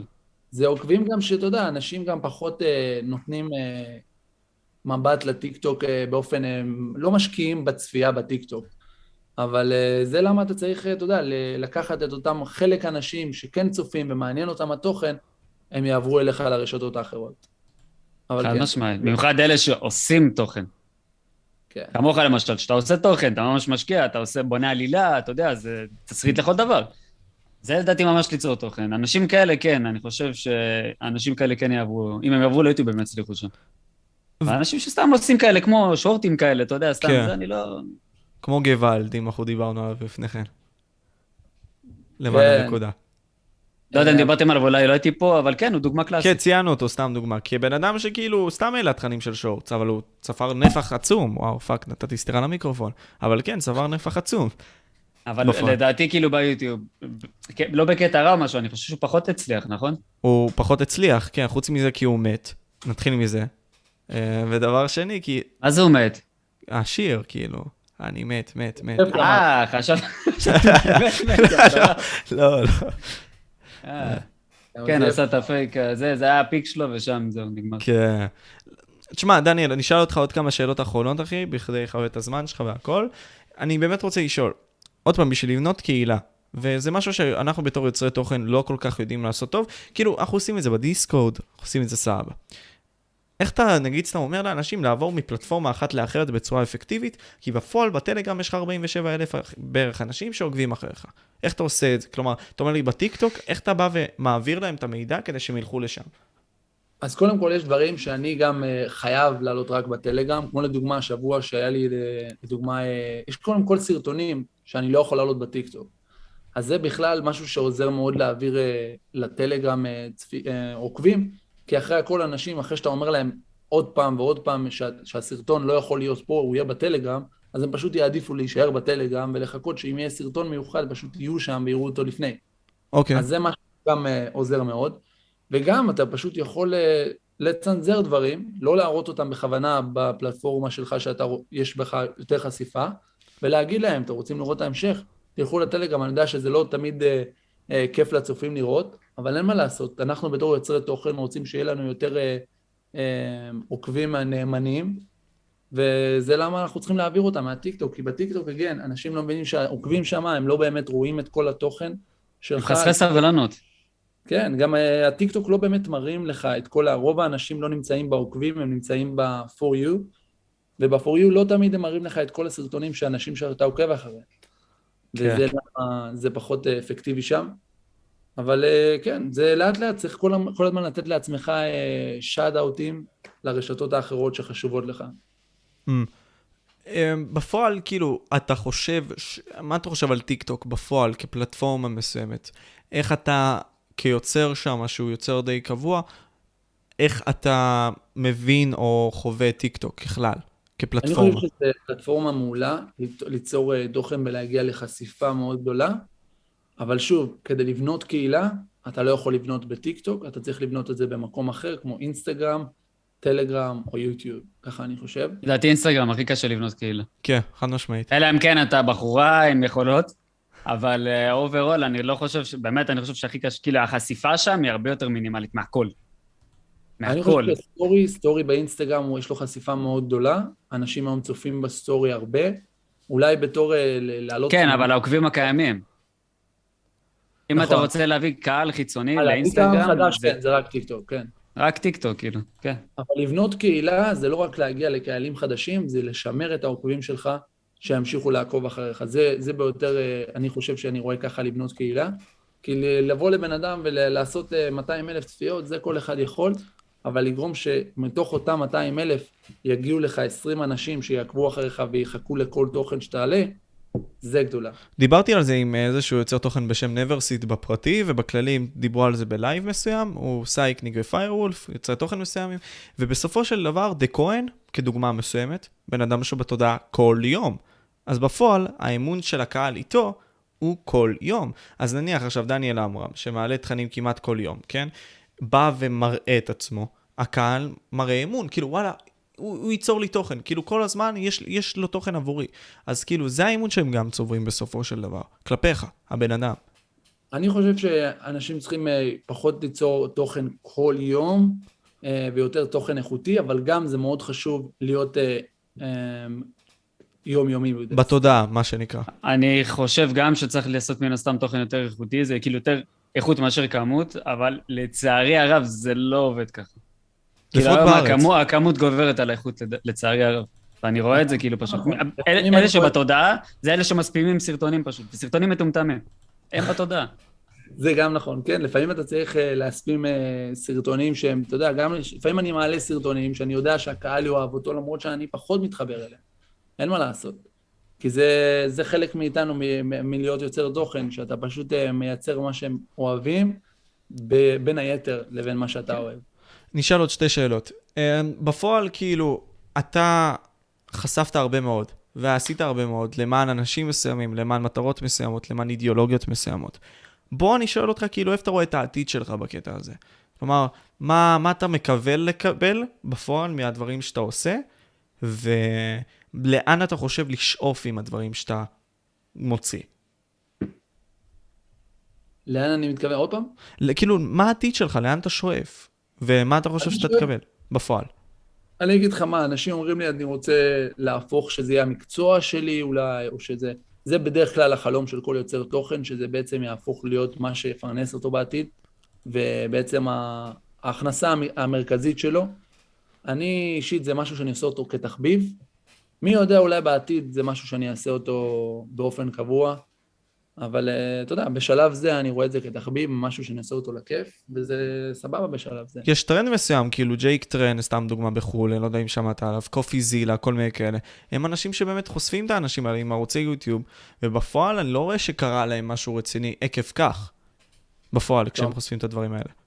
מבחינת קריירה או מבחינת... מבחינת אה, קריירה, כן, כלומר, הם, הם עומדים כבר שנתיים, שלוש שנים על אותו תוכן של חשיפת שחיתויות בחו"ל, ובפועל לא מקבלים על זה backlash רציני.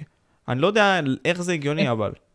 אני, אני פחות uh, מתרכז כרגע, אני פעם הייתי מאוד על החשיפות uh, שחיתויות ו, ודברים כאלו, אבל כרגע אני מתפרס יותר על uh, סיקורים בכללית ו, וסתם תכנים שמעניינים אותי ברשת. אני חושב שבתור יוצר תוכן, כל אחד צריך להסתכל על כמה, מה מעניין אותו ברשת וכמה זה מעניין את הצופים שלו, ולגוון בין זה לזה. חדשות דניאל עמרם, זה כאילו אתה בפועל. תשמע, אבל בארץ יש- זה ממש ליצנים, כאילו אם יש מישהו שעשה דברים חמורים וחוסים אותו וזה, שוכחים בארץ. בחו"ל מבטלים אותם. בחו"ל מבטלים, אין דבר כזה, אחי, אם עשית משהו כאילו, לא יודע מה, איזשהו פדופיליה, זה דברים כאילו קיצוניים, מבטלים, פה בארץ. שנה שוכחים הכל, כאילו. זה מטורף, אחי. אני חושב שיש אה, בארץ את העניין של כמה הרשת היא יותר חזקה מהמיינסטרים מדיה, ובחו"ל זה כבר הפך להיות שהמיינסטרים מדיה הוא פחות חזק ממה שקיים ברשת, ולכן ברגע שהרשת תחליט לבטל מישהו, זה יקרה. פה בארץ עדיין יש לך את הישראל בידור, יש לך את המיינסטרים מדיה, את הגיא פינס, והחבר'ה האלו שאם הם לא יחליטו שמישהו יתבטל, יהיה קשה לעשות את זה, אבל לאט לאט זה, זה לאט לאט זה מתהפך, זה, זה, זה לאט לאט עובר את מה שמגיע לחו"ל, מה, ש, מה שקורה בחו"ל. אבל זהו, אני, אני, זה החלום שלי, כאילו, באמת. שהצדק יעשה, כאילו, עם ה- באמת, אבל. נכון, כן, הרשת צריכה לקבל את הכוח, כי אני חושב שהרשת זה בעצם הציבור. מה כי אין שקורה- אינטרסים כלכליים מאחורי זה, אתה מבין? זה קהל בסופו של דבר. כי כל האלה ישראל בידור, אם הם רוצים לבטל מישהו, זה רק בגלל שהוא לא משלם להם מספיק, או לא זה, לכאורה. אבל יש לי, יש לי בעיה לוגית עם זה. הרי הרבה מאוד מההתפתחויות שלנו כבני אדם באו מהעניין הזה של לעשות דברים שהם לא בהכרח בנורמה, לשבור חוקים כדי להתקדם. עכשיו, אני לא אומר שזה בהכרח טוב, אבל זה העולם, וכולנו יודעים את זה, בין אם זה בגלל פרוטקציות והכל. אתה רואה את העניין הזה של אין פרטיות יותר כמשהו טוב בפועל? כאילו, עצם העובדה, אני, אני מנסה, זו שאלה מאוד קשה לדעתי, אבל עצם העובדה שאין פרטיות, זה משהו שיסייע לנו? כי לדעת, כאילו, אני שואל, כי בסופו של דבר, רוב האנשים פה, בעולם גם, התקדמו בצורה שהיא לא כל כך חוקית בהרבה מאוד דברים מסוימים. אני לא יודע מה אתה מתכוון מהבחינה כאילו, מה, הכוונה פרוטקציות, סתם דוגמה. בצה"ל, אתה לא, אתה לא, נגיד סתם, עובר למקום מסוים, כי יש לך את היכולות המסוימים שלך. אתה עובר כי אבא שלך, נגיד, סתם נמצא במקום הזה, אתה מבין? כן, זה אתה יכול לקחת גם דוגמה מזה שהיום כל השחקנים הם בעצם אנשים שהם אה, מגיעים מהרשת ולא שחקנים שאשכרה עבדו ולמדו בשביל זה, שזה מבחינתי גם אה, משהו שהוא לא בסדר. אבל אה, אתה יודע, לדעתי כל אחד יכול להחליט מה הוא שם ברשת, וצריך להיזהר כמובן, כמו שאמרת, יש כל מיני פריצות ודברים כאלו, דברים לא חוקיים שקורים, אבל בסופו של דבר כל אחד מחליט מה הוא שם ברשת ומה הוא מכניס אה, לרשת, ואתה יודע, צריך להיזהר. אתה אומר, יש, אנחנו צריכים לקחת, להבין את הכוח שיש לנו כבני אדם ברשת. כי הרבה מאוד אנשים אה, נמנעים מהכוח הזה. אני חושב שאנשים לא באמת מודעים למה הם שמים ברשת. אני, כשאני מתחיל תחקיר, אני נדהם מעצמי איך שהם עוזרים לי לחשוף אותם. מה הכוונה? מרים להנחתות. ממש, רוב, רוב האנשים שאתה מתחיל עליהם תחקיר, אני פשוט נכנס להם לפייסבוק, יורד כמה פוסטים למטה, ואני רואה דברים שאני אחרי זה בסוף חושף אותם, שהוא עצמו פרסם את זה. זה אז- רוב המקרים. אז אתה אומר פשוט ממש לחקור, לעבור אולי על ההיסטוריה של... אני לא יודע אם זה דבר טוב בהכרח, כן? אבל ממש לוודא שכאילו אין לך שום דבר רע ברשת. כל דבר שיכול להתפרש כרע, לח... לחקור על זה, או לוודא את אני זה. חושב, להתחיל, להתחיל מזה של לא לעשות דברים רעים, מלכתחילה. מלכתחילה, אבל אם רצית כבר משהו רע, אל תשים את זה ברשת, כן. הבנתי אותך. תשמע, אה, לי, לי, לי יש שאלה אחרונה, לשון אולי, אם אתה תרצה אתה יכול לשאול, כאילו, יש לך איזושהי שאלה לדניאל בכללי? האמת שלא. כאילו, אני מסכים הרבה דעות שלו כזה, לא יודע, אחי. נכון, אני אני איתך באמת לא מכיר, אבל אני מאמין שאתה יוטיובר, נכון? כן. כן. יפה, אני עכשיו... הוא כאילו, הוא כאילו, אה, כמעט עשר שנים כבר, כן, אני מבוגר. יצא לו מכל החורים, אחי. אני עכשיו גם בלייב ביוטיוב, אז אה, מה מה היוטיוב שלך? שלו? אקספינר, של- אקספינר. כן, שלי We Talk, פודקאסט. אוקיי. אז אנשים, אה, תעקבו גם אחריהם, אני גם אעשה להם עוקב אחרי שנסיים פה. ומה השאלה שלך האחרונה? אתה אומר לי, אנחנו מגיעים למציאות כזאת, בסופו של דבר, זה משהו שגם האנשים הגדולים רוצים, שלא לא יהיה לך פרטיות ואתה תהנה מזה. כלומר, לא היית חי יותר טוב מבעבר בגלל אג'נדות כאלה. זה משהו שהאנשים הכוחניים באו ועשו את זה. יש טוויטר מסוים שקוראים לו WEF, שהאנשים הכי משפיעים בעולם. לא יודע אם שמעת על זה. שמעת על זה? לא חושב. אז בפועל, בטוויטר שלהם רשום דבר כזה, ברוכים הבאים ל-2030, לא יהיה לך כלום, לא יהיה לך פרטיות, והחיים שלך לא היו נראים יותר טוב. אף פעם, כאילו, אה, החיים שלך פתאום נראים הכי טוב, בגלל הדבר הזה, שאין לך פרטיות ואין לך כלום. אני חושב שכן צריך להיות שכל אחד יהיה לו פרטיות בתוך הבית שלך, כשאתה סוגר את הטלפון וסוגר את המחשב, ככה לא לסגור אותו ולהשאיר את המחשב פתוח, כי אנשים עדיין יכולים להגיע למצלמה שלך, אבל צריך, צריך, צריך להיות לכל בן אדם פרטיות, ואתה יודע, הטלפון שלך גם צריך לדעת מה לשים ברשת, על מה לדבר, ופרטיות זה משהו שהוא חשוב. אבל- אם כך, זאת, מחוץ לבית, אני חושב שבכל מקום צריך להיות מצלמה, וכל דבר צריך להיות מצולם, כי מחוץ לבית, אתה יודע, צריך להיזהר ואתה לא יכול לדעת מה קורה בחוץ. אבל הפחד שלי, וזה פחד שהתדיינתי עליו עם כל כך הרבה אנשים גם מחוץ לפודקאסטים, זה הפחד הזה. בשביל אג'נדות כמו, נגיד סתם, ילדים קטנים, שבאים ועושים עליהם חרמות בוואטסאפ, סתם דוגמה. אתה תבוא ותגיד, אוקיי, החוק נכנס לוואטסאפ, וסתם דוגמה, על כל דבר בודקים את הדברים שם, כדי למנוע חרמות, אבל זה דבר טוב, דניאל, למה שאתה לא תעשה את זה? לא, יש דברים שלמשל להיכנס למישהו לטלפון, זה משהו שאסור לעשות מבחינה חוקית, וגם מבחינה מוסרית, אני לא חושב שאף אחד יכול להיכנס לך לטלפון ולמישהו לוואטסאפ בגלל שהוא עושה חרמות למשהו, זה משהו שהוא לא חוקי ולא מוסרי בעיניי. צריך לעשות הכל מה, במסגרת הדברים הנורמטיביים, לחשוף אנשים, אפשר, אבל כל עוד זה קורה בתוך הטלפון שלו, אם, אם יש אנשים בתוך הקבוצה הזאת ששולחים לך צילומי מסך, זה מעולה. אבל לבוא להיכנס לאנשים לוואטסאפ, זה כמובן לא חוקי. זה- גם, הטלפון היום זה המקדש הפרטי שלך, זה כאילו הכל, כולך שם כבר. זה- אבל עוקבים אחריך, כבר בקורונה, אם אתה שם לב, שמו אותך בכלא, סוג של, כן, סגר, שאתה לא יוצא מהבית, תחשוב איזה הזוי זה, אתה לא יוצא מהבית, אתה תקוע במשבצת שלך, בודקים אחריך לאן אתה הולך, אחי, בשביל הערכים של חיים וביטחון, ובסוף, השוס פה, שיכולים לתפוס אותך ולהוכיח אותך על אותם דברים. אז איפה המקדש הפרטי הזה פה? הוא לא באמת לא, מקדש זה פרטי, מקדש זה פרטי, פייק. אני לא- ואם אני אומר לך שהדבר הזה עובדתית הציל חיים, נניח, היית מסכים לזה או לא? גם לא. אני לא חושב שזה. בסדר. אני האמת, אני, אז אני לא מסכים איתך, אבל אני נגיד חושב שזה כן בסדר. אם יש דברים שהם יכולים להציל חיי אדם, אני חושב שצריך לעשות הכל על מנת לעשות את זה. אבל אה, נתנו את הדוגמה הזאת של מגדל התאומים. האנשים בעלי הכוח לא באמת רוצים תמיד את הטוב בשבילך. אבל כאילו פה עובדתית, כמו שאמרת, לא עשו עם זה כלום, אז זה באמת יוסלס ומטומטם, אבל אם באמת יש לזה תועלת, וזה באמת ליטרלי יכול להציל חיים, וכביכול אתה יכול להוכיח שזה הציל חיים, אני בעד. אתה חושב שלאנשי לא, הכוח. אכפת ממך? או אכפת? מאיתנו? לא. אז למה גם שיהיה נכון, להם אכפת פה? יכול להיות ש- שזה יותר עניין של שליטה, אבל אני חושב שגם פה באמריקה היה את העניין הזה של הקורונה, אבל אף אחד פה לא אמר באופן גלוי, שאני מאוד נדהמתי, שהם אמרו את זה בלי להתבייש, אנחנו עוקבים אחרי הטלפונים שלכם, שזה מבחינתי אה, חציית קו אדום. כן צריך שיהיה שב"כ, יש דברים שמחסלים פיגועים, זה משהו שהוא מאוד חשוב, אבל לבוא ולעקוב אחרי אנשים בגלל איזה קורונה, פשוט אפשר לעשות חוק, שאם אתה יוצא מהבית, אתה חוטף קנס של החיים, אתה נכנס לכלא, אני יודע לפחות מה. הם מוסריים והם אומרים את זה לפני. אבל זה והם לא עושים את זה בסדר. אבל זה כי אנחנו, אנחנו זומבים, אנחנו מתרכזים במשבצת שלנו. עוד פעם, דיברנו על זה לפני כן. ההשלכה הזאת שהיא להתרכז במשהו אחד, מונע מאיתנו להסתכל על כל התמונה הכוללת. ובפועל זה גורם להם להעביר את האג'נדות הזאת לפה שלי ולפה שלך, ולבוא ולטמוע את זה בנו. ובסוף, ההיסטוריה הופכת להווה, כי זה כבר קרה. אתה מבין? מה שכאילו, מה זאת אומרת? כל מה שקרה בעבר, זה כבר האמת שלך עכשיו. כי בפועל, האג'נדה שלהם הייתה לכתוב את הספר הזה בשביל לרשום את אותם דברים. להוכיח לך שזה בסדר. אבל אתה לא מתרכז בזה. אבל הם רשמו את זה בעבר, הרעיון הוא מהעבר. אבל אתה חי את זה היום, כי אתה לא התייחסת לזה. כי אתה זומבי בחיים שלך, אחי. כולנו. הבנתי מה אתה מנסה להבין. אתה מבין? כאילו, מה, מה אתה. חושב, דניאל? אני חושב שאתה צריך לעשות פודקאסט יותר על כל הנושא הזה, נראה- שיש לך הרבה מה להגיד על זה. אני מדבר על זה. בכל כך הרבה דברים. אתה אומר, אתה תקשיב.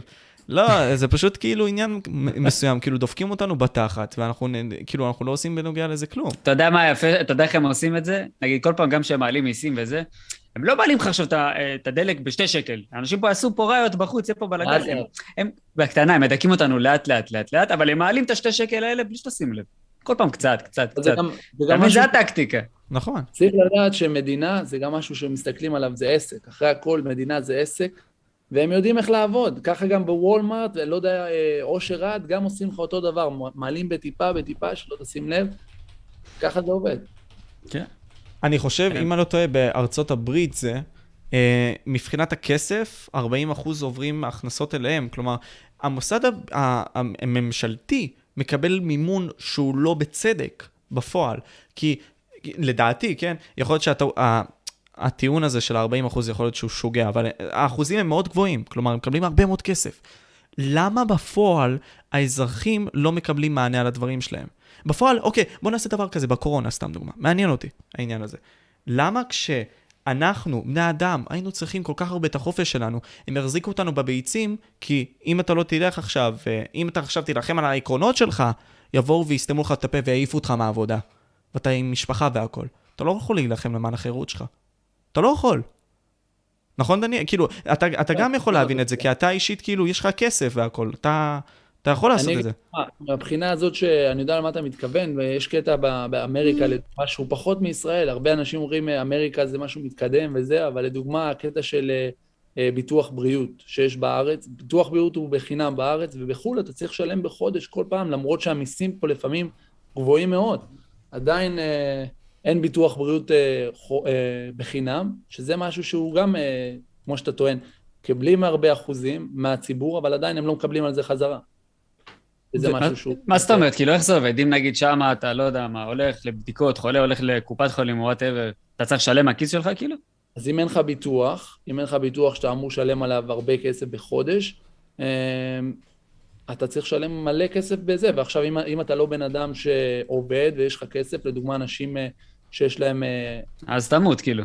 אז אין, אתה, אתה עכשיו לא יכול גם ל- ללכת ולעשות טיפול רפואי. אתה זה? כי אנחנו. חברה סוציאל דמוקרטית, וכביכול זה נותן לנו את האפשרות הזאת. בארצות הברית, בגלל שזה שוק חופשי, אז יש דבר כזה שכאילו, אם יש לך כסף, תבוא ותקנה. אם אין לך, לך זדיין. זהו, זה, זה מזעזע, אבל... שאלה אם אפשר לאזן את זה, אבל... אתה יודע. נקווה שיום אחד זה ישתנה, כי אתה יודע, יש אנשים אה, שפה שאין להם כסף, והם באמת לא יכולים לטפל אה, בריאותית. אז אתה יודע, לפחות אה, אפשר להודות שבארץ זה לא קיים, וזה יפה מאוד. אתה אוהב את... ובארץ כל אחד שיש לו כרטיס של מכבי, הולך ועושה מה שהוא רוצה. נכון. כן. אני רואה הרבה אנשים, נגיד מבוגרים וזה, שאתה יודע, אין להם כל כך וזה, וזה די מציל אותם, בוא נגיד ככה. נכון. משלים להם תרופות, משלים להם הרבה דברים. כן. אז צריך ללמוד, אתה. יודע, מפה ולשם, ארה"ב וישראל, זה... יש להם מעלות ו... וחסרונות, פה ושם. נכון. ותשמע, קודם כל אני מאוד מעריך אותך, עם כל המעלות והחסרונות שיש לכולנו פה בתור בני אה, אדם. אתה מוכיח הרבה מאוד אנשים, ואתה לא רק מוכיח, כן, עוד פעם, אתה ממש נעשה מין סוג של מקום של חדשות מסוים, ואתה באמת בונה את עצמך. יכול להיות שאתה אפילו תעשה דברים מגניבים, ואתה יודע, סתם דוגמה, היום חבר שלי פתח אה, מין סוג של סשן של חדר כושר, הוא היה פעם מאמן אישי, ופתח עוד, כאילו, יש עוד מאמנים אישיים תחתיו.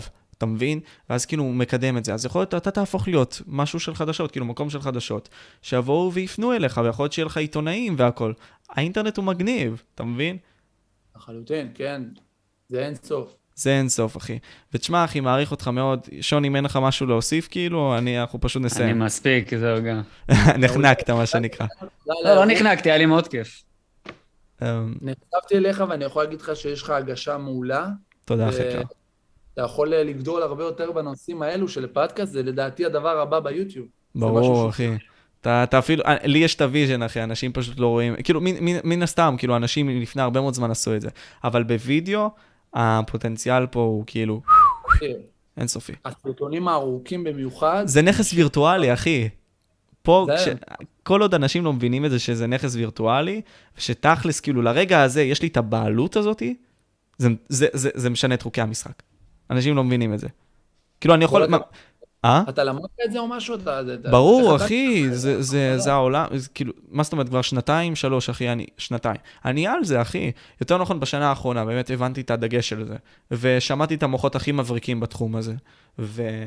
תשמע, אפשרי לעשות שינוי אמיתי, אחי, במידה ואתה באמת רוצה. אתה עושה את זה מעולה, אגב, אתה גם עושה אתה, ריס- אחי. אתה עושה חיפוש לפני זה, בודק... ברור, אה, אחי. ברור. רגע? אני אחזיק לה- אני אחזיק לכם את הנר, אבל... אני מת. אני מת, שון. טוב, אה, בכללי, כל הכבוד. אשמח לשמור איתך על קשר בכללי, דניאל, אם אתה כיף, כיף, תשמח. אני אעקוב גם. סגור. תודה על. האירוח. יאללה, אחי יקר. אוהב אתכם. היינו פה. יאללה, אחלה באחלה, ביי ביי. יאללה, ביי ביי. שבוע טוב לכולם גם. שבוע טוב, ביי. ביי צ'אט.